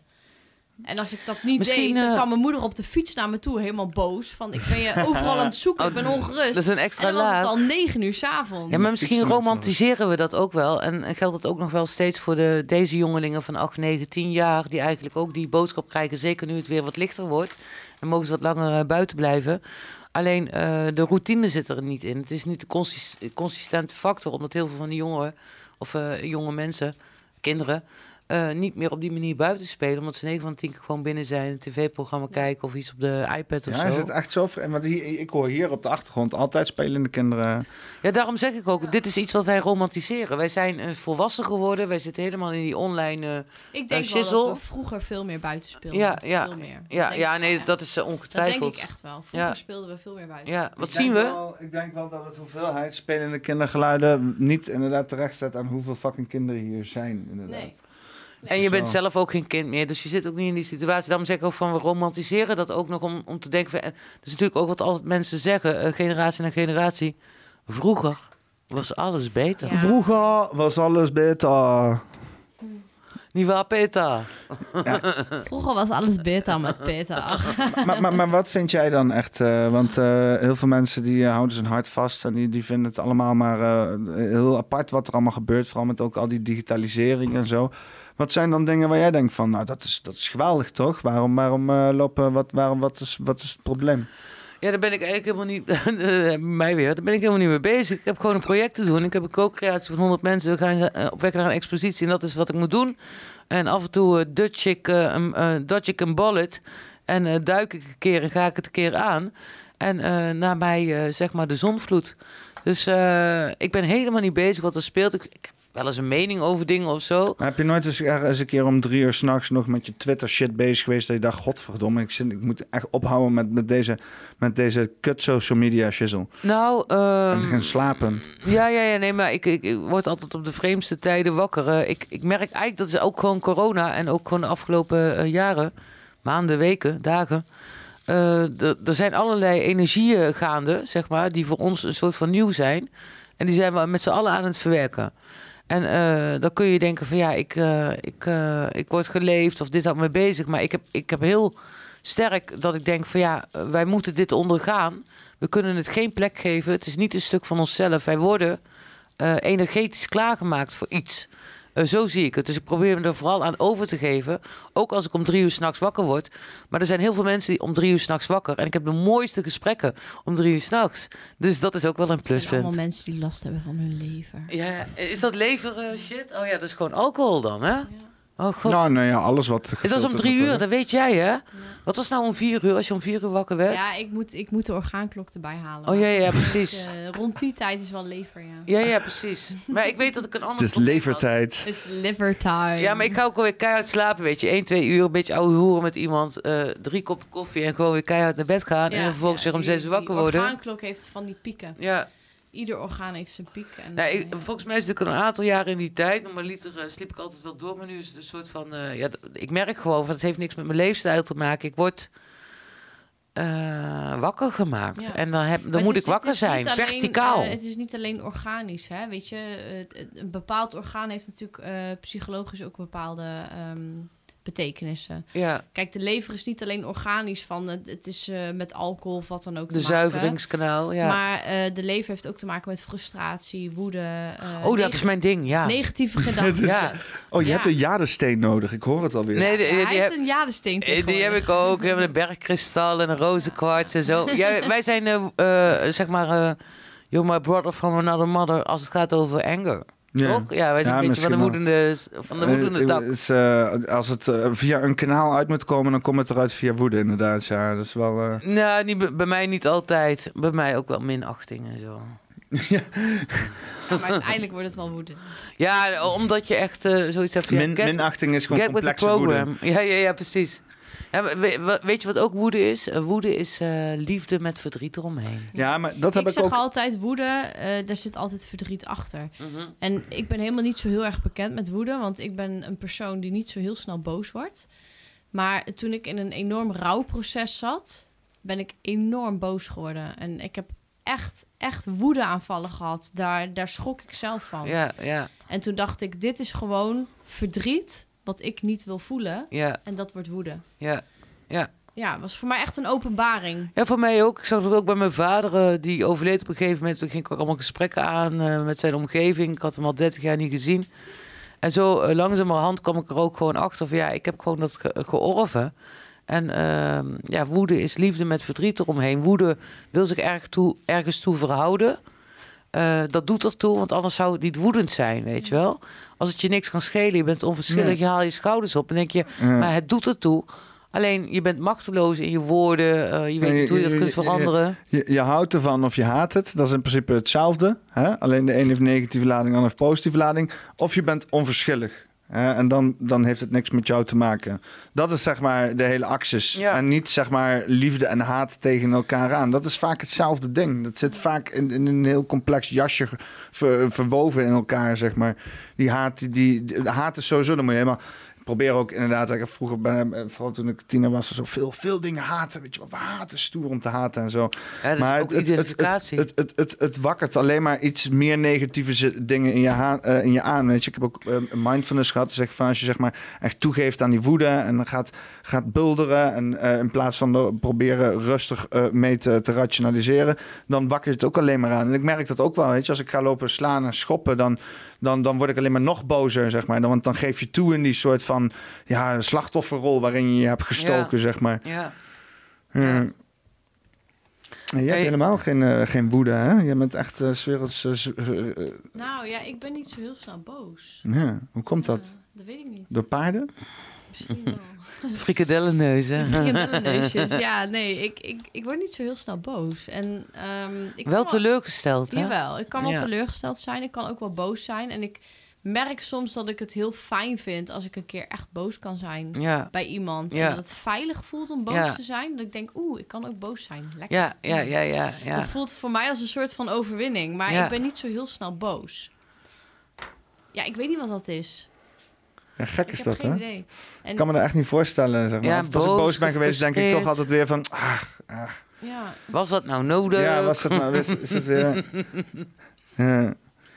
Nou ja, het enige wat, wat- ja, wat ik zeg, weet je, ik kan me herinneren dat ik echt boos kon zijn eh, op de momenten dat ik eigenlijk verdrietig was. Ja, dat hè? Ja. En, en dat waren voor mij de, de woede-aanvallen. Dat ik dacht, oh, zo voelt het om boos te zijn. Zo voelt het om met deuren te slaan, om met dingen te gooien, om, om dingen kapot te willen maken. Heb je wel eens iets kapot gemaakt waar je later spijt van had? Kun je dat Nee, herinneren? Ik wel. Ik heb één keer iets kapot gemaakt en dat was echt, dat was heel overdacht. Het was heel triest eigenlijk. Vertel, Nu ga ik jou kapot Ja. maken. dat ik dacht van, ja, er zijn mensen die nu heel boos zijn en, en dan dingen kapot gooien. En toen dacht ik, ja, dat moet ik toch ook kunnen. Ik had, ik had een kopje koffie in mijn hand en ik was in, in, eh, op Kreta. Ja, dan hoort het ook gewoon. Ik was zo boos, ik was zo intens boos. Ja, in ik Griekenland dacht, moet je servies gooien. ja, ik, wa- ik was zo boos. Ik denk, eigenlijk zou ik nu iets kapot moeten gooien. En ik heb dat kopje kapot gegooid en dacht ik, ja, dit geeft helemaal geen voldoening. Nee, maar dit was bedacht. kut. Want Nee, ik maar heb jij er helemaal van, over ja. nagedacht. Van, Ja, precies, dat is het probleem. Als Ja, ik hoe dit zou- ja, kapot ja. gooi, Ja, dat ik ga het nu doen. Ik gooi en ik denk, het, Nee. is, het is kapot. Ja, en nu Ja, ben ik het nu opsteken? satisfied? Nee. Oh. ja. ja, echt herkenbaar ook, ja. Ja, heb wel- ja, ik heb- ja, maar dat je te veel erover nadenkt. Ja, precies, om dat is iets niet kapot goed. te maken. Ja, ja, dat, dat ja, gaat helemaal ja, nergens Of als over. het een spel is of zo. Ik moet denk echt als gewoon... je echt woedend bent, Ja. dat je iets kapot gooit en je Ja. denkt er niet over na. Ik kan dat dus niet. Ik, Ik denk er dan over na en ik denk, ik ga nu iets kapot gooien, want ik ben boos en ik ga kijken hoe het voelt. En dan denk ik, ah, het is nu kapot. Ja, ja, ja, ja. Ja. Nee, je moet echt... eh, dat is eigenlijk hetzelfde. Je hebt eh, spontaniteit en je hebt impulsiviteit. Ja. En bij spontaniteit maak je de hele cirkel af. Dan doorleef je hem. En bij impulsiviteit, dan doe je iets en dan, dan hou je het uiteindelijk gewoon terug. En eh, ik weet, eh, ik heb, eh, mij komen twee herinneringen naar boven. Ik heb één keer een schaar in, in mijn skippiebal gestoken. En ik was echt dol op die fucking skippybal. Een schaar Oh, in Ja, ja, dat, Ja, ik maak dus ook nooit dingen dat vond ik ook echt wel ben. horror. Ik dacht van, ik heb mijn eigen horrorfilm. Een schaar in een Ik denk skippiebal. daar dan te veel over na. Denk dit vind ik zo mooi. Ik wil dit niet kapot maken. Dus hoe boos ik ook ben, ik ga het niet doen. Ja, en ik heb eh, de andere waar ik echt spijt van heb, is dat ik eh, heb ik. Hoe heet dat? eh, de voet van mijn platenspeler, zeg maar. Of de, hoe heet dat ding? De arm. Eh, die stond in mijn kast. En toen heb ik eh, de arm van mijn platenspeler kapot getrapt. En volgens mij was ik zes of zeven. En daar had ik echt spijt van. Ja, ja. Dat zijn de ik- dingen die bij mij. Ik heb zijn. wel eens een woedeaanval in mijn auto gehad. er ging niks kapot, maar ik heb zo hard op mijn stuur geramd. En ik ben zo lijp de snelweg opgereden dat ik dacht van ja, mensen zullen wel denken... Niet op de toeter. Wat voor een motherfucker 50% idioot is van mijn rijgedrag is woede aanvallen. Ja, ja, ja. Dat is echt... Ja, in de auto heb ik best wel wat woedeaanvallen. Ik Ik- ook, ik- ik, ik- ook. ik- Ik, ik vind mensen eens- echt zo kortzichtig als het gaat over ruimtelijk inzicht. Dat ik denk, ja, doe toch eens normaal. Ik, ik heb er Ik wel eens heb over na eens op mijn zitten... gaspedaal gedrukt dat ik denk, wat zou, Je wat, komt wat, er niet zou, tussen. wat zou er gebeuren als ik nu mijn gaspedaal in blijf houden? Ga ik Gewoon dan- dat iedereen ik uit de weg gaat. dood? Ga ik dan dood? Oh ja, ja. Ja, toen heb ik hem toch op tijd dood. Heb je nou gedronken? Oh ja. Ik heb hem toch op tijd Nou, dat- Ah. Ik had wel eens na zitten denken. nou om, ik heb eens na zitten denken om GoPro's in mijn auto, Nee. eh, om een GoPro's in mijn auto te hangen en mezelf te filmen hoe ik zeg maar flip door de spits heen, zeg maar. Nee, hoef ik niet te zien. Even één ding. Ik, had, eh, ik heb een leaseauto. Die is nu eh, blauw. Te. En daarvoor had ik een witte. En ik merk dat een witte auto... die eh, neigt eerder dat mensen aan de kant gaan dan blauw. Dat meen je niet. Ja, daar ben ik achter gekomen. Ja, ja. ja. blauw is een soort van verdekte kleur of zo. Ja. Ja, nu heb ik een businessmodel, die andere was een sportmodel. Misschien eh, lag het daar ook aan. Ja. Maar ik, heb wel, als ik rijd, dat ik wel zoiets heb van positief eh, manifesteren. Uit de weg. Uit de Nou, weg. ik heb dus altijd dat ik precies aanvoel wat mensen willen doen. Ja, dat is best ja. heel irritant. Want Ja. dan rijd ik op de snelweg en dan denk ik... Hij, wil, hij wil naar links. ja. Oké, doorrijden. Maar dan kijk ik altijd in mijn spiegel en denk ik... Ja, zie je wel, hij wou naar links. ja, maar dat is participerend rijden, dat is heel goed. Ja. Heel veel mensen hebben dat helemaal ik ben daar niet. heel erg mee bezig. En dat is heel handig. Maar Ja. ja. soms is het ook wel heel irritant. En het, is, het kost heel veel energie, maar ik zie, je ziet mensen ook gewoon totaal de verkeerde volgorde. Die gaan dan, eh, die gaan dan al eh, bijvoorbeeld naar links. En dan kijken ze pas in de spiegel. En dan zetten ze pas, eh, als daar nog tijd voor is, een richtingaanwijzer aan. En dan schieten ze weer terug. Wat ik ook merk, zeg maar door die hele 100-regeling, dat iedereen denkt die 100 dan rijdt, eh, die calculeert eh 100 in als een auto je inhaalt. Maar ik rij gewoon 140 met de flitsmeister aan. Dus zeg maar, ik ben veel sneller daar dan dat zij denken. Dat is ook irritant. Ja, dat is ook irritant, ja. Heb jij, heb jij eh, last van mensen die ehm eh, eh, cruise control aan hebben op de weg? Ah, nee, want als, als ze zeg maar opzij kunnen, dan kunnen ze opzij. En je blijft gewoon wel geduldig achterijden. Ja, maar Je hebt niet, je- je hebt niet zo van, oh, deze Soms moet je die- gewoon op cruise control, anders eh, heb je een eh, bon. Oh, even nog over eh, blauwe enveloppen thuis krijgen. Ik vind Oh. dat heel spannend als ik bekeuringen krijg. Het is een soort van, eh, ja, prijsje rijk, zeg maar, Rad van Fortuin. En dan komen die... eh, ja, ja, precies. Dan komen die bekeuringen binnen. En dan, eh, ja, dan, dan hoop je op het laagst mogelijke bedrag. Ja, en soms is het gewoon 300 euro. Maar als het dan 46 euro is, bekeuring, denk je... Ja, dat Ja, is dat heb ik ook. Ja, Ik heb dat ook. Als ik inderdaad eh, centraal, gewoon blij. centraal incasso, eh, centraal justitieel incasso, Ja. is een CIB-crede enveloppen van, toch? En dan, eh, ja, als dat inderdaad onder de 100 euro is, dan ben ik ook blij. Ja, ja, ja, Dan ben ik blij. Ja, Ja, dan denk ik van de extra, ja. de extra Vanaf nu rebellenbelasting. eh, horen we alleen maar dit muziekje. Doe even Rad van. Doe even. ja. Oké. Ja, ik noem me mijn boetes gewoon eh, om het een beetje te bolwerken in mijn hoofd en niet te volledig miserabel te worden en bewust te zijn van alle boetes die ik betaal. Gewoon rebellenbelasting. Ja, maar weet je Ja, wat ik ook- vind gewoon dat je gewoon altijd 100 moet rijden, want dan heb je ook geen last van boetes. ja, maar soms moet je, moet je zeg maar timebanden. Dan moet je gewoon ergens op tijd zijn en dan Ja, druk nou, je... dat heb ik één keer gedaan. Toen dacht ik, metal. deze boete was meer waard dan de hele werkdag die ik heb gewerkt. Ja, maar dan, dan En moet toen je dacht ik, dat doe ik niet meer. Ja, ja, snap ik. Snap ik Toen helemaal. dacht ik helemaal klaar mee. Ja, ja. Ja. Ja. ik, zo vind, eh, ik vind hardrijden gewoon moeilijk vet. En eh, deze hele wereld die mij beperkt om eh, alle maximale belevingen eruit te halen, daar wil ik af en toe wel eens wat meer voor betalen. Ik vind het het geld niet waard. maar zo nu en maar je dan moet zit... er niet te lang bij stilstaan. Ik vind het het geld niet waard. Nee, maar dat, dat is je, zo, ik ben maar je toen moet er een niet keer naar over mijn werk rouwen. gereden omdat ik te laat was. En toen had ik een boete die gewoon meer waard was dan mijn hele werkdag. Toen dacht ik, ja, dit is gewoon kut. Ja, Het ja, is gewoon helemaal kut. ja. ja, maar dat, zijn, dat is Toen een beetje op ik, het lijntje dit ga lopen. ik niet meer doen. Ja, ja, ja dat, dat is heel verstandig. En dat daar- heb ik nu nog steeds. Als ik naar Breda rijd, dan denk ik... oké, ik ben te laat. Ik kan nu te hard rijden. Hoeveel gaat me dit kosten als ik geflitst word? Ja, of ik ga Is- bellen. Is het dit mij waard? Of ga ik gewoon 10 minuten te laat komen? Ja. Elke bekeuring, Rad van Fortuin, Sluisland.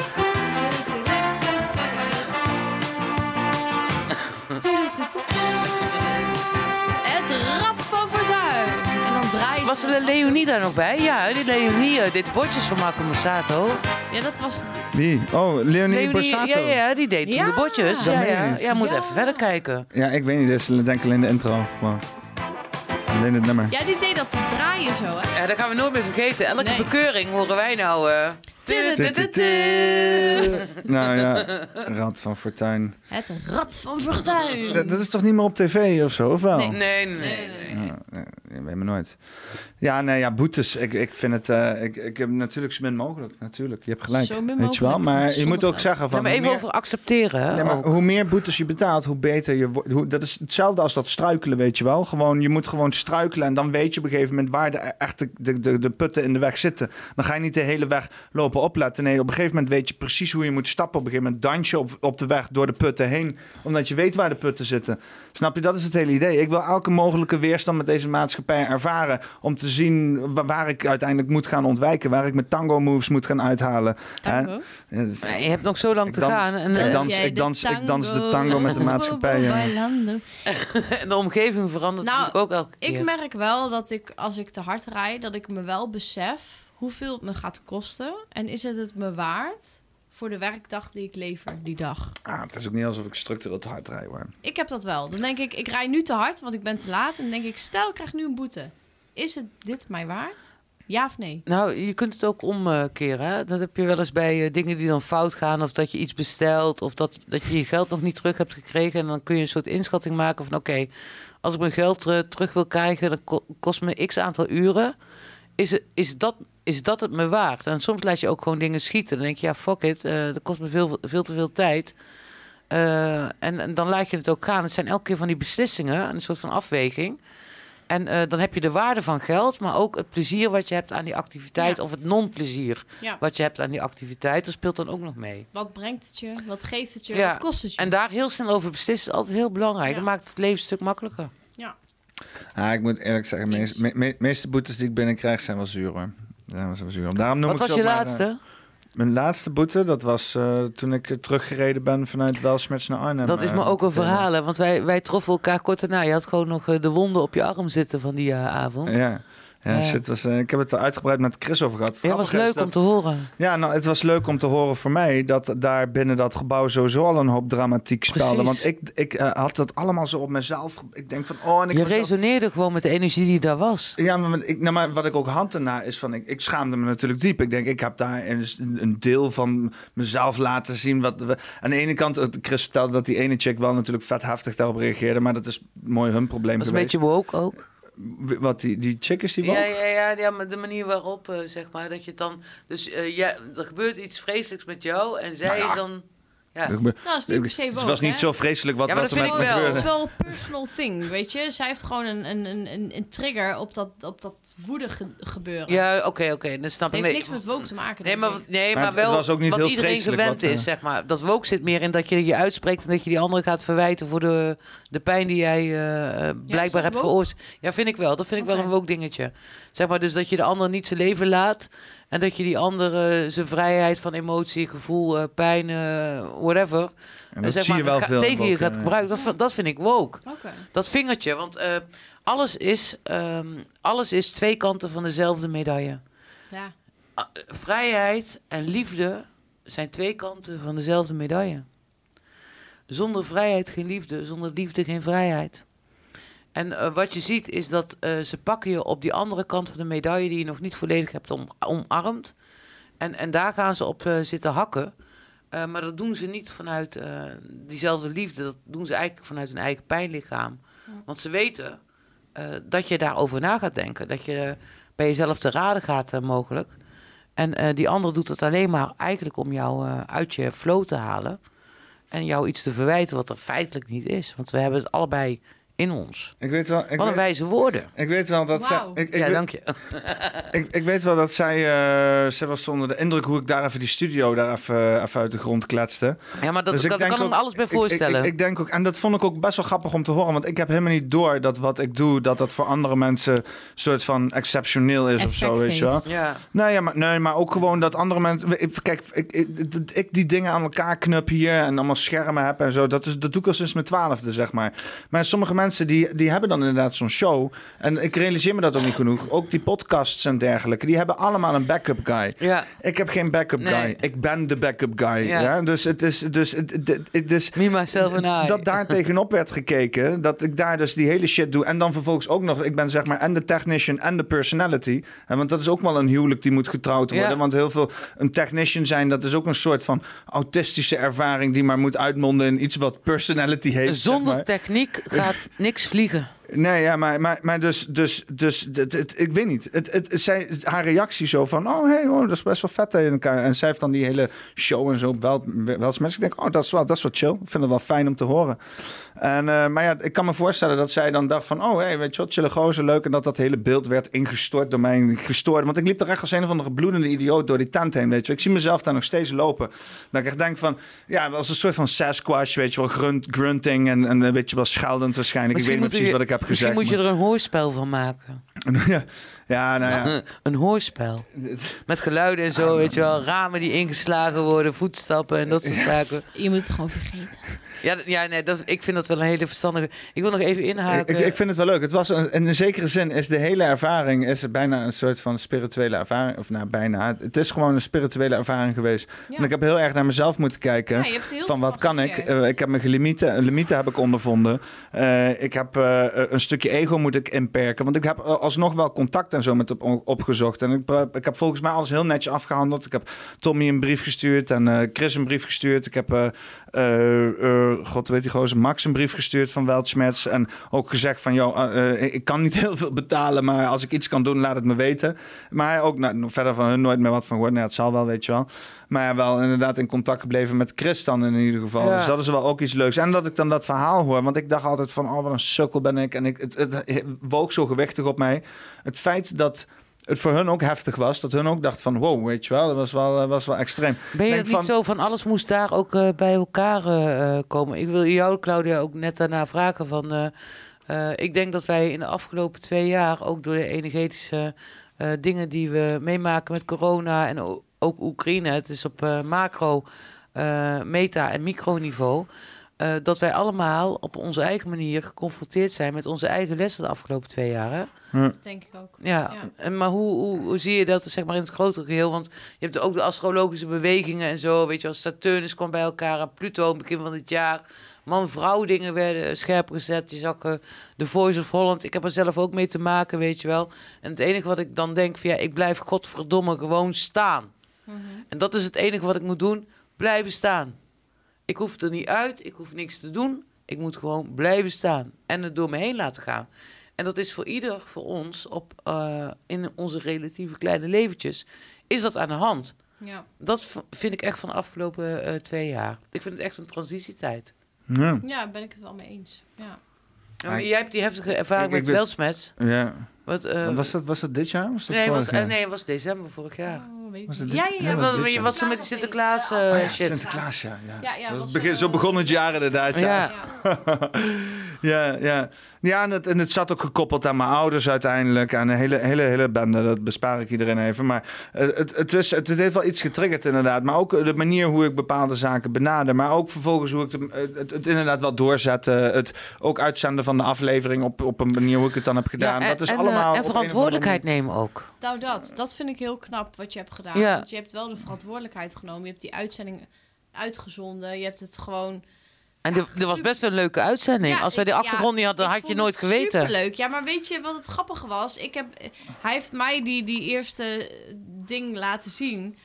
Ja, ik heb me echt... Ik heb zo hard gelachen. Ja, ja, ja. Zo, Ja, maar ze- kijk, eh, zeg maar Tommy en ook Chris, die zitten daar fucking ongemakkelijk. Ja, maar was- Alleen maar omdat jij jezelf bent. ja, maar het was zo'n grappige uitzending. Ik vond het gewoon goud. Het was Ja. zo'n grappige uitzending. Ja. En Dan heb je twee Eh, eh, brute eh, komieken die eigenlijk gewoon woordeloos zijn. En eigenlijk niet weten wat ze moeten zeggen. Dat is wat ik zag. ja, ja? Ja.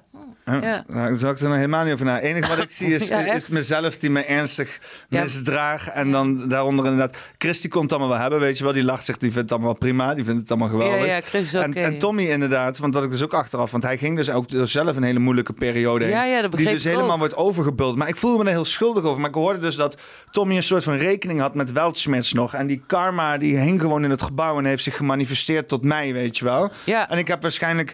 Ja, ik, ik, was, ik was ook wel een beetje... Ik was ook wel geïrriteerd aan hem. Want ik kwam daar binnen. Eh, hij zou er op een bepaalde tijd zijn. Was hij niet. Eh, eh, ik moest het allemaal maar zelf opknappen. What's Eh, going on, motherfucker? ja, ik, ik, ik had wel echt zoiets. Ik, ik had al vanaf het begin af aan. En hij was er helemaal zijn eigen dingen doen. Dus zat ik ook nog opgesloten in een fucking trappenhuis. Dus en ik had wel. Ik, ik, ik, ik- die, er zat wel. Na de, want het trappenhuis was natuurlijk na de aflevering. Dus een soort die- recap van de recap van in de recap. In die aflevering was er een, oplopend ook al een soort van aversie tegen Tommy. Maar ik wist niet waarom. Want hij, hij, hij had gezegd van ja, laten we het doen en Ja, zo. En, dat hebben we in die uitzending met Chris van Ende gezien, hè? Hoe dat zat eh, met Ja, Tommy en allemaal is gelopen, hè? Weet je wat ik zo lief vond? Of eigenlijk eh, schattig, zeg maar. Of wat eh, voor mij een eye-opener was. zeg maar, je hebt daar mensen die echt gewoon heel goed zijn in hun vak. Specialistisch. En eh, dan in die hele kleine emotionele interacties eh, super geraakt eh, zijn op elkaar. Ja. De liefde waarmee eh, Chris over Tommy praat. Ja. En Tommy heb ik verder niet gehoord, maar... Het menselijke wat Ja, ja, dat is echt fantastisch. Ja, en dan denk ik van, oh ja, weet je wel, je hebt aan de ene kant heb je gewoon een gave, je hebt een, eh, een talent om echt op het scherpst van de snede te opereren. En tegelijkertijd ben je echt geraakt in die hele kleine microbewegingen eh Ja. van het mens zijn en de herkenning daar ook in. Dat vond ik echt heel mooi. Ja. Ja, ja. Dat vond ik ook wel heel mooi, inderdaad. Die herkenning van Chris eh, in, in hetgeen wat, wat eh, Peter Ja. net omschrijft. Ja. En, ja, ik geloof ook altijd wel weer erin dat, dat hoe, hoe miserabel het op dat moment ook voelt en lijkt, dat het ergens ook gewoon wel weer klopt. Dus dat, dat je op zo'n moment denkt van ik heb alles verkloot. Ja, weet je, je, je denkt echt van nou, ik heb het helemaal, helemaal verkloot gewoon nu op dit moment. Maar ergens ehm, is het toch ook wel weer ergens goed voor geweest. Ja, maar ik vond eh, hoe het begon al helemaal, weet je wel. Want ik wist van eh, Peter, dat kwam door eh, Tim. En eh, Café Weltsmets, dat volg ik eh, door eh, Kiki. Eh, zij heeft een, eh, een serie. Kiki? Ja. Kiki? Ja, Hans Theo, toch? Kiki. Kiki. nee, Kiki, Schepens. Zij heeft een serie ook op eh, Café Weltsmets. hadden En, ooit een vogel, deed de Kiki ook. ja, ja, Kikiok. ja, lekker gewoon. Gewoon Kiki, Kiki, lekker kort. Kikiok. Ja, Gewoon Kiki. Dat was afgeleid van ga in je hok. En hij zei Kiki. Kiki. eh, Kikiok. Oh ja, ja precies. Sindsdien Was ik heette de vogel Kikiok. Luisterde die ook? Of, eh, Ja. ook, ook goed zo. ja, wij wilden hem leren om te zeggen ga in je hok. En hij zei Kikiok. Nou, maar even Ja. terug naar jouw vriendin Ja, Kiki. Ja, nee, ja, precies, Kiki. Ja, We gaan er gewoon op door. Mooi Kiki. bruggetje. Ja, Ja. Kiki Schepens. Een mooi bruggetje. Ja, Kiki Schepens. naar Kiki. Ja, en dan kun je ook op Weltspets opzoeken. Ze heeft een serie en die heet Toxic. En zij praat eigenlijk over allerlei toxische relaties in eh, organisaties, maar ook eh, in relaties en, en dat soort dingen. En hoe zich dat dan eh, uitspeelt. Zij is daar zelf ook onderdeel van geweest. En ze is echt op missie. Ik vind haar geweldig. En ehm, ehm, dat, dat, dat, dat is wel, zeg maar, café. Het heet niet voor godverdomme niet voor niks Café Weltspets. Ja. Ja, een soort eh, pijn, pijn in de, van de wereld. Precies, het is, Toch? het is een transformatiekanaal. Ja, het is, het is online. Schmerz. Weltschmerz. Ja, maar dan weet ik ook van eh, vriendinnen van mij, eh Joeke Nagel heet zij. En ehm, ze heeft een boek geschreven op zoek naar mijn moeders verleden. En eh, haar moeder is een, eh, een, eh, een kind eh, van de oorlog. En eh, haar moeder is verdwenen in de oorlog. En zij was ook een, belangrijke, ik wil niet zeggen spionne, of, maar zij deed dingen in het verzet en zo. En hoe je dan ziet hoe, hoe zo'n leven volledig geregeerd, geregeerd wordt door het verdwijnen van die moeder. En hoe dat ook weer effect heeft op, op, op Joeke Nagel. En in de coronatijd merk ik ook aan Joeke, die zei op een gegeven moment... ik draag het leed van de hele wereld op me. En dat is echt wel wat we heel veel mensen de afgelopen twee jaar hebben gevoeld. En ja, ik vind het toch wel mooi, Café Weltsmets. Ja, het is niet voor niks. Daar, daar, daar vinden transformatieve dingen plaats. En eh, soms zijn ze licht en soms zijn ze donker. Ja. ja. Mooi. Mooi. Mooi, Amy. Nou ja, Mooi. nou ik steek er nog eentje op dan, ja? Doe maar. Ja, mooie woorden. Hoe lang eh, zijn we aan het eh, podcasten eigenlijk? uur. We zijn drie uur. Wat? Oh, echt waar? Ik sta, voor de mensen die denken van wat loopt, wat, wat loopt hij zich aan te stellen. Ik sta. Ja, ik dacht dat we maar een uurtje podcast. Eh, eh, je wil, je- we hebben honderd keer aangeboden of je wil Mijn- zitten. Nee, mijn, ja, ik mijn weet fles het. wijn is op. Ik wil, ja, mijn bier is ook fles? op en zo. Eh, Ik heb nog een flesje in de auto. Mijn fles Als, als, jullie, als jij even bier gaat halen, ga ik de mensen even voorstellen aan allemaal planten. Als je dat niet erg vindt. Ik wil dat heel graag doen. Want ik heb best wel een grote display aan planten nu om jou Dan heen ga ik aan gesteld. de kant. En we kunnen ook nog een mooi nummertje draaien uit het Joorsong project. Zeg maar Arnhemse artiesten die een verhaal hebben gemaakt over een veteraan. Zo- Een soort intermezzo kunnen we ook nog eh van maken. Nou, ik ga ja. bier halen voor Peter en hij stelt jullie ondertussen voor. Aan zijn planten. Hoe heet dat? Joorsong. Oh, joor, middenstreepje-song.nl. Jor? Ja, J-O-U. Of nee, Kan ik gewoon op YouTube of wat? ja, nee, nee, gewoon de website. eh eh Griekse I, O-U-R, middenstreepje S-O-N-G.nl. Oké, Your Song. Ja. En dan zetten we Your Song op, iets op. En dan ga ik eh, ondertussen ga ik wat planten dingen doen. Ja, wat, we- wat wil je horen? Wil je iets, eh, zeg maar, iets rustigs horen of iets, eh, zeg Nou, maar... wat een past mooi bij van, eh, planten? Oh, dat is wel eh, rustig. Eh, kijk maar even, dan ga je even naar boven en dan bij Your Songs en dan pak je eh, Grown Man Cry. Oh, klinkt wel, eh, Ja. heftig. De- Hier ga ik even iets over vertellen. Dit is Mame Jozes en die heb ik gekoppeld aan eh, Robert. En Robert is een zoon van een, eh, een eh, soort van ambtenaren, ambassadeursgezin. en hij groeit op in Ghana. En Mami is ook opgegroeid in Ghana. En zij heeft zijn verhaal aangeho- aangehoord. Ze waren gelijk dikke mik. En ehm, Robert, die is eh, 17 jaar en gaat hij Defensie in. En zijn vader is een Deense ambassadeur. En eh, zijn ouders zijn gescheiden. Zijn vader eh, die sterft, of die is stervende. En op zijn 17, 18 gaat hij dan naar Denemarken. En dan denkt hij even de zaak te kunnen regelen. Want hij was al eh, in militaire dienst. En hij had zoiets van, ja, een man is iemand die gaat bam, bam, bam. Maar dan komt hij erachter dat ook gewoon dat hij een zoon van zijn vader is. Ba, is behoorlijk geladen shit om plantenmeuk op te doen, moet ik eerlijk zeggen. Ja, maar het is, eh, eh, Mami heeft daar een heel mooi eh, lied over geschreven. Ga maar Ja, even naar de video. Ja, waar moet je hier zo? Ja, video? bovenin. De Ja, klik maar op de video. En dan play. En dan ga je even naar 27 of 30 seconden. Even doorscrollen. Oh, k- k- hij is gewoon rechtenvrij eh, dingen, Ja, toch? is gewoon recht. Ja, is mijn, eh, dit is mijn productie. Dit is jouw, eigen productie. mijn eigen productie. Ja, Ja, dan zet hem gewoon even op. maar ge- scroll even door naar 27 minuten. Of eh, 27 seconden. Ik kan gewoon Mensen zijn Is een ook bron van inspiratie, troost en levenswijsheid. Ah, het is wel de shit. Door onze verhalen te delen, delen we ons leven. Delen we onze hoop, dromen, angsten, vragen en antwoorden. In Your Song, Powered by Humanism, laten we het verhaal van militairen horen in muziek. Dit is het verhaal van Robert.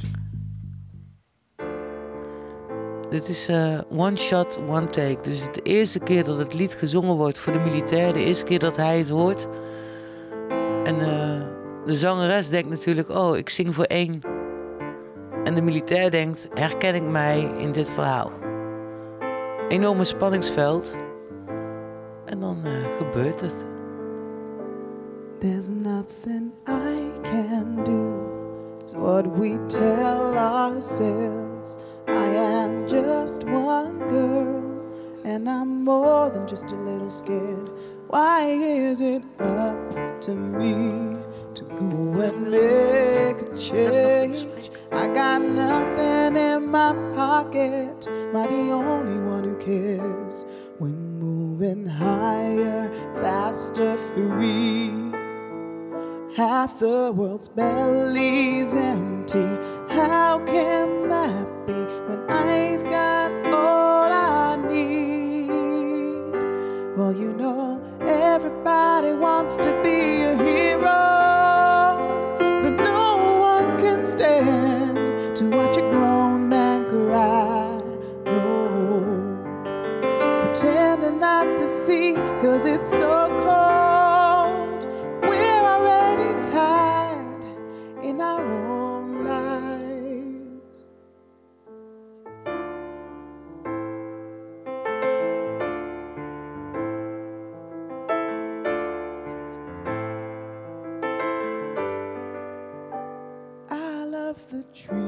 You know, pretty much anything that grows. It won't leave me alone. Hey, I gotta do something. I gotta do something.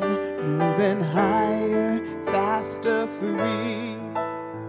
Half the world's belly's empty.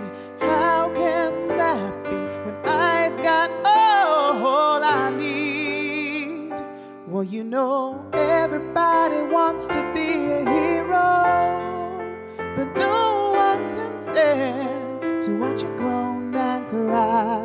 No, pretending not to see, cause it's so cold, and we're already tired in our own lives.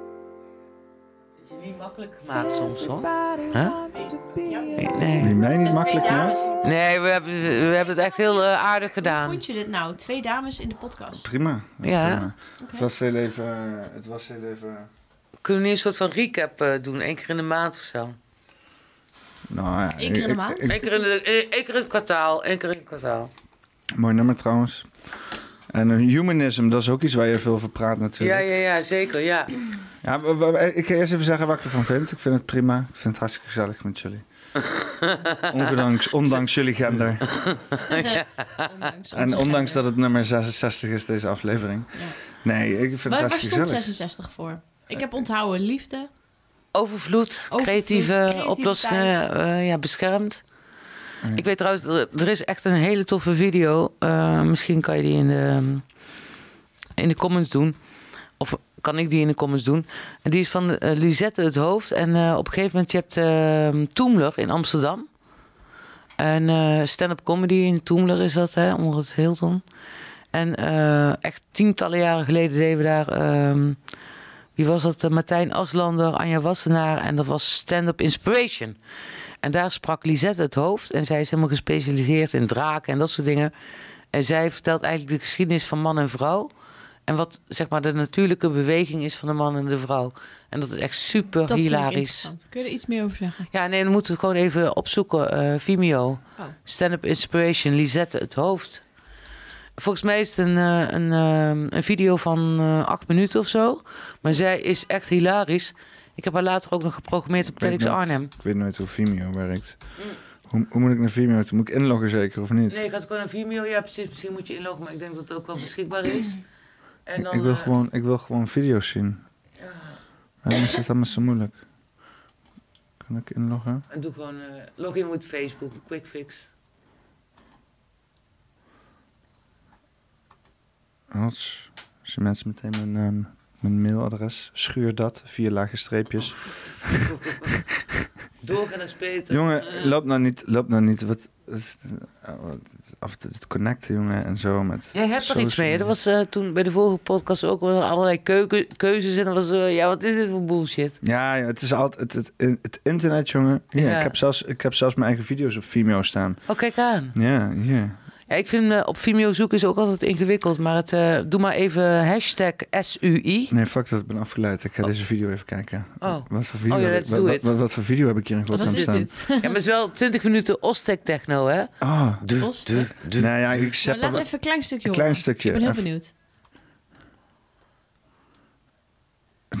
Hadden het over Dit, dit duurt al te lang. We hadden het over gender, man, vrouw. Wat is dit voor 21. sexy vormgeving? Oeh. Zie dat? Als mensen mij geen graphic designer noemen, dan weet ik het ook niet meer. Moeten we nog iets met de handen doen? Wat is dit? Wat heb ik hier gemaakt in godsnaam? Is dit van jou? Ja, Mijn god. muziek is ook van mij volgens mij. Denk ik, ik weet het niet. Even kijken waar, eh, waar, waar komt de break. Gebeurt er nog wat of niet? Oh, dit is jouw gedaan. Ah, ja, dit is gewoon een mixje die ik heb geüpload op Vimeo. Oké. Ik denk al, wat de fuck zitten we net te kijken? Wat is dit voor raar? Oké, eh, zoek, eh, oké. zoekscherm. Zoek naar, waar? Lisette Tooft. Lisette Tooft? Ja, met dubbel T is het. En Tooft is met T? een... Ja, Lisette. Lisette. Ja, en Tooft is met... na de T komt een H. Tooft. Met twee O's wel? Eh, ja, volgens mij wel. En dan, eh, ik zou ook nog hashtag eh, SUI erin eh, zetten. Oh, kijk, wacht. Nee, die. De middelste is het. Deze? De middelste, ja. Ja, briljant. Ik weet niet hoe lang het duurt, maar dit is echt geweldig. Ik zou zeggen, geniet ervan. Zij is fantastisch. Onze volgsspreekster eh noemt Dit is een man. Ja, maar er zit Ja, maar dit- is jeugdkelder. eh. Wie is dit? Nee, dit is, dit is Floris Coat en die is MC. Master of Ceremony. Ja. eh, niet duidelijk genoeg, niet bewijsbaar genoeg. Eh, Hij is ook leuk voor de podcast. maar ze Ja. Ik wil wel meer comedians op de podcast. Dat lijkt me wel echt leuk. Zo zo leuk. en vrouwen. De onverzadigbare vrouw en de afwezige man. Hey! Lisette Lisette Tooft. Je zet het hoofd. De onverzadigbare vrouw en de afwezige man. Daar is ze. Ik ben heel benieuwd. Ja, mijn Ja. vraag gaat over seks. En misschien moet ik even eh, controleren of eh, iemand misschien niet geïnteresseerd is in seks. Dat kan natuurlijk ook. Niemand niet geïnteresseerd in seks. Nou, dan... Ik ben zelf al eh, mijn hele leven heel erg geïnteresseerd in seks. Eigenlijk tenminste zolang ik me kan herinneren. Ze breekt haar hoofd erover. Ja. En ehm, ik was natuurlijk van de seksuele revolutie in mijn tijd. Ik was eh 15 toen het eh, 1968 werd en toen ging iedereen het doen met iedereen, althans iedereen die ik kende. En ik ging het ook zo'n beetje doen met iedereen die ik kende. Dat was een hele leuke, opwindende tijd, maar het ging wel fout natuurlijk, alles ging fout. Ja, iedereen werd Is er, eh, en kan ik ook een en biertje alles, pakken? eh, ja, ja. Wil je ook nog iets, of, eh? Nee, Ja, ik ging eigenlijk helemaal niet goed. En ik vroeg me maar af, hoe zit dat nou? Hoe zit het nou? Waarom bestaat er seks? Waarom bestaan er eigenlijk mannen en vrouwen? En eh, in die tijd was het zo een beetje het idee... Mannen en vrouwen zijn precies hetzelfde, maar in de jaren 80 kreeg je dan het tegenovergestelde idee brain sex. En mannen komen van Mars en vrouwen van Venus. En ik maar piekeren en puzzelen. En ik ging ook die oude verhalen lezen, die mythen. En tenslotte eh, ben ik erachter gekomen. Ik weet gewoon hoe het zit. Ja. Even dit een beetje naar beneden doen. Want dan... Ik heb namelijk beide armen, handen nodig om jullie uit te leggen hoe het zit. Dan moet hij weer dicht. Nu- Oh, sorry. Wat een leuk mens. Zo, het gaat nu weer dicht en dan kan het in. Oh, Nee, nee, zo tegen neut. Zo, oké, precies. Beide handen. Dan ga ik nu, het Beide is heel hand. simpel. Dus dat is, eh, ik, heb het, ik snap het echt en daarom kan ik het heel simpel uitleggen. Maar de complexiteit is wel verschoven, want die zit, die zit nog wel ergens. Maar dat komen jullie, daar komen jullie wel achter. Ik ga het even heel simpel uitleggen. Het zit zo. Ja, ja. Hier heb je de vrouw en hier heb je de man. En biologisch zijn wij zo gebouwd dat de vrouw is een holte. Hè, dat is de vagina en de baarmoeder, dat is hol. Het basale gebaar is, het moet erin. Onthoud. Bij een man is het precies tegenovergesteld. Dat is een gespannen volte. En dan hebben we het over de balzak waar alsmaar weer nieuw zaad in wordt geproduceerd. Het moet eruit. Nou, dat is dus het basale model. En op psychologisch niveau, als je een beetje hoger komt, dan is het eigenlijk ook zo. Die vrouw, die, dat is de draak in de vrouw, daar, dat is weer een heel ander verhaal, daar kan ik nu nou geen tijd voor, maar draak in geen vrouw zegt, eh, die man die moet erin en die piemel moet erin, dat zout moet erin, maar die hele man moet eigenlijk ook erin. Die komen een enorme klauwen komen daar en die, ik weet het uit ervaring en ik heb het ook om me heen gezien, het is gewoon zo, die vrouwen die doen allemaal dit en die man, die hele man, die moet komen en die moet blijven en die moet naast ze zitten op de bank, die moet doen wat ze zegt. En die- die mag geen witte sokken aan en die moet de blauwe kopjes niet bij de witte kopjes neerzetten en de andere dingen. Oké, dat is die vrouw. En dan bij- krijg je bij die man, het moet eruit. Nou, hij wil zich dus laten gaan. Hij wil zich laten gaan op alle mogelijke manieren. Echt heel goed dit. Ja. Leuk. Hij, hij wil dus zijn eigen gang gaan. En dat wil hij ook op alle mogelijke manieren. Hij wil gewoon doen waar hij zin in heeft. Hij heeft, hij heeft helemaal geen zin om bij die vrouw op die bank te gaan zitten. Dus dat geeft conflicten. En dat geeft al conflicten sinds mensenheugenis. Daar ben ik ook achter gekomen. Er zijn al verhalen over. Werkelijk zo oud als... ehm, De weg naar als, eh, ja, nou nog veel ouder dan waar, waar Roel het over had. Die, Roel die zei dat het vroeger zo was, zo simpel was. Die oervrouw die nam een knots en dan kon je die oervrouw verkrachten. Eerlijk gezegd is dat precies andersom. Want toen had je dat matriarchaat, toen waren de vrouwen de baas. Woeste seksualiteit. En die waren hartstikke de baas. Ik kan één snel één antropologisch geval vertellen wat nog goed gedocumenteerd is. Echt zo leuk. Kan ik Zo leuk. dat even te vertellen. Het gaat over de Papua's van Nieuw-Guinea, de Anim Marint. Die leefden in de 19e eeuw nog steeds zoals eh, iedereen leefde, zeg maar, in het stenen tijdperk. En daar, eh, dat waren koppensnellers. Die gingen naar eh, andere dorpen en ehm daar gingen die mannen, die gingen die kano's in en dan gingen ze koppen snellen en de koppen brachten ze mee. Want waarom deden ze dat? Dat moest van hun vrouwen. Die vrouwen die joelden die mannen Kijk. de boot in, want die hadden bedacht, als ik een baby krijg, dan moet er iemand dood, want die naam van die persoon die moet dan naar mijn baby. Dus die mannen die, die zeiden dan, hè, hoe heet je? Kop eraf, hier, hij heet zo en dit is zijn kop. En veel van die Papua's, die hadden dan ook namen die in andere Papua-dialecten zoiets betekenden als help, ik sterf, of doe het niet.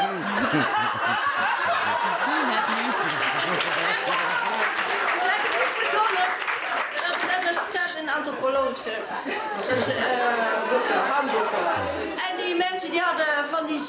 Want dat is een ander kenmerk van vruchtbaarheidsrieten van vroeger. Dat het ene is eh, mensenoffers en het andere is collectieve seksuele rituelen. Nou, wat deden die vrouwen? Zetten die mannen op een rijtje, gingen er sexy voor dansen. Die mannen die werden opgewonden, zorgden ze dat ze klaar kwamen, verzamelden ze dat sperma in grote bakken, gingen ze eh, gebruiken om eh, koeken mee te bakken of haar te smeren enzovoort. enzovoort. Het waren dat, dat is, daar zoiets moet je voorstellen bij de prehistorie. Niks, lekker verkrachten. Maar enfin, wij zijn gelukkig. Dat was Niks knotsvrouw, le- knotsvrouw lekker verkrachten. zo, hè. Die vrouw alleen maar, kom hier, het moet erin. En die man...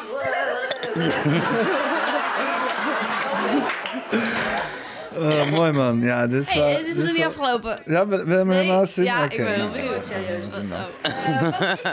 Nu wordt het serieus. Ja, precies. Het is niet zo lang meer. Gesteld, en er is ook altijd Heeft iedereen het ook gewoon de gezien? Battle of the Sexes. Het conflict tussen de seksen is oud als de mensen. Maar als je nou kijkt naar wat wil die vrouw eigenlijk? En wat Ja, dat, wat dat is wil- belangrijk. ja. Wat wil die Als je vrouw dat nou eigenlijk? doortrekt op het spirituele niveau. Spiritueel. wil- Luister uit. Daarom Luister. wil ze dat ze wil eigenlijk alles opeten waar ze van houdt. Ja. En ze zegt, ook, alle moeders zeggen altijd tegen hun kinderen vroeg of laat ik eet je op. Of je bent om op te eten. Of mijn moeder zei, ja als ze klein zijn zijn ze om op te eten. Maar als ze groot zijn heb je spijt dat je het niet gedaan hebt. een enorme drakenopmerking natuurlijk. En mijn moeder was ook zo'n draak. Maar goed, ik ben ook een draak, dus ik, vergeef haar. Ehm, wat wil die vrouw? Wat wil die? wil eigenlijk verbinding en dat is liefde. Wat wil die man? Die wil zijn gang gaan, die wil vrijheid. En nu zijn we dus helemaal in het allerhoogste regionen van de menselijke natuur. Het allerhoogste menselijke ideaal is liefde en vrijheid. Maar wel allebei. Wel allebei. En het interessante is dat je je eigen doel pas bereikt als je het doel van de andere seksen ook daarin opneemt. Want wat is liefde zonder vrijheid? Liefde zonder vrijheid is geen liefde, dat is apenliefde. Hè? Dat is, ik hou van je dus, jij bent van mij en jij moet eh, op mij, bij me op de bank zitten en geen witte sokken aan en de kop Apenliefde. Maar wat is vrijheid zonder liefde? Nou, daar kan je ook wel iets bij voorstellen. Je hebt 69 miljard. En je vrouw eh, is alleen maar met je getrouwd omdat, eh, om je geld. En je kinderen zijn van je vervreemd. En je hebt helemaal geen vrienden, alleen maar concurrenten. Dus vrijheid zonder liefde is ook niet. Dat is niet het ideaal. Wat je eigenlijk wilt, is iets wat innerlijke vrijheid heet. Hè? Innerlijke vrijheid. Zoiets als Neo van de Matrix. Hè, die zegt, eh, waarom vecht je je dood tegen de robot? Ja, omdat ik dat wil. Vecht hij zich dood, ontploft de robot. Dat is innerlijke vrijheid. Hè? Dat is dus het hoogste mannelijke ideaal. Nou, en dus dat is het model. Hier, het moet erin, daar, het moet eruit. Wat wil ze eigenlijk liefde, wat wil hij eigenlijk vrijheid? Dat kan niet zonder elkaar. Dat zijn eigenlijk twee kanten van dezelfde medaille. En je hebt elkaar nodig cirkel om je rond. eigen doel te bereiken. Ja, dus eh, dat is ook precies volgens mij Liefde en gebeurt. Want wij zijn al lang niet meer op dat laagste niveau. Wij zijn volgens mij ongeveer een derde gestegen. dat denk ik, hè, dus ook om het simpel te maken.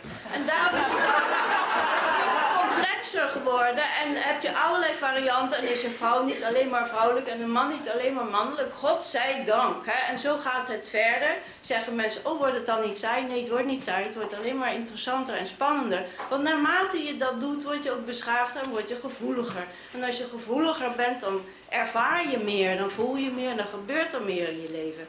Dus we zijn allemaal met z'n allen op weg door die wrijving, door die intense conflicten en die eindeloze aantrekkingskracht die we uiteindelijk allemaal in onszelf hebben. Hè? Uiteindelijk is het zo dat een, een, in een embryo wordt zowel mannelijkheid als vrouwelijkheid aangelegd en vervolgens wordt het ene geresorbeerd en het andere ontwikkeld. Precies zoals in de oude mythologische verhalen, ik ben niet voor niks mythosoof.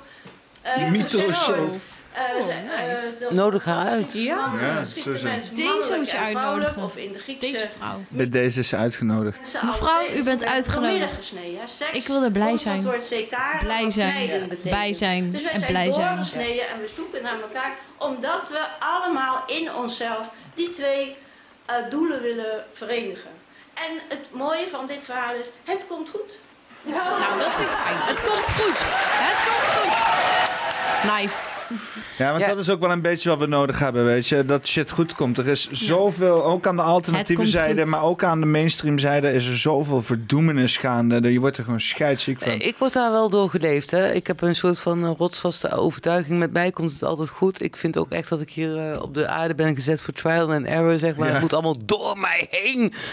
The good, the bad, the ugly and the beautiful. En eh, soms is dat echt, eh, echt een hel. Maar ik heb ook altijd de sterke overtuiging, het komt goed. Ja, ik Ja. ben hier ook echt om fouten te maken hoor. Daar ben ik ook al snel genoeg achter gekomen. Ik denk, oh, dit is wat we aan het doen zijn, fouten maken. Maar wat je, wat, ik word er wel elke keer sterker van, dat is het. En de fouten die je maakt, die worden, die worden, je wordt wel steeds creatiever in het oplossen. En je leert steeds beter jezelf kennen. Het, het is best wel, ik vind het helemaal niet, ik heb helemaal nergens, eh, ik vind het allemaal fijn. Dat dat het wel lastig is allemaal. Het is eigenlijk wel fijn dat het allemaal wel eh, kut is af en toe. Wat is jouw eh, sterkste persoonlijkheidstrek, als je daar iets over zou kunnen zeggen? Wat, is, eh, wat eh, overheerst, zeg maar? Chaos. Chaos, ja? Hoe uitzicht dat? In, eh, in, eh, eh, ja, weet ik niet. Eh, ik heb, oeh, hoe uitzicht dat? In, eh, ja, een actie toch wel, denk ik. Is, gaat het dan om het net niet passen en dat je het dan passend maakt? Is dat... Hmm. Of net andersom? Dat is wel dat is interessant dat je het zegt. Want ik vind dat interessant inderdaad als iemand mij iets geeft wat niet lukt of zo. Hè, dat, eh, want ik wil, ik wil ja, oplossen. Dat is misschien ook wel de, de ultieme mannelijke trek natuurlijk... om alles op te lossen op een of andere manier. Ja, maar om creatief Maar- te zijn moet er ook chaos zijn, want dan kun je ordenen. Ja, ik vind jouw sterkste eigenschap creativiteit. Dat is wat, ja. ja, dat is eigenlijk... Nou, ik, ik vind het heerlijk om creatief te zijn. Dat wel, zeker. Dus Zijn creativiteit en chaos niet ook eh, twee kanten van dezelfde medaille? Want in die chaos ga je creëren, zeg maar. Dit, daar, daar ga je ordenen, daar ga je de dingen Ja. bij elkaar brengen. Ja, dat is het Wat al ja. bestaand is, opnieuw verbinden en daar iets, iets nieuws uit maken. het- ik zit heel vaak zit ik naar, eh, naar de, maar dat vind ik wel fascinerend. Vind ik, dan zit ik naar de moestuintjes hier achter te kijken. En in de winter verloedert dat dat helemaal. En dan zijn het alleen maar het is gewoon een, een, een lap grond zo, weet je wel. Met dan een paar Ja, hè. tuinhuisjes eronder. Maar op een gegeven moment in april, dan op een gegeven moment gaan al die mensen gaan allemaal bezig in een moestuintje. En dan gaan ze allemaal die chaos gaan ze ordenen. En dan worden doeken opzij getrokken en tegeltjes gelegd. En mensen gaan kleine perkjes maken. En het ziet er nu zo fantastisch uit. Hè. En dan denk ik wel, het is wel inderdaad iets moois. Om inderdaad orde te creëren uit chaos. Maar ik vind wel dat het heel... Het natuurlijk horen dingen niet in orde te zijn, zeg maar. Chaos is eigenlijk de natuurlijke staat. En dan kan het natuurlijk uit balans zijn, waarbij dan chaos naar bijvoorbeeld eh, een bepaalde ramp leidt of zo. Maar chaos kan ook gewoon een natuurlijke staat van zijn gaan zijn. En ik vind dat bijvoorbeeld, ik vind die moestuintjes hartstikke mooi om te zien. Ik vind het fantastisch. Maar ja, dat is niet goed voor de insecten, niet goed voor de vogels, niet goed voor de, voor de, voor de natuur. Het zou mooier zijn als het gewoon een fucking modderpoel zou zijn met moerasmeuk en zo. En dan kunnen daar hertjes rondlopen. Weet Waarom zijn moestuintjes niet goed voor de insecten? Eh, nou, die worden bestreden daar. Is dat Ja, nou, nou trek ik het eigenlijk even door. Eh, zeg maar, wat mooi is, is eh, dat je gewoon meegaat met de natuur. Want in de winter, of in de herfst, eh, hè, dan wordt er geoogst, dan sterven de dingen eraf. En dan, dan is alles een soort van in rusten. En eh, in de lente komt alles weer op. En de mensheid eh, komt ook op. En verbindt zich op dat moment feitelijk met de natuur. Ik bedoel, ik heb ik ook altijd het voorjaar denk van... Oh, dan moet ik planten kopen, planten, boembollen in de tuin en zo, weet je wel. rokjes aandoen? Ja, ja, ja, dat- ja. ja. Dus je probeert mee te bewegen met de natuur. eh, Terwijl we eigenlijk zo heel een soort van verwijderd zijn eh, van is, de eh, natuur. is rokjesgedrag met de zomer, is dat voortplantingsdrift? Jazeker.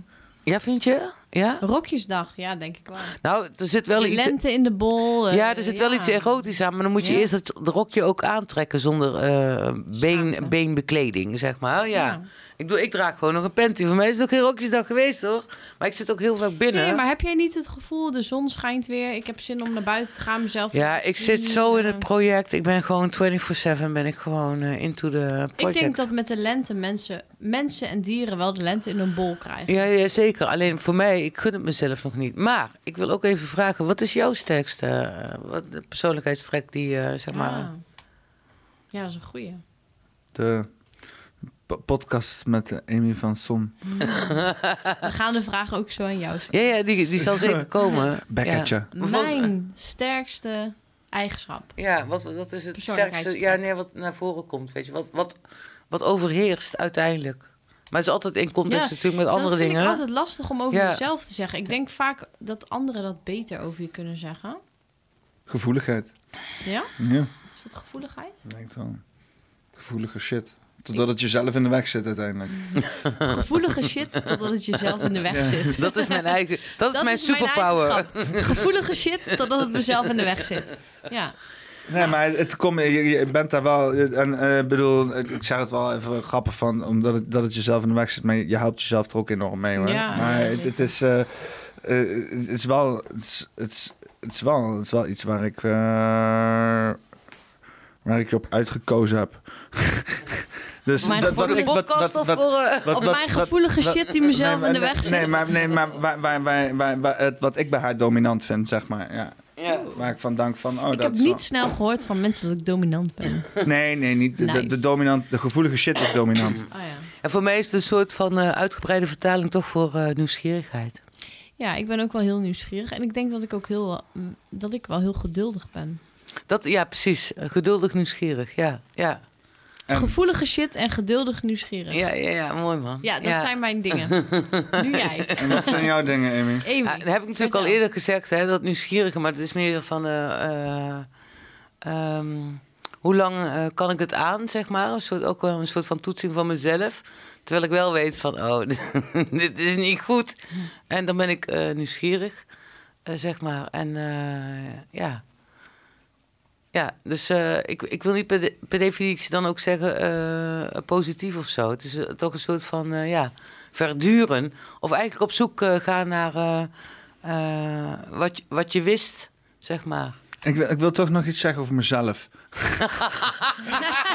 Zeg je even iets over jezelf. Ik heb ook een vraag aan Amy. Ik, ik, ik, ik- ja, want je overvalt me hiermee. Volhardendheid. Ja. Dat is het beste Ja. wat het, waar ik... Want ik, het- soms, maak ik het, soms eh, confronteer ik mezelf denk van... Oké, het maakt me koppig. Het maakt me soms een beetje onuitstaanbaar voor sommige mensen. En daar struggle ik mee. Want ik wil ook aardig gevonden worden en al die onzin, weet je wel. Maar eh, eh, uiteindelijk koester ik het wel heel erg. Want uiteindelijk sleept het me door alles heen, weet je wel. Die Ja. volhardendheid. En dat is gewoon dat doorzetten, doorzetten, doorzetten. En dat is ook als ik een fucking lampje aan het plafond aan het bevestigen ben... en Ja. mezelf er doorheen schuilt om de kudding toch Het vast moet te houden. lukken. Het moet fucking lukken. Als ik het eenmaal in mijn hoofd heb en shit en de focus is gelegd, dan gaan we, weet je wel. Dat is wel, dat is wel iets wat ik heel erg koester in mezelf. ja. Daarmee krijg ik wel shit gedaan, weet Ja, je wel. en, en je ontdekt ook eh, gewoon daar in dat proces ontdek je ook gewoon dingen, zeg maar. En eh, dan, eh, dan ehm, creëer je eigenlijk een nieuwe baseline eh, eh, van wat je zelf waard bent of zo ook. Ja. Ja. En het, is, het is natuurlijk helemaal niet go with the flow, volhardendheid zijn. Nou ja, soms ook wel, zeg Ja. maar. Ja. Ja. Want eh, ik, ik moet dat, eh, ik vind de zee fantastisch en de wijsheid van de zee ook. Maar als je een stormachtige dag hebt, ik bedoel, we bewegen allemaal in een zee van mogelijkheden. En eh, als het stormachtig is, dan ben je aan het ontwijken of aan het duiken. En soms moet je gewoon die golf pakken. En dan moet je het ook gewoon aangaan. En daar moet je ook op bestendig zijn, zeg maar. En heel veel mensen gaan het niet aan. Maar als je de wereld aangaat op het hoogste en op het laagste punt, dat is eh, overgave. Ja. En daar zijn we hier voor. Ja. Mooi. Mooi Oh. gezegd. ja. Nou, is dit dan een mooi einde van de podcast of wat? Ik vind het heel mooi Ik vind het een prachtig einde, ja. ja. Mooi. Eh wil je nog wel een titel verzinnen of niet? Dat, eh, daar ben ik nog wel zeer zeker voor in. En er waren het geen, eh, geen vragen meer en zo, hè? Titels. Titels. Ik, ik vind... eh, ehm, eh, we hadden 66, hè? Is het? eh, Ja, ja. 66. Ja, 66 eh, appendix iets. Ja. Het gaat heel erg over eh, man-vrouw en, en gevoelens en Verbinding, ja, liefde. humaniteit en zo. Ja. Zijn. Oh, dat is te veel. Zijn, man, vrouw.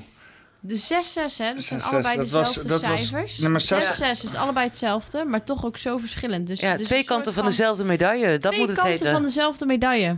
Man-vrouw, ja, Ja. precies. Ja. Oké. Twee kanten van dezelfde medaille. Wordt wel een long ass titel. Poppenkast niet 66. waar. Twee Doe kanten van dezelfde medaille. titel. Met ja, Amy van de Son. Amy van Son. En eh, Claudia Hogewij, dames en heren. Fijne ditgene wat je aan het doen bent. Doei. Houdoe! Houdoe. Oh, oh, ja, ja, dan moet ik jou ook weer in beeld krijgen. Hier. Wie, mij? Oeh. Nee, nee, Amy zo. Hier. Oh, met nou, bier. nog even zwaaien? Met bier. Houdoe!